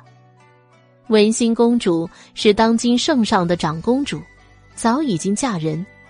她的赏花宴邀请的也应该是这些同龄人才是，再不济也应该是十三四岁的那些侍嫁儿郎的女儿。怎么会邀请她一个小小的十岁孩童呢？第一百四十六章。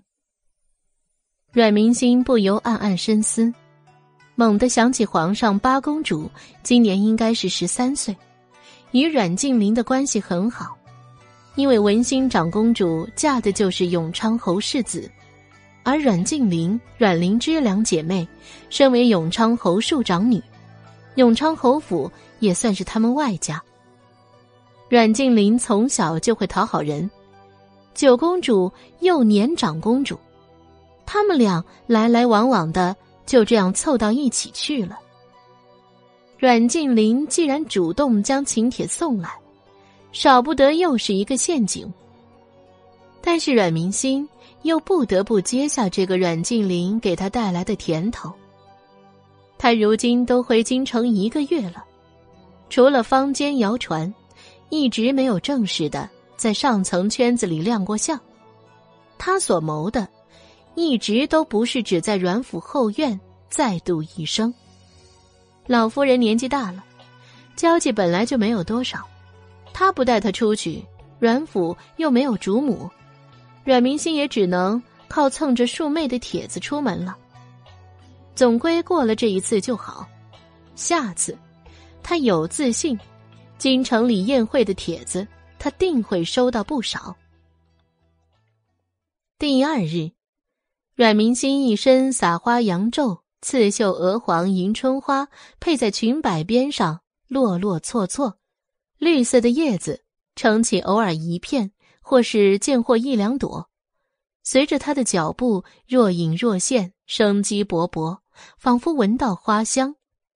腰间又束以四指宽的碧尘苍佩流苏，耳坠明荡，脚踩珍珠绣鞋。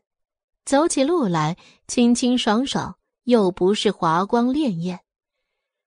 头上两个孩童的总角髻缀以宝石吊坠，摇摇晃晃，既娇俏又优雅。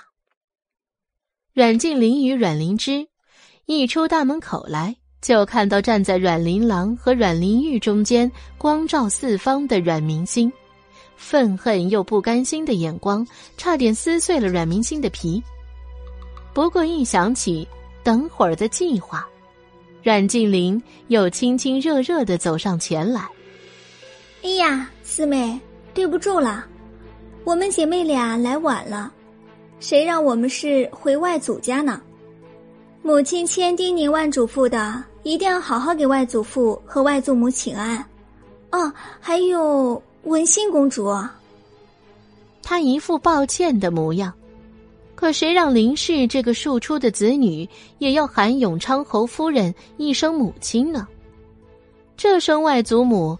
她们姐妹俩当真是当得，也总是凭借着这个，在阮府格外高出别个庶女一等。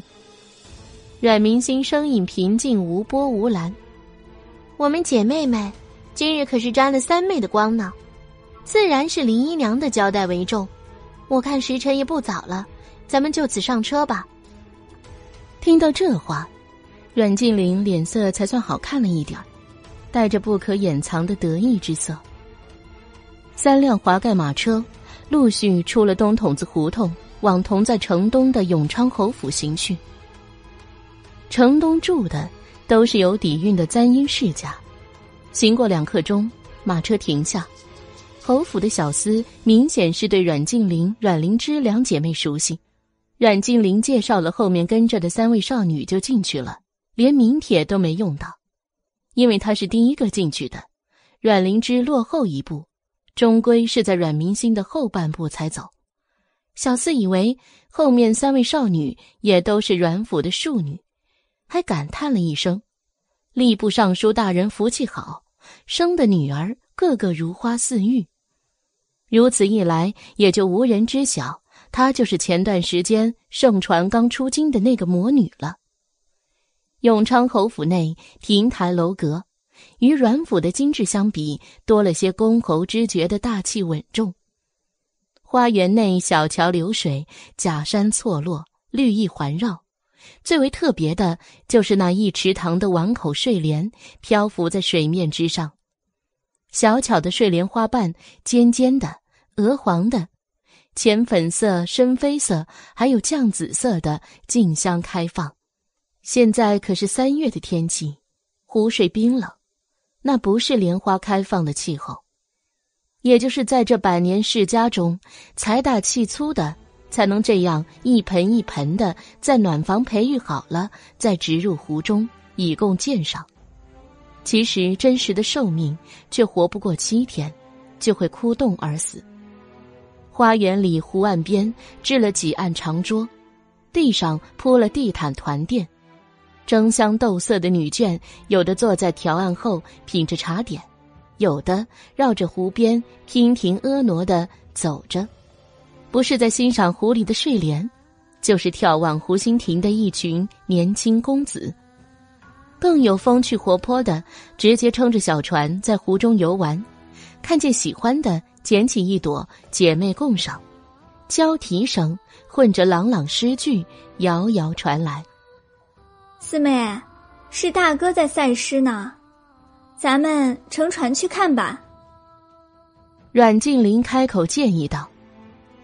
阮明心静静看了眼湖边刚下了几位娇俏女子的小船，穿过人群的间隙，他看见几个有些熟悉的背影，深深看了阮静林一眼，没有拒绝。几个阮府的小姐就上了刚刚的那艘敞篷小船。船尾，一个碧色衣裙的年轻丫头手持双桨，湖水荡开层层涟漪，打得漂浮在水面上的睡莲跟小圆荷叶一起一伏，像是生命在流动。阮明星站在船头，没有太注意湖水中的睡莲，反倒一直关注着湖心亭的一个少年郎，他总觉得身影有几分熟悉。顺便眼角余光瞟着蹲在他脚边，一直对湖里兴致盎然的，像是要找出最美丽的一朵睡莲的阮静玲。四妹，你看那株睡莲多漂亮啊！像是终于有所发现，阮静玲立刻开口唤着阮明星，也让撑船的丫头停下了划桨。只见重重碧叶之间，确实有一株火红的花瓣若隐若现。阮明心知道，八成这个阮静玲又要出什么幺蛾子。但是他如今对于这些小儿科的手段，没什么必要专门避忌，顺带也想看看能不能反整一下，所以装作无知无觉的向阮静玲靠拢。在哪里？嗯，好像没有看到。阮明星装模作样的说道。阮家其他的女孩不由远远避开，大约已经知道了要发生什么事情。在哪儿？阮静玲向前指去，阮明星也跟着眺望。就在这一瞬间，船身突然因为他们两个向外探身而开始倾斜了一下。小姐们，危险！别往外探身了。乘船的丫头赶快警告道。阮静玲似乎这才若有所觉的吃惊回身，但却不知为何，偏偏像是不是故意和阮明星的身子绊在一起。在两人身子相叠、别人看不清的时候，阮静玲猛地用力推向阮明星。这次，一定要他好看。如今这么多公子小姐，他若落水，春衫轻薄。那狼狈的样子，足以让他被人看出丑态。可是阮明心，虽然像是被他一推的，真的落向了湖水，但是他却一声惊呼：“阿姐，你推我干嘛？”这声惊呼声音不小，立刻吸引了岸边的一些目光。接着，阮明心落水的刹那，不引人注意的一拽阮静玲，顿时阮静玲也向水中。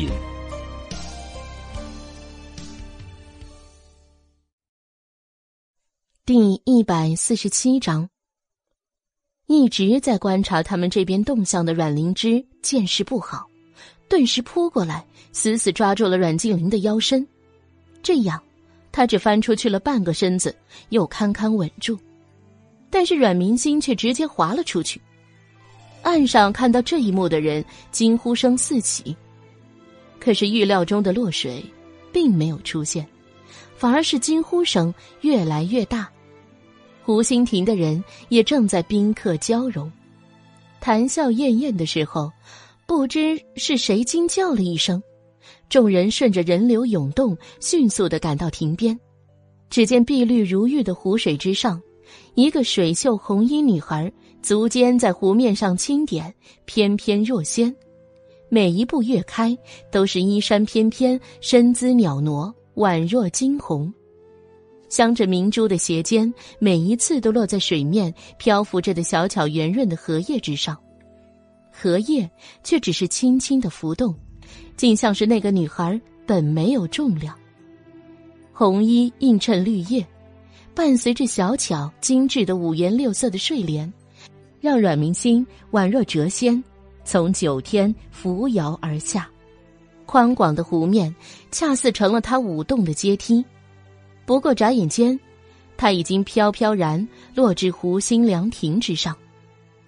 那里可是年轻才俊的集中地，也是此次年轻女孩们最渴望而不可及的地方。他们或羞涩，或身份不够，即便是都知道这样的宴会，暗地里就是一种相亲的方式，依旧放不开自己的矜持。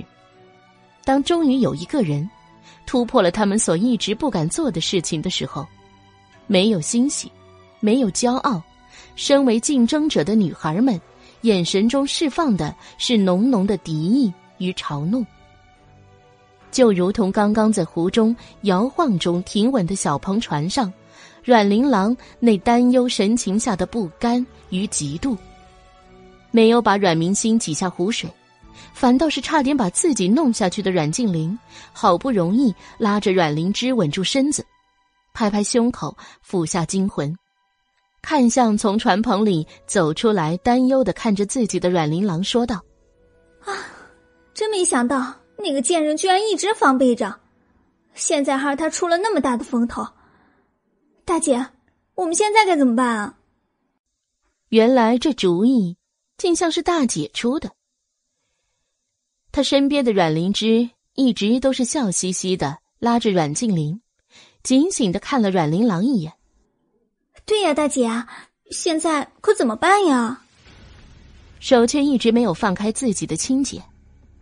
阮灵芝无疑是聪明的，刚刚要不是他一直注意着阮玲郎跟阮明星这两个人的动静，还真不知道阮玲郎居然借刀杀人都借到阮静玲的身上来了。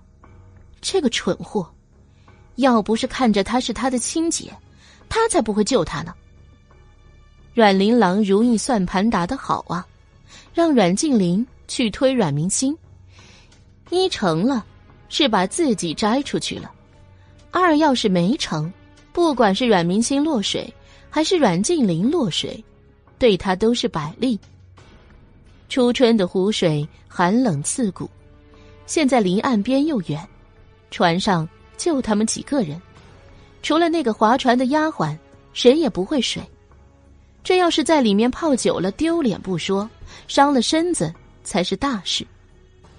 一想到这里，他手中就重重的掐了阮静玲一爪子，引得阮静玲惊呼着看向他，却是什么也没有说。他们俩是双胞胎的亲姐妹，妹妹比她聪明，虽然平日里总是埋汰她太冲动不动脑子，可是却从来不会害她的。他以为。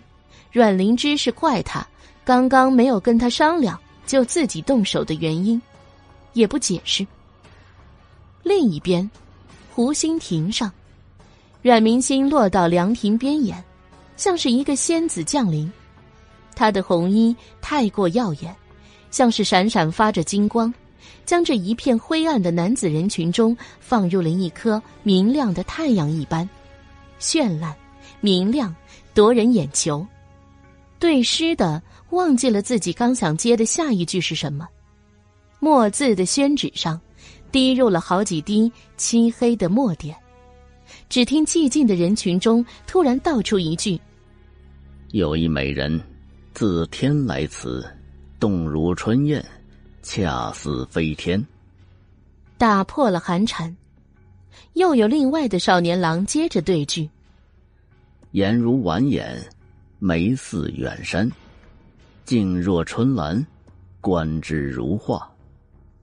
他们竟生生将刚才的阮明星的出现续上了连句，被一旁的执笔公子没在了宣纸之上。后来不知怎的，这首诗就被流传了出去，阮明星的名声再次起伏。魔女竟然也会有像仙子的一面。从那以后，就有人注意到，原来他们从来想象中如凶神恶煞的母夜叉的容颜，竟然会是像天仙美女，而且小小年纪竟然已经出落的如此清丽娇俏。芳泽无加，铅华浮玉，微幽兰之芳癌兮，不踟蹰于山隅。不若尘间女子纷繁。像是一股天上汇聚而下的清流，却偏偏总爱穿着一些真芳的红色。清丽与俗艳在她身上强烈碰撞，却又自成一体，任谁也穿不出她的清流妖娆，仿若落入人间的仙子。虽说是公子哥们的对诗联句，但是在这样的圈子里，总归与好友私下里切磋不同。在湖心亭上的对句，每隔一会儿就有小厮到夫人、小姐们的花园里去唱报，甚至是前院官爷们也会知道。这就像是一场公开的才华比拼，不甘沉寂的人总是使出浑身解数，毕竟这关系到自己的终身大事。优秀的人甚至名声远扬。还有机会获得特殊举荐入朝为官，不过一瞬的时间，岸边就聚集了不少人影。这里本就有许多适嫁年龄之女。所谓物以类聚，人以群居。湖心凉亭上的青年才俊，可都是京城有名的博学少年。听人说，远远的看见还有三皇子在其中呢。听说三皇子可是最温柔又以博才著名的，小小年纪就已经帮着皇上修筑金史了，那可是京城多少贵女们心中的乘龙快婿。有了阮明心的开头，远近篷船上的贵女们坐不住了，纷纷令人摇船到湖心凉亭上来。一时之间，凉亭上竟然涌入了十几个人之多，这还不包括丫鬟们的，全都是各个府上的小姐。其中三品以上的官员家的较多，他们总是比较有所依仗的。礼部尚书家的王小姐，向来以才女之名享誉京城。这样的聚会，凡是有女眷参加，她必然是所有女子中最大放异彩的唯一的女子。此时，她都上来一阵子了，那群公子们竟然没有一个人注意到她。甚至还为这个第一次露面的女子吟诗作赋，这叫她如何咽得下这口气呀？从旁边人处了解到阮明心的身份，与自己不过同为正二品之女，就无所顾忌的提议说道：“只有诗书而无雅乐，怎么好？阮四小姐今日可是颇得诸位公子的雅兴，不若就回复一曲。”以应了今日之雅诗，让我们一赏阮四小姐的风姿如何？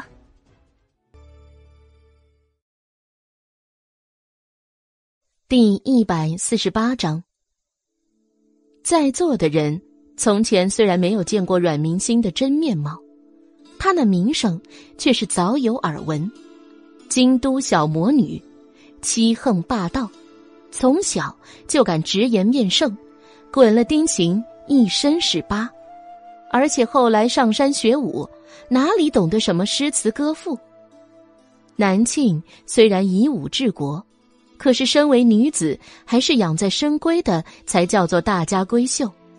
他笃定了，阮明心一个粗人，什么都不懂。九公主早令人下去取情去了，她早就在阮家姐妹的挑唆下。对阮明心的印象大大下降，又看见她身轻如燕，水上飘逸，抢足了大家的视线，这更令她这个无论走到哪里都是万众瞩目的公主实在看她不惯。既然有人要出头，那当然得帮他一把。王小姐的嘴角微笑，那种鄙夷之色掩藏如是之好啊。站在旁边，好整以暇的看着他。周围的众人莫不如是。一时间，凉亭有些寂静。起初，公子们都不知道阮明心的身份，听着小姐们的几经谈话，才明白了过来。看向他的眼神就有些沈去。阮明心神色意味不明，大大方方，任由他们各种目光的考量。他们笑，他也笑，倒在诸位的心中留下了一个沉稳有度、不屈不挠的印象。很快，琴取了过来，两个碧衣侍女，一个摇船，一个抱琴，迢迢而来，放在几案上。阮明心坐在众人的身前，素手焚香，飘袅的青烟细细升腾。他的手放在了琴弦上，或认真看笑话的，或聆听的，还有无关紧要的人，都将目光聚集在了他的身上。阮明星手指轻挑，轻拢慢捻，琴音杂糅错落，他仿佛将自己的全身心都投入，渐渐的却不受控制，那是猩红的杀戮，激昂的背叛。无敌的悔恨，有仙女出尘不亦乐乎，是惊艳的以及惊讶的。毕竟刚开始知道他身份的时候，都以为仅是一个会武功的漂亮姑娘而已，身轻功夫不见得有多么难。毕竟她是大剑师的弟子，众人对她的印象也就如是而已。却没想到，泉水叮咚，悠扬悦耳。静静聆听下烦躁的心绪，就被他这样抚平了。忽而蜿蜒连绵，似高山流水，气势磅礴。不觉如履如珠，攀碎玉梦，入神山，有石破天惊斗秋之势。女子一般温柔如水，所以琴音一向缠绵入骨。但是阮明心的琴音，却让人与软玉温香间听到了那骨子里的峥嵘洒脱。直到曲终，周围人都还闭眼静静的享受，仿佛余音未歇。啪啪啪，鼓掌惊醒了在沉醉中的人。有公子从沉醉中睁开眼，看清眼前独坐的少女。阮四小姐的琴音轻逸无拘，如雪舞纷纷中的一点红梅，清寒高贵，又有高耸入云、色音低沉的气势磅礴，犹如那三千年古战场，让人。悠悠沉醉，瑟瑟发寒。好记忆啊！余音绕梁，缠绵不绝。若不是谢兄将我叫醒，恐怕我得迷失在那杀伐的古战场上。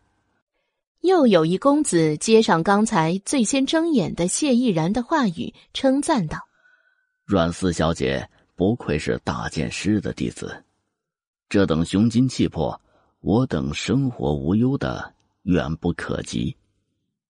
此等琴音与靡靡之音不可等同。礼部尚书家的王小姐本就是才女，此时更是沉浸其中，身边的贵女唤了她好几声，才将她唤醒。她恨恨的看一眼阮明星，周围小姐们看她奚落的眼神，令她脸颊烧红，就再也没脸待下去了。本来是想要阮明星出丑的，但是没想到却会让他出彩，而那所谓的靡靡之音，就是他所擅长的。从前有多众星拱月，现在就有多落魄。他不甘心，他看不惯所有贵公子们对阮明星欣赏的目光，尤其是谢毅然。从前，他多么渴望谢毅然能够看他，哪怕一眼。他每日里勤学苦练，不过就是想要让自己更加配得上他。南庆国的第一世家才子，陌上人如玉，公子世无双。谢毅然是多少闺阁女子们的向往啊！得他一句看中，羡煞了多少少女心。阮明星这一下，是将在座的女兵们全都得罪完了。所以，当王小姐再次提出，阮四小姐师承大剑师，那些舞刀弄枪的我们也不懂。不过，大剑师想来博学广智，贯通古今，想来阮四小姐在行文注诗方面也该颇有见解。刚已听了在座公子们的佳作，都是鼎石上好。特别是谢公子的一首“出淤泥而不染，濯清涟而不妖”，匠心独运，流传未尽之风。阮四小姐如此才女，怎能不献上一首好诗呢？他眼角轻笑，分明是嘲弄阮明心只懂舞枪弄棒，不懂诗书礼仪，是个上不得台面的粗鄙女子。况还特意点出了谢毅然的诗词与之相比，谁人不知他这是想要看阮明星出丑啊？南庆第一才子岂是一个小小不学无术的女子可与之兼比的？莫说是女子，在座的诸位游学归来的世家公子，在谢毅然面前也是从未赢过。谢毅然有些蹙眉的看了王小姐一眼。对阮明星投去关怀的目光，这时候，他是万万不能开口的。触及他的眉眼，阮明星轻柔一笑，似春风化雨，疏解了谢毅然心中的干涸。他也回他一笑。权仙不若此，月神将无形。他这样子，直直将王小姐一种闺阁之流看吃了去。以何为题？阮明星问向王小姐。王雅木眼珠轻转，就以莲为题。他这是故意难为他。周围小姐们轻笑，反倒是公子们有些担忧的看向了阮明星。之前已经有了谢毅然的文章雅致，无论阮明星做出了什么，都将是云泥之别。阮明星却不以为然，那看向王雅木的眼神跟笑意，令他遍体生寒，仿佛在居高临下的看一个蝼蚁上蹿下跳，想要破开一片天地一样，不自量力。王雅木强制镇定。喉咙咽下一口自己的平定心跳。你若不行，现在认输还来得及。我们都知道你勇敢妄为，胸无诗书也不是你的过错。他话音刚落，就迎来女子眼唇嘻嘻，嗡嗡窃语。谁人听说过你家的闺阁小姐竟然不通文墨，竟是连自家的庶女都还不如？恰巧九公主跟阮玲琅站在他们旁边，九公主一双眼睛也早就粘在了谢毅然身上。京城内若论文采斐然，她无人能及，自然也是闺阁小姐们最向往红袖添香的那个人。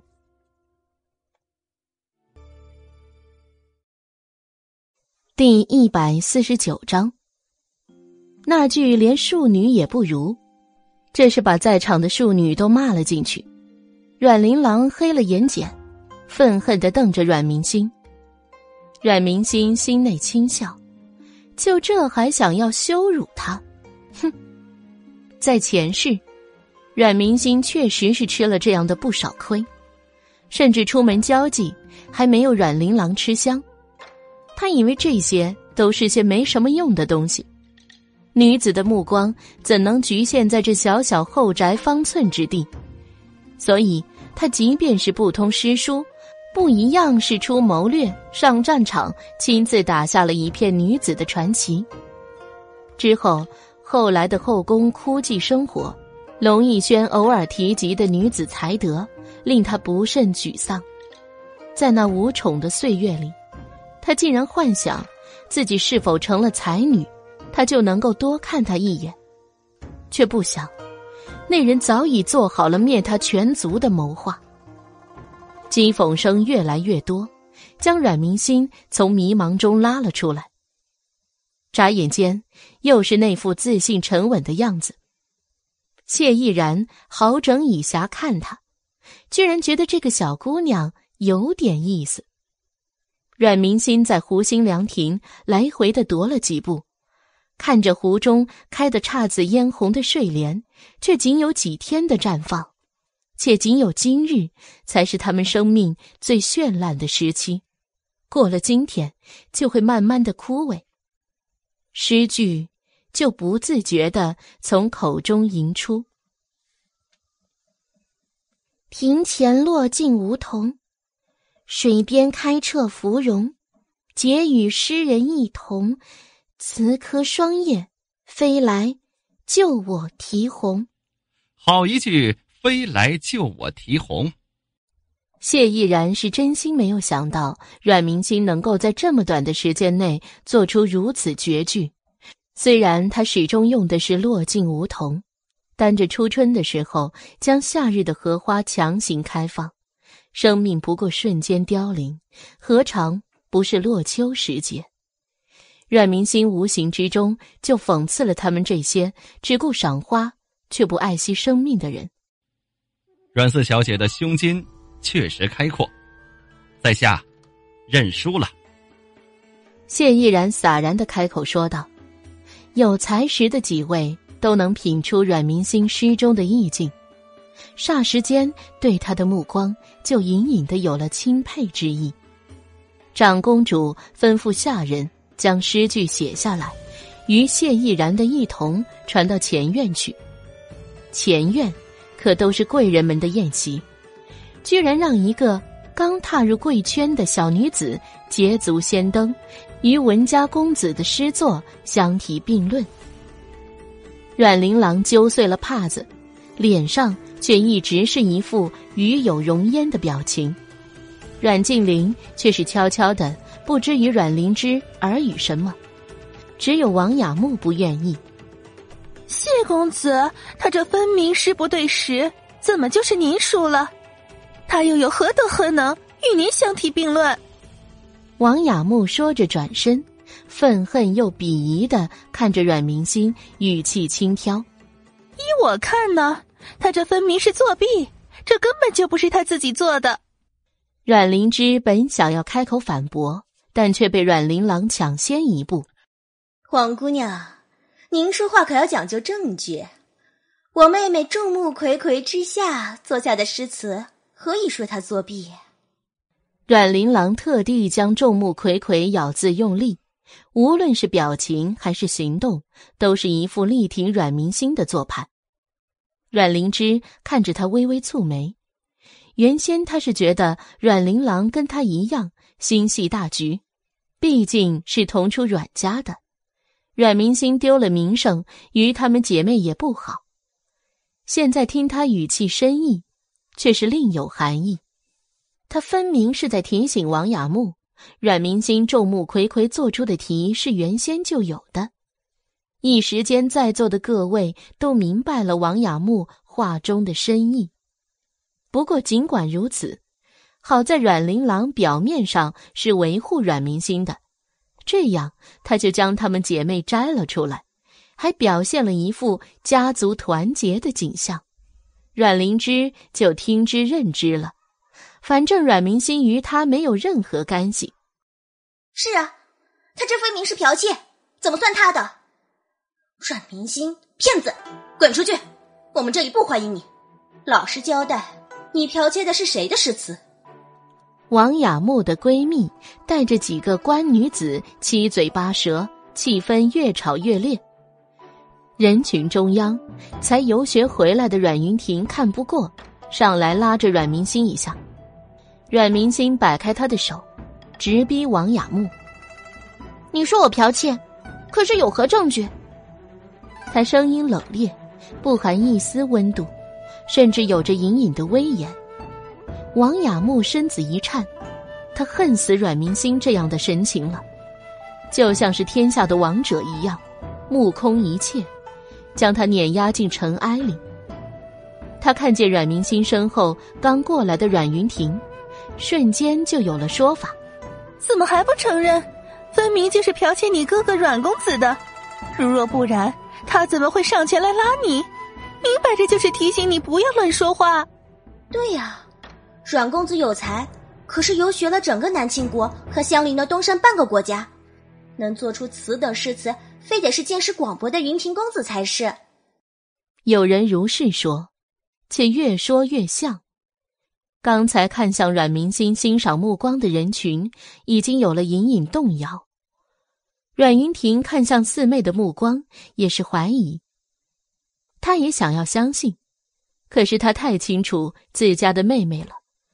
他小时候是记挂在凤鸣乡名下的，当时还经常住在别院，与两三岁的阮明心经常相处。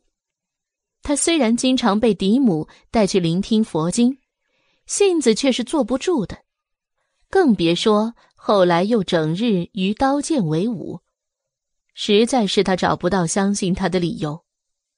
如此，他若再死鸭子嘴硬下去。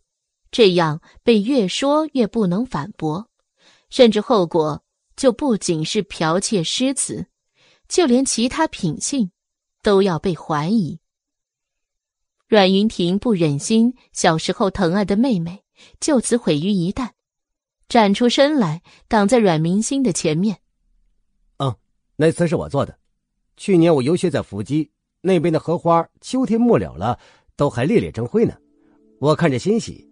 刚巧又临近千仞山，便将诗词写好了，送予了当时在大剑门的四妹的。看，我就说她是剽窃。王雅木得意，真没想到啊！享誉京都的魔女，果真是什么都能干得出来。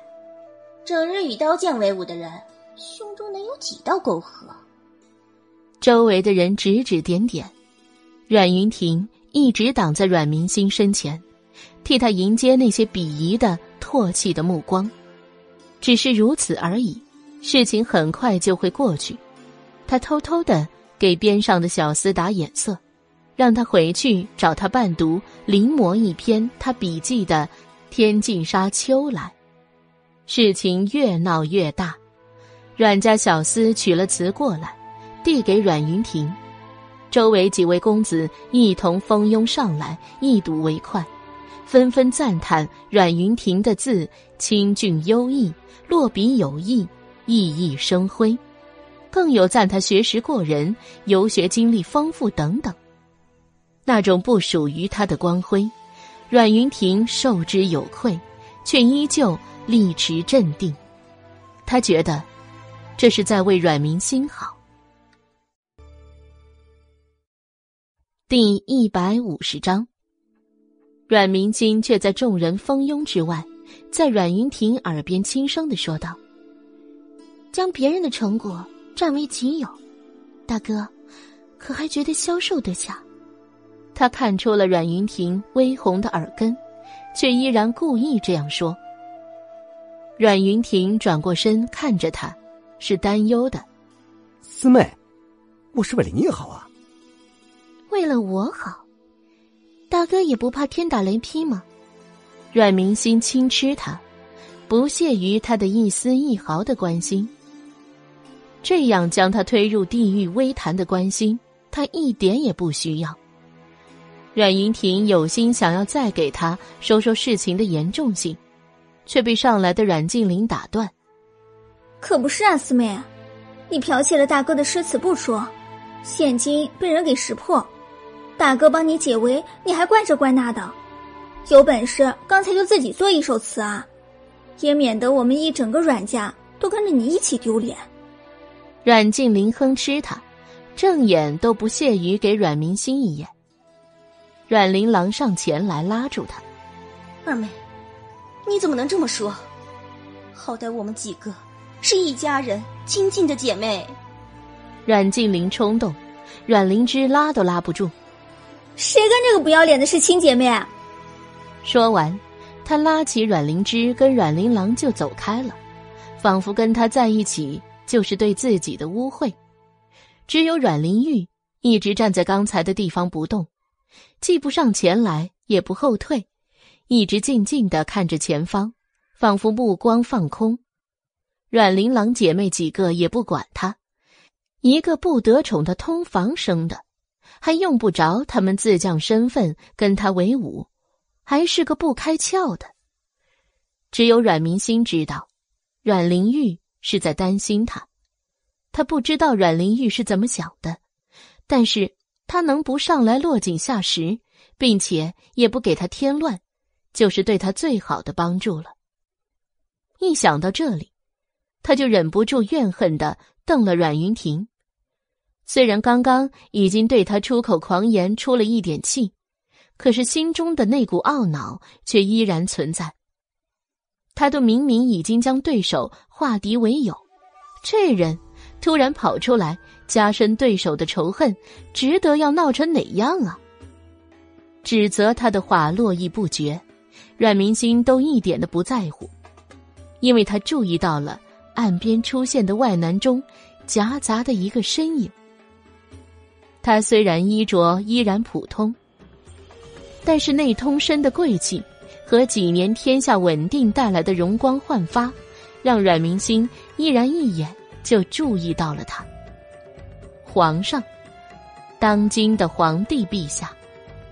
阮明心忍不住腹诽：他们这位陛下是有多么爱微服私访啊！他重生两次回京，每次一回来就会遇见他。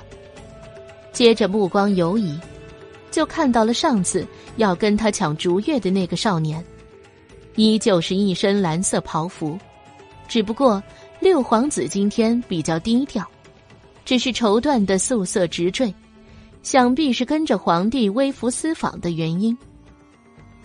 阮明星回首看了人群中的三皇子一眼，他倒是掩藏的好，一点也不争辉。风头竟让谢毅然占了。虽然年轻的公子哥小姐们不认识皇帝，但是随着皇上过来的那些他们自家的父亲却是没有不认识的。早春的时候，湖心亭上风景虽然优美，可是毕竟四面透风，又是在水中央。公子们年轻力壮，作诗词，追求意境，选择了湖心亭。可毕竟地方又小，空气又冷，自家的老子还来了，总不能自己在这边风流倜傥，让自家的当家人在岸边吹西北风吧。于是，这些人纷纷划小船上岸，各自找到自家的大人站好。好在长公主规划的好，赏莲宴虽说是女眷们的情趣，可是好话不独享，男宾们来了不可能一直在前院干巴巴的手谈正事，况且还有一个他酷爱微服私访的父皇。后花园宴席的地方准备的倒还宽敞。夫人、小姐朝城门错错落落的坐了下来，倒有几分大年夜的齐整。可就在众人都拘束的这片齐整中，有个貌似天真烂漫的声音打破了沉寂。蓝色素服的六皇子龙思远坐在座位上。刚才我听说，有人恶气剽窃别人的诗作，冒充自己的。不知道是哪个这么，这么大胆啊！他原本是想说不要脸，可是瞥见父皇还坐在边上，生生给忍了下去。他的眼睛一目不错的落在阮明星身上，嘴唇勾着，一副就是找你的茬，你怎么样的挑衅神情。上次把他给打了，机会来了不报仇，岂不是非君子所为？六皇子任性肆意，经常出宫，坐在自家三哥和长者的身边，一点也不同于他们的拘束，明摆着就是不容分说，站在阮明星的对立面。在场的都是人精，稍微一想，就想起前段时间阮明星回京的当天，将六皇子给打了的事情。虽然是谣传。可今天看六皇子这个样子，以前的八九分，倒变成十成十的确定了。六皇子可是当今天子最宠爱的皇子，就连皇上坐在边上都敢这么不加追查的说，皇上却没有发任何话，就知道皇上也是任由的。纷纷将方才对阮明心的指责再度推上高潮，甚至更加浓烈。其中说的最戳阮明心的，就是阮兆林了。别人的指责他可以当作听不见，可阮兆林尽管憎恨，毕竟是血亲，众目睽睽，当朝重臣都在此，与前世当朝断绝父女关系何其相似。阮明心站在场中央，静静的、小小的、瘦长的一个女孩。有风袭来，红衣吹得扑簌簌响，他却眉山不动，仿佛事不关己，甚至还有心往皇上那边望了一眼。两个人都是沉静如止水，阮明心却看不明白皇上眼中的深意。一直到阮兆林的声音传来，将他拉回现实。什么时候周围的声音这么寂静了？静的只剩下呼呼的风声在他耳边拂过，带来阮兆林的斥责。这些话从左耳流进右耳，然后在大脑中安营扎寨，久久回荡不息。你已经不是几岁的小孩子，还如此任性胡闹！做错事情就要认错，怎么还直立立的杵着做甚？可是几年没在家里变野了啊！闺阁女子就要三从四德，诗书礼仪。不会作诗，以后好好学，莫要再窃取你哥的佳作充当门面。他似乎是气恨了，几乎有些口不择言，将他多年的怨气在公众场合就撒了出来。又或许是阮兆林的以退为进法，至少现在只有他一个人在教训阮明星了。可是，这言辞之间，却是把自己给摘了出去。因为他这几年未在身边，所以就算是野了，也不是他阮家家教的问题。